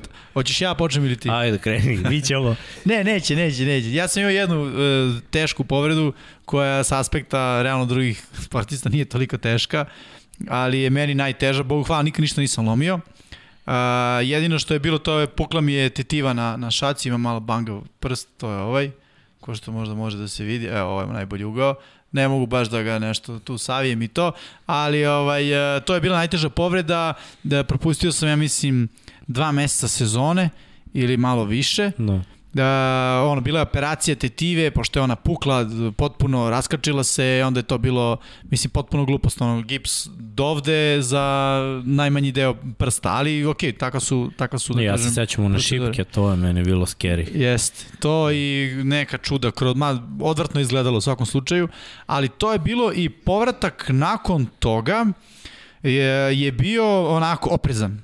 Oprezan u smislu da ja sam se povredio na obaranju mislim, moja bila greška u smislu umesto da udarim čoveka, udario sam ga, on je krenuo da, da se, da kažem, izmigolji, ja sam ga uhvatio za dres i u tom momentu kako je on vukao na jednu stranu, ja na drugu, on, da kažem, celom težinom ja iz, iz, iz ruke, e, ja ništa nisam osetio u tom smislu, samo sledeće čega se sećam, meni prst stoji pravo i ne mogu da ga savijem.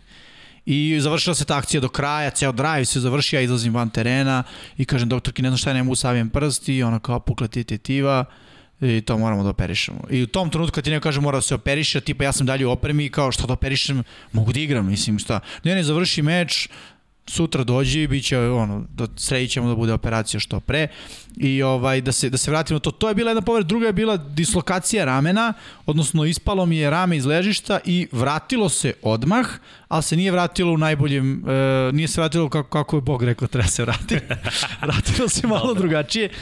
I dan danas stoji tako Ovaj, ali ok, e tu je bila mentalna uh, uh, blokada, u smislu uh, taj trening je već bilo nisam mogao da završim, to se desilo na treningu uh mhm. -huh. i bilo je ono mirovanje, držanje onoga, ne znam kako se to sad zove, ne znam, nešto mi drži ovako ruku. Dobro. Ono kao, da, znam. Narodski rečeno marama oko vrata, koja drži rame da, da ne bi drž, trpelo opterećenje.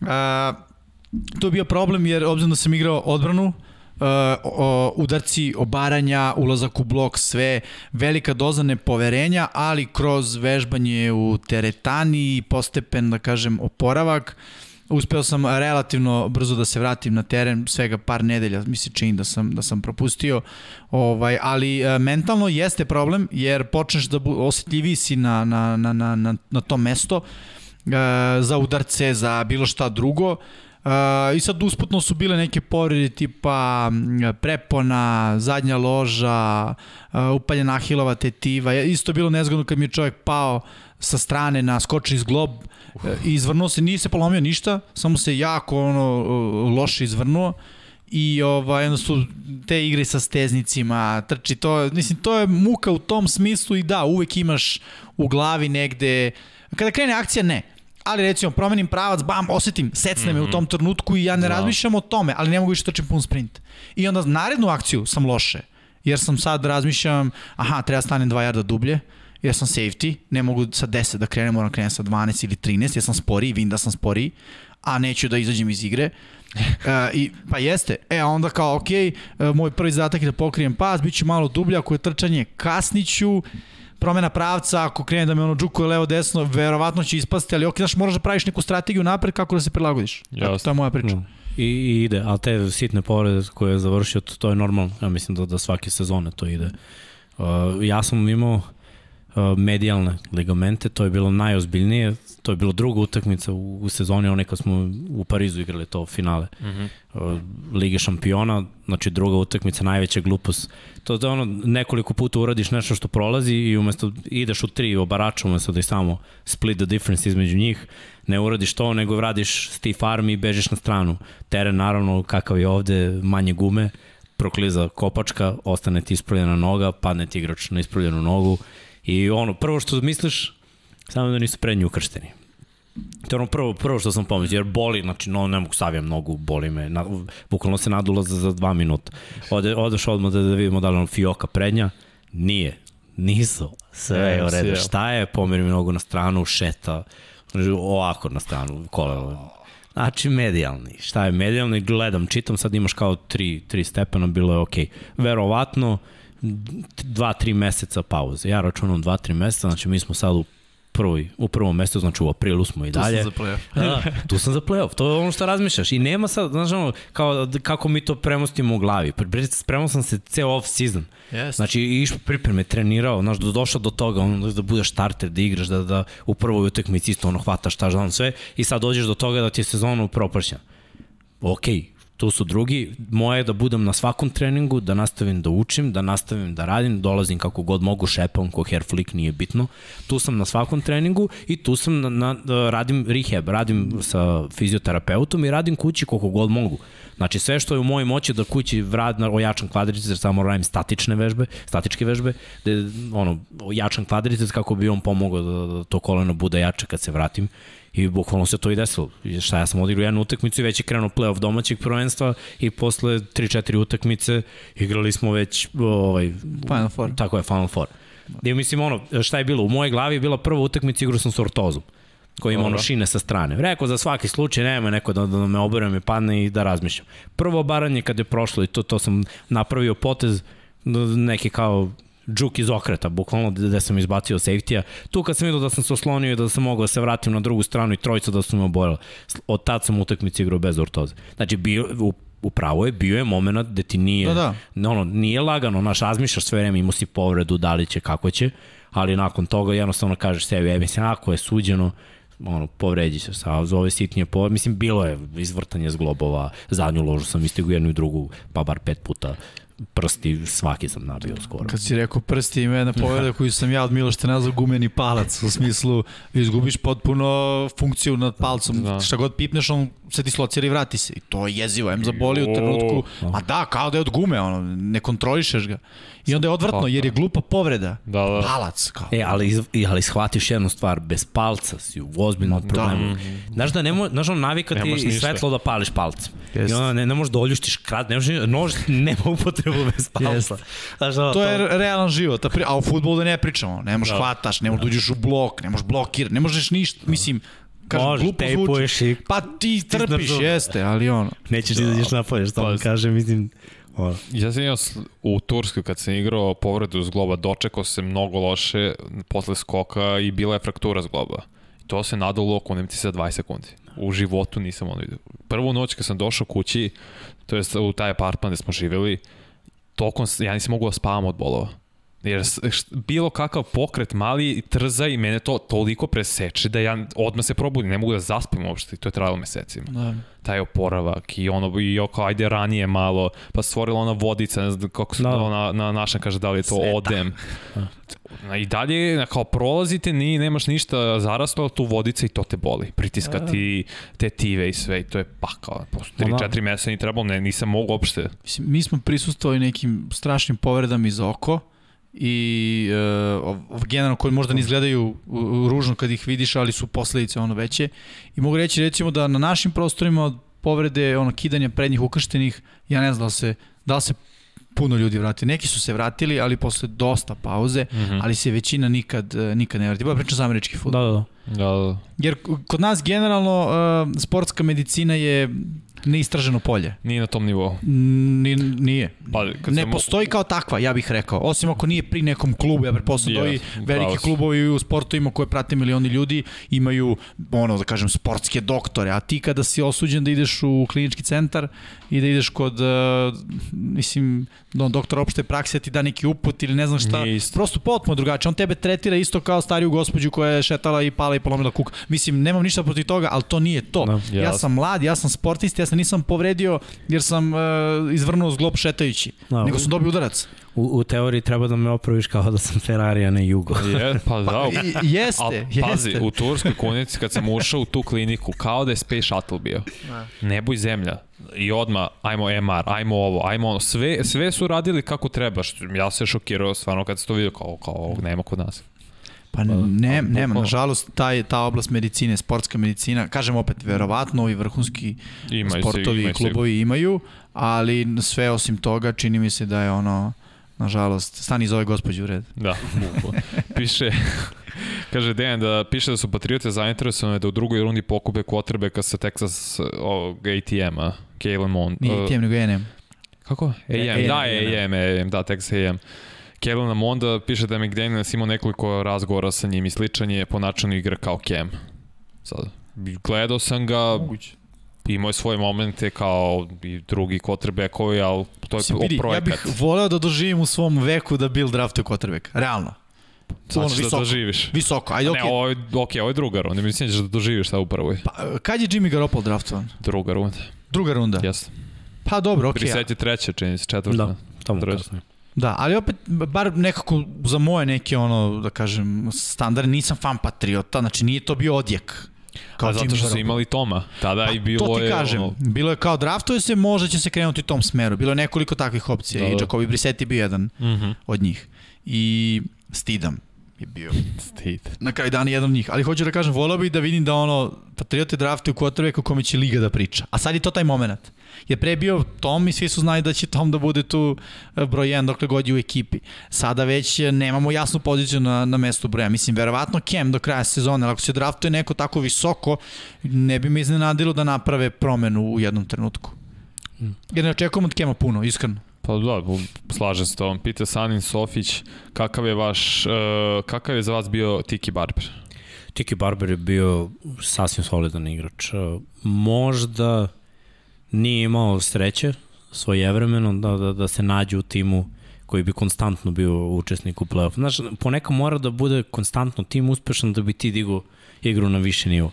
E pa on nije imao. Mislim, prvo dolazi iz porodice, da, da su bile porodice njega. Ako se ne varam, da li je blizanac brat ili brat ovako je takođe igrao. Da, rodni Barber. U, u, u isto Da, vreme. blizanac, da. blizanac. Je blizanac. Da, Blizu cornerback bio. u. Barber, U Tampi, da, da, da. On je osvojio Super Bowl. Te Da, 2002. E, vidiš, Tiki nije. Iako je, vidiš da je to atletizam, Da. da. atleticizam na, na, na vrhunskom nivou, ali nije bio u ekipi koja je u tom trenutku mogla konstantno da se takmiče. da Rondi Barber je duže igrao. Yes. Zato što je Jasno. cornerback ovaj trkač, mislim, dobija više... Trkač je ono, to smo već pričali, uglavnom, od, naravno u toj eri, E, to sam teo kažem. u toj eri koja je bilo Tek. 30 nošanja, 5 godina izdržiš svaka čast. E, baš sad pitanje za bojicu, baš zato, sad dolaze dosta igrača koji su imali očeve, stariju braću i tada, koji su bili ili NFL igrače ili su bili pošto atlete u drugim sportovima.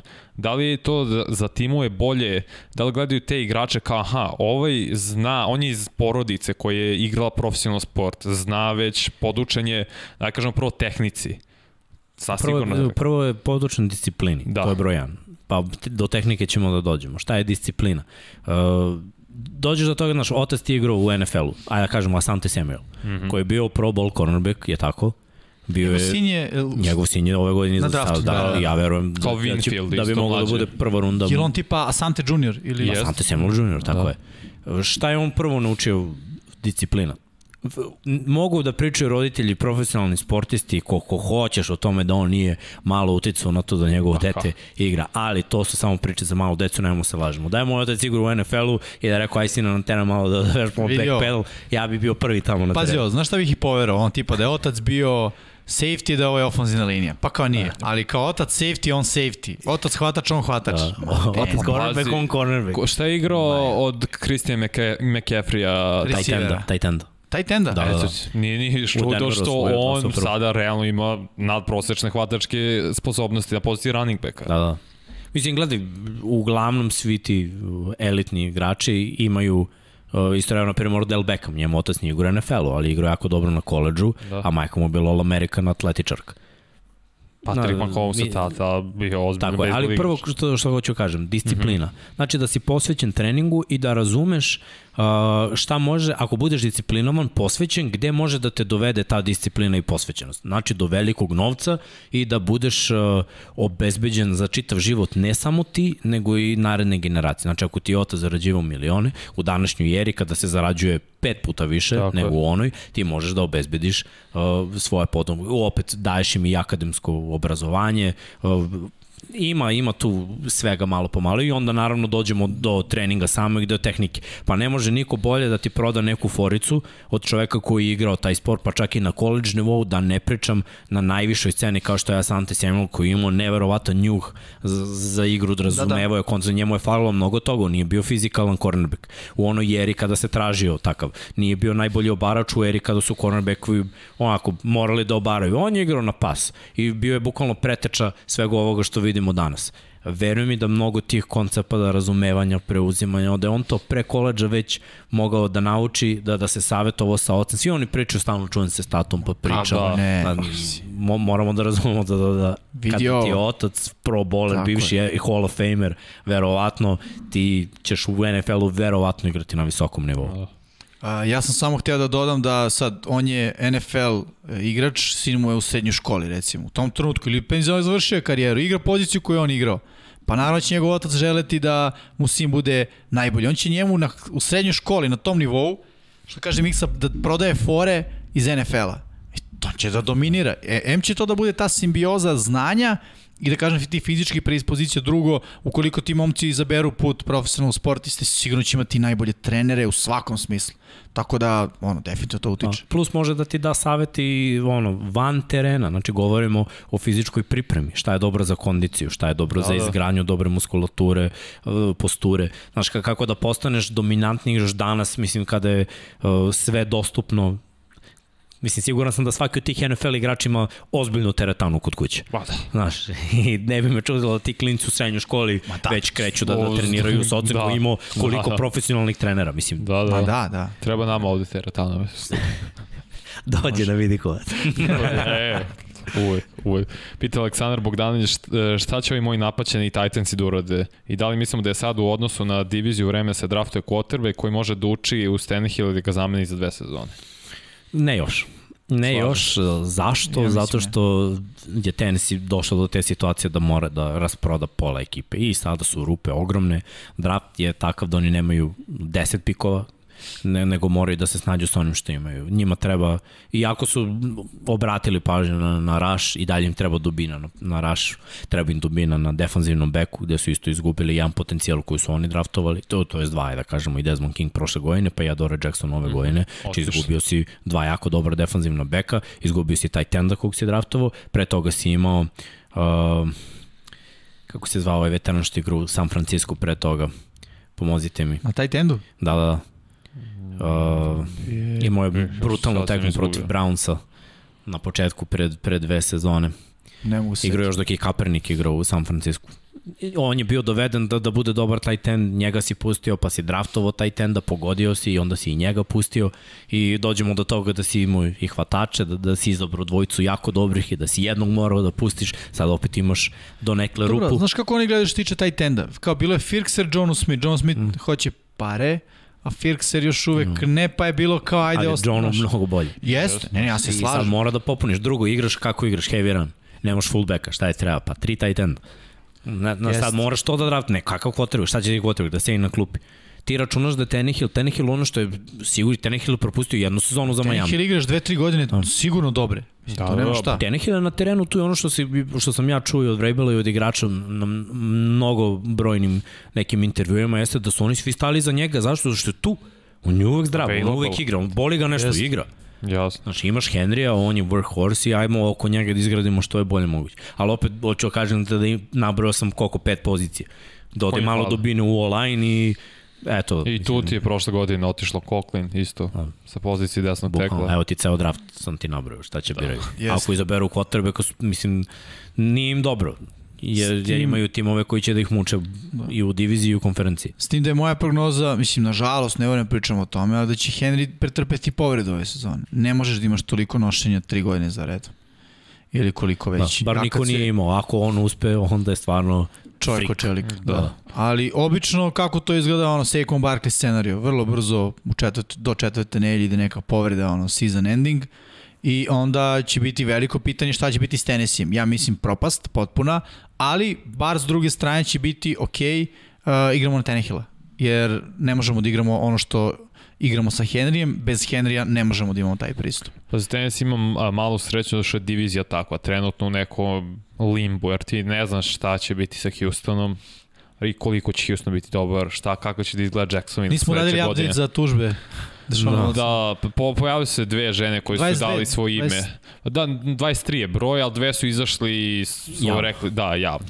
Inače, Nike je povukao svoj ugovor sa... Pauzirao.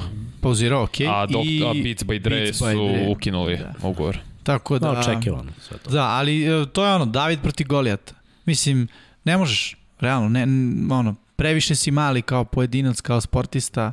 Meni trenutno deluje da ono, ne može niko proti korporacije. Jordan sad, da korporacije hoće da ga unište, mogli bi da ga unište, bez problema. Sve da zatrpaju, ono, da mu tako, mislim, ne, da, ne kažem da ovo rade korporacije Watsonu, ali e, prosto ne možeš sam kao igrač da očekuješ ok, neću da igram, e, novac od ugovora e, će da propadne, ali ja imam sponzore. Mm -mm, to se vidi jedno uz drugo. Prosto ono, Da, bez veze priča, vidjet ćemo epilog. Tako je. Pita Nebojša Micaković, poz ekipom mislite da li se odbrana New Patriota Super Bowl 53 protiv Ramsa baš baš pocenjuju u odnosu na ostale iz prošle dekade. Oni su dopustili samo 3 poena Ramsima na tom Super Bowlu. Pa, mislim, ne razumem, pocenjujem, mi smo ocenili to odbrano kao jedno najboljih u NFL-u tada, ali nisu najbolja, mislim, ajde da povučemo paralelu koliko su, ja mislim da su Ravensi 2000 2000 2001 Dobro. bili najbolja odbrana, zašto što su u celom play-offu dozvolili nemojte me držite za reč, ali bilo je ono, u celom Možemo play-offu, ukucaj pa vidi. Mislim, znam da je, da je bilo nešto mizarno. Mislim, u tom Super Bowlu su isto da li je bilo 3 poena, Giantsi da su dali, a pre toga je baš bilo gaženje. Pazi, ono što znam za Patriot je da su imali više presečenih lopti nego te sezone odbrana, nego dozvoljnih touchdown dodavanja. Da, ali su, na primjer, impresivno. jesu, ali u finalu konferencije su im Chiefs dali 30. Jesu. Mislim, i ok, da, u Super Bowlu su primili manje, ali protiv dobrog napada su primili 30, a Ravensi nisu primili ni 20, mislim, u celom tom play-offu. A, ja samo bih dodao da e, nije bio težak zadatak u tom Super Bowlu. Prestravljen quarterback koji e, igra po ustaljenom sistemu Da, I ništa trčanje. i ništa trčanja, tako da ovaj nije bilo puno teško. Nisu sad kao podcenjeni, ja ih ne doživljavam na taj način, on sada smo mi sad nešto tu blatili ili pričali o toj odbrani loše. Ne, ne, smestili smo ih što kaže Miksa u top, u vrh. E sad ne pričamo o njima sezonama posle jer Bože moj, ima odbrana koje su atraktivnije i bolje Da. i koje su se pokazale protiv uh, eksplozivnih napada je, kao baš to. bolje opcije. I ajde da se vratimo ako pričamo o dekadi. Zašto je Legion of Boom bio poseban toliko u Super Bowlu kad su razneli Denver? Što je Denver bio najbolji napad dve godine za redom u NFL. Da, da. Jer su, uh, Peyton je ono, imao rekorde svoje, oni su postizali poene i na toj utakmici šta?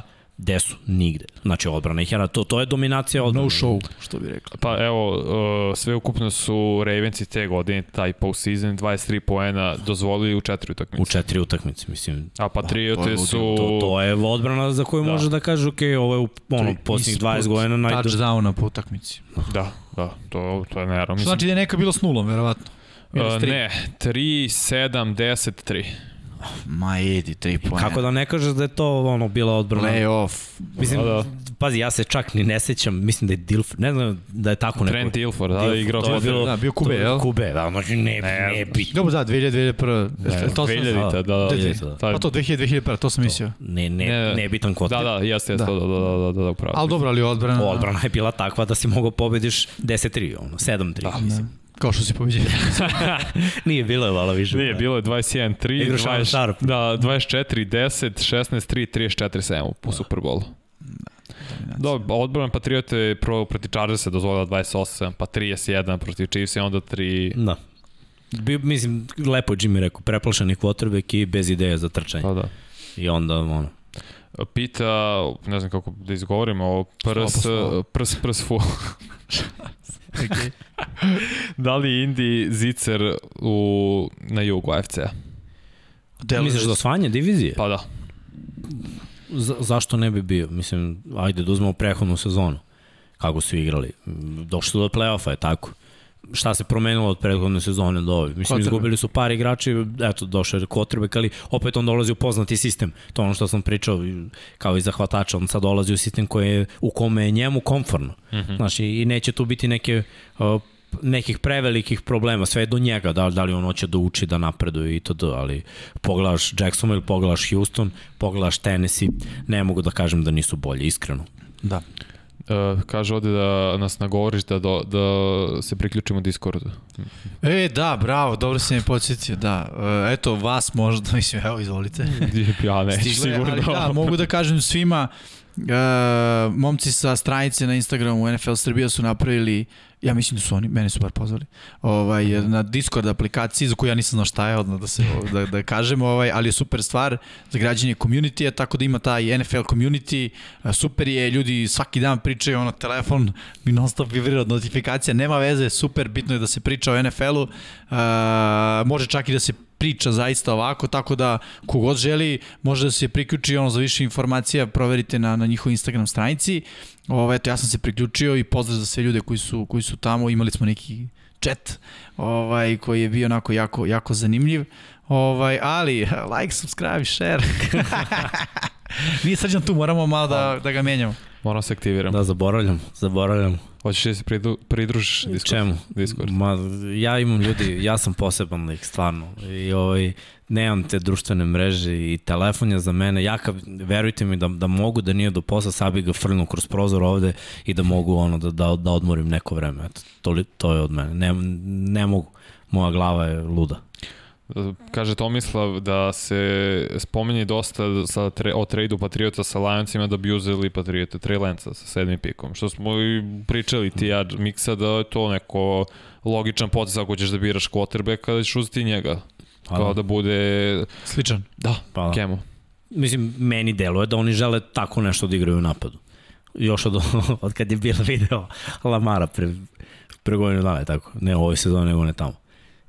On uvek vidi nešto i svidi mu se nešto i, onda samo da, ali nekako vidimo da čitav NFL ide u tom pravcu. Pa vidi ovo, Miks, izvini samo, nije, nije, nije to besmisleno što si sad rekao. Dva tight enda su doveli. Da, I to dva dobra tight enda. John Smith odlično blokira, Hunter Henry play onako. action. Da. Ali tako je. Vi- Ne, ne, vidi, e, na zašto je to pođe? Dva tight enda vrhunska, imaćeš nekog trećeg koji, koji, će, koji će znati da blokira. To je Ovo, imaš persona fullbacka, Baltimora. imaš fullbacka, da. da. možda igraš pistol, To kažem, možda igraš... tako je, to je persona Baltimora. To je ta, ta varijanta ti read option i sa kombinacijama i pasa i trčanja sa quarterbackom koji je mobilan, može da trči, dobro to čita. Sasvim, sasvim na papiru realna izvodljiva šansa. Pritom, bila agresivniji nego ikad u free agenciju, zašto ne bio agresivan i na draftu? Slažem se. I opet dođeš do toga da ono, taj napad takav koji trči, troši dosta vremena, odbrana im je jaka. Sad su opet vratili neke igrače, doveli su nove u defanzivnoj mm. liniji i onda, znaš, uzimaš loptu protivnicima, a ti smar, mislim da ja kažem smaraš, daviš, ono, gnjaviš, da, da. dva jarda, pa tri da, da, da. jarda, pa ono, možda dodaš i tako, i... ubijaš vreme, ubijaš ritam i mislim, evo, Ravens idu u playoff tri godine s tom igrom. Nije lepo za oko, nekad, nekad je dobro, ali zašto ne bi kopirao, mislim, definitivno je uspešno, za ne? Pa jeste. Ja sam baš mislio te godine kad je Lamar izlazio da će Patriote da ga uzmu. Ne, ne znam zašto osetio sam da će bilo neko da video je Lamara na koliđu rekao aha, ovo je nešto novo, ovo je sledeće što može da uspe u NFL. Ja sam bio ubeđen da će Patriote da ga uzmu. A onda je Baltimore skočio. Ali bio bi fail da su ga uzeli. N ne znam. Brady bi, znaš, ne pa bi on izbacio bi, Brady-a. Ne, ne, ne bih, ali viš, posle dve godine mislim da bi sad tek, ili to je ove sad. Tri su bile, tako? Dve, dve. dve. dve bi sedeo, da kažemo, da, da bi sedeo, da. da. da. Što, ok, sediš A da sve. God, ali, da, mislim, Patriotsi su bili u dva Super Da. Ona. I Lamar je takav, on, to, to bi njega inspirisalo. Ja sedim iza najbolje kotrbeka ikada. I ja ću njega da, naslediti. Ali, Lažem, nisu bili u dva, bili su jedan. Da, ne, ne znam, ko zna. N if L. Da, šta, e, da, u, to šta bi bilo, šta bi bilo. Bitno je da oni hoće da idu u ovom, pa meni tako deluje.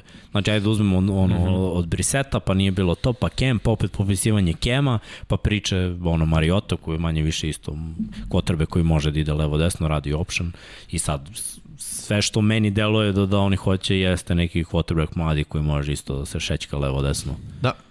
Pitanje je da li može neki komentar za voditelja Rodgersa u Jeopardy? Ok, prošla ponoć. Da. Nije. Tu smo, četiri minute. Meni minut piše. Minut? Meni je tačno ponoć. A, moj brat, tvoj, taj tvoj sat, nešto... Da, diskonektovao se od telefona. To je stvar. E, tehnologija. Minut, da, da. da.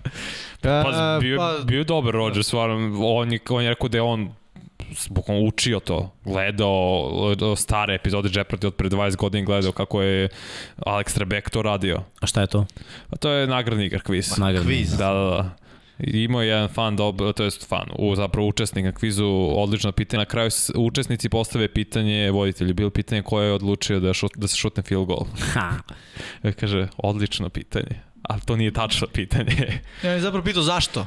Da, da, zašto, zašto? E, znaš, to je onaj kviz gde kao ti, e, e, odgovor je... E, odgovor vredi i imaš odgovor određenu je... sumu koje, koliko vredi koje da. pitanje, da. znaš. I sad ti, ti dobiješ u stvari odgovora kao postaviš pitanje. Da, ne znam da... Tako nešto funkcioniš. I pitanje kao bilo who wanted to kick that field goal?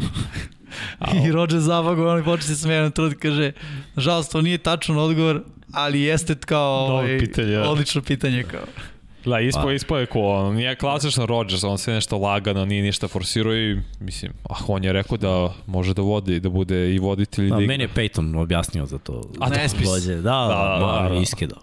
On je baš sve žive isprozivao. To kada god mi je dosadno malo pustim da se ne Pitanje je Milhouse, koja je pozicija, koja je pozicija najopasnija za povredu u NFL-u i ko najviše i najteže strada i trpi? Ma svi. Nema. Ja bih rekao uh, defanzivna linija ili čak ofanzivna linija. O, ofan, padova. Da, ofanzivna ima taj, evo prehodne godine, ja dajem primjer, kako god se ofanzivna linijaš opusti na sekund i prestane da radi nogama, postoji opasnost. Evo, kako se povredio Ronnie Stanley. Znači, bukvalno kraj akcije, TJ Watt je obarao Lamara, znači već akcija je bila gotova, Lamar bio na zemlji i u onom poslednjem uh, rollingu, on mu pada sa zadnje strane na nogu. Znači ili ode skočni zglob ili ode kolano. Nema, da. nema treće. Da. To je to. I to vidimo svake godine, bukvalno jedan tim ima jednog ofanzivnog linijaša koji se tako povredi. Mm -hmm. Ja ne znam tim koji završi sa ofanzivnom linijom s kojom je krenuo. Godinu, to je nemoguća ba, ba, misija. Ali povrede su uglavnom to, neko ti padne i ti nemaš to da kontrolišeš. Pokušavaš da blokiraš, da okreneš na stranu, nema pravila i jeste. Meni delo da je ofanzivna više nego Jest. defanzivna. Uh, a što se tiče skill igrača, mislim da podjednako pati i defanzivni bekovi i hvatači od tih eksplozivnih promena pravca. Znači, u tom trenutku kada praviš taj cutback, tu najviše stradaju kolena. Zašto bih ja rekao ofanzivna i defanzivna linija? Ofanzivna linija mnogo su teški, uh, a uh, padovi drugih igrača oni ih uglavnom ne vide jer on blokira ispred sebe kad neko pada na stranu, dešava se ovo što -hmm. Miksa kaže, a za defanzivce takođe su teški, a brzo je promene pravca prave. I onda su to sve udari na ligamente koji su najteže povrede, mislim, povrede ligamenata, ono, prednji ukršteni ili šta, šta god. Da, imam sad jednu, da li smo čuli za ovaj nesretni događaj što se desio sa Filip uh, Adamsom, bivšim safety-em? što je... U, uključeno ubistvo. Da, da, da, što je ubio zapravo petoricu i sam sebi oduzeo život. Pa pro, pročitao sam, mislim, to je, mislim, gledaj. Da, to se desilo sa prekoliko da, tri dana. Pročitao sam... Koje pitanju? Philip Adams, bivši safety Arizone, čini mi se, ili San Francisco, nisam siguran. Kad kažeš bivši tipa ne igra već ne 5 igra, godina, 10 godina. Pa ne pet, ali jedno, dve, tri godine Aha. sigurno ne igra. Priča mlad igrač, jel? Pa da, sve ću baš da vidim I menjao je, nije, nije, bio je u još jednom timu. I ima vez da, da je u nekom drugom dresu.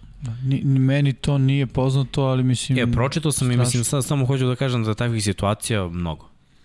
Mm -hmm. znači ovo nije ni prvi ni poslednji put, tako da neku da, da. ovu situaciju. Sad pročitao sam neki intervju njegovog oca koji je isto ono izjavio da, da, da ga je ono futbal gurnuo u, u ne, neku agoniju San Francisco, evo sad da, vidim. San Francisco. U, u nekom smeru u kom on nije išao pre nego što igra u NFL-u. Opet sve se vezuje za taj neki concussion i to je sad, ali to ne, neka priča ili nije, ali ja kažem, ovo nije ni prvi ni poslednji put. Znači, da. mi na svakih pet godina imamo jednu situaciju e, gde su igrači uključeni u pucnjave, u sukobe bandi, u ubistva ili neka, neke takve priče. Previše igrača i Tako. uglavnom ovi igrači koji nisu, da kažemo, imali neku dobru situaciju životnu, nego su samo talentovani, oni ne mogu se odreknu svog društva za koji su vezani. Ajde da kažemo, da, da, ajde, vežemo to za geto i za ceo taj geto mentalitet. Uh, mnogo, evo, da uzmemo i ove poznate igrače. Znaš, ti vučeš sa sobom svoju ekipu iz kraja, je tako. ne mora da znači da, da će ekipa iz kraja da, da se promeni tako zbog je. tebe i prilagodi da, tom stilu života. Ne da ne mora, nego neće. Da. Mislim, nema U, uglavnom bude ovo što kažeš, da, da neće, da, da se to ne desi i onda se ti ono, i dalje prilagođavaš njima, a treba bi da evoluiraš i ideš u, u drugom smeru. Mislim. I, da. Tužno je, Well. loše je, pogrešno je, ali nažalost svakodnevnica. Mislim, dešava se I, svake dve sezone. Tako je, u njihovom društvu sport mnogim tim momcima je jedini izlaz da ne bude ovo. Tako da, sad ne znam da li se to može baš pripisati tako lako tim potresima mozga i to da li to Mislim, Mislim imaju razne studije. Stvari. Pa jeste, kombinacija stvari, ali upravo tako. Uh, nisu, da kažem, redki slučajevi da momci da nisu uspeli u sportu, NFL-u, košaci u bilo čemu ovaj, sa američkog tla da možda ono ne bi bili živi, ne bi uh, šta god, možda bi bili u da kažem ovaj u, u zatvoru ili u nekoj drugoj ustanovi tako da slažem se sa ovim što što Miksa kaže prosto da pozadina pozadinska priča većine igrača nije Uh, ajde sad, da, da ne zvučim neko kao kliše, ali ono kao roditelji, naučnici, fakultetski obrazovni, to mahom je pozadina priče ono, siromaštvo, Tako je. Uh, mnogo braće i sestara, mnogo nekih uh, drugara, što kaže miksa sumnjivog, uh, sumnjivih namera i morala, ovaj, i onda sve to nekako, kad ubaciš mnogo para odjednom, delo je kao baš jedna onako formula za propast. Tako da uh, svaka čast ljudima koji ne odu tim putem, ljudima koji iz teške životne priče dođu do novca, dođu do uspeha, slave i imaju normalan život, koji naprave promenu, da kažemo. Evo ti par primera, uh, Richard Sherman, isto znamo dakle, iz kog dela LA, iz Compton. Compton. Dakle, Marshall Lynch.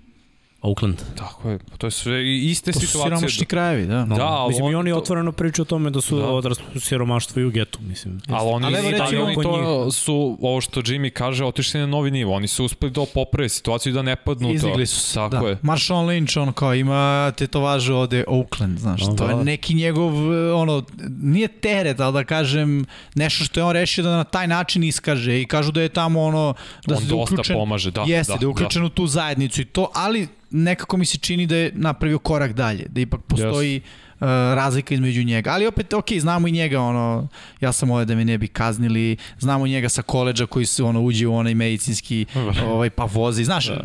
nije lako Ima da se to promeni. Da. da, da, nije lako, ali... Mora da imaš, mora da imaš ventil. Da, ali onda čuješ njegovu, da, ali onda čuješ onu njegovu izjavu od pre par godina kad je rekao, ono, savjet za mlađi igrače, ono, čujete pare, Tako je. nemamo trošite pare. Znaš, vidiš da je doživio promenu u životu. Jeste. Da je imao taj moment. I to je dobro.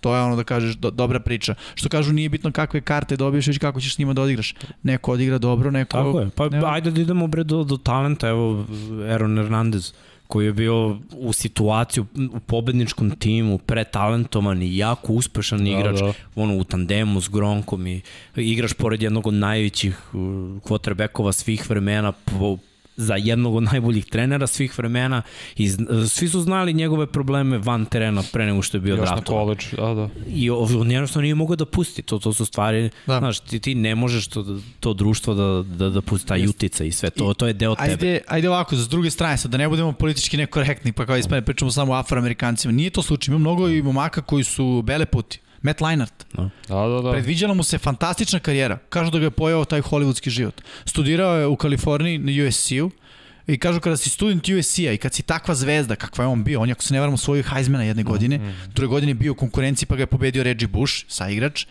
A, preveliki pritisak. Ti si već na koleđžu, ideš na žurke i provodiš vreme sa hollywoodskim zvezdama. Očekivanja. Tako je. I onda te posto, prosto te to pojede. A, možemo da idemo dalje. Johnny, Johnny Manziel. Manziel. Da. Znaš, znači nije to Johnny toliko vezano. Alo, Johnny football. I Johnny Manziel i Matt Leinart dobra pozadinska priča. U smislu nije ona priča kao siromaštvo i ne znam ja šta, ali jednostavno nemogućnost da se nosiš sa novcem, sa slavom i sa potencijalom koji ti se predviđa. Možemo da idemo tako i nazad i da sad nabrajamo one quarterbackove iz klase Toma Brady-a koji su isto bili ispred njega i draftovani, ne znam ni ja šta, nikad se nije desilo. Tako da jednostavno... Evo ti daću ti još jedan primjer, mislim Michael Vick, ajde, uh, primjer kako se prevaziđe pro to ono kad ne možeš uh, da, da ostaviš tu ekipu iz kraja, to ono da. tako da kažem oni su deo tebe, znaš, ti, ti si kupio kući, ne živiš tamo i sve to, ekipa iz kraja te možemo da ono, ovo, ono ti kažeš može. Teško mislim, reći, ne. Moja kuća, evo ti Sean Taylor, kog je Jimmy pom, pominjao, on nije mogao da, da ode iz svog kraja, iz Miami, iako je se znao da je taj deo geto i sve, mislim na kraju je poginuo tako što su mu neko provalio u kuću i upucao ga. Ali, znaš, mogao je, imao je novca, mogao je da, da, da živi, igrao je za Washington, znači treba da ima kuću u Washingtonu, da, tako da. ne, on je bukvalno sve vreme težio tome da se vrati u kraj, da bude porodicom i ekipom u Majamiju. Dok na kraju ga to nije koštalo života. Ne bih ništa dodao to. Stvarno ste o lepo sve rekli. Mislim, upravo ste. To je prosto tako činjenica i tako situacija u Americi. Nekad ne možeš prosto da izbiješ iz sebe te tendencije. Jeste. I to društvo. I kroz sport može da se vide, vide, mogu da se vide tendencije društva možemo pogledati neke druge sportove u nekim drugim zemljama i vidjet ćeš drugačiju priču. Mislim da se odmah razumemo, ni, ni u ovom futbolu koji se igra u Evropi, mislim, no, soker, kako već da ga nazovemo, nije tu najsjajnija situacija, nisu ni tu baš neki... Uh, ne želim da vređam, kažem nekih intelektualci, ne znam ja šta, ima i ti momci prave neke svoje gafove. Ovaj, I oni imaju taj teret ekipe, jer i oni dolaze iz recimo manje sredine, pa si ti sad uspeo, pa ti je fora da provozaš kraj časa. Ovo, ovo je Don Pablo, da. Gotovo da završavamo. Ali u svakom slučaju, ovaj, da, eto, to negde ide u ceo tom paketu sportske priče. Ja, pa evo da dodam samo oni čuveni tim s Floride 2009. koga je sve imao i kako su to igrači bili ultra talentovani šta su zapravo sve pravili. I Tim Tibo je jedan od tih ljudi. Isto pa ko je nosio I on teret. je bio sa Aaron Hernandezom, da. Cam Newton i još XX broj igrača koji su stvarno pravili ozbiljne gluposti, a lider je bio Tim Tibo, boži čovek. Što je najgore. pa jest. Da. Son of God. Da. Inače, da, odbrana Bersa iz 85. kažu da je najbolja, primila samo 10 poena u play-offu. Da, da. To je Singletary odbrana, jedno, ja? Da, da. da. Pa to je Super Bowl. Da, da. I pitanje, evo, jedno pitanje za Jimmy-a, jedno za tebe, za tebe šta misliš ko je bolji, Wilson ili Stafford? Pita Vedran i pozdrav iz Zagreba. Pozdrav za Vedrana. Uh, Wilson Russell ili da. Matthew Stafford? Da. Ja ću kažem Matthew Stafford. Okay. I Mix za tebe za odbranu Ravensa ove sezone šta očekuješ ove godine s obzirom na ovogodišnje odlaske i dolaske? Slabije partije nego prošle godine. Ne može na draftu ovo da se nadomesti. Mhm. -huh. Od, za odbranu. Ko ćeš ti da odrediš odjevu? Ipak imaš više iskustva. Može, ajde. Mazite se, pazite se. Nisam mogu to da kažem. E, moram da, znači, sve što probamo da uh, Ercega da uradimo, ne zvuči. Da. Zvuči mnogo da, čudno. Da, mora, to samo Srki može da kaže. To, vrati se, nadam se da ćeš ubediti Darnolda da, da, da se vrati. Ako ne, sledeći petak to očekujemo ovde u 90 yardi. A vi naravno like, subscribe.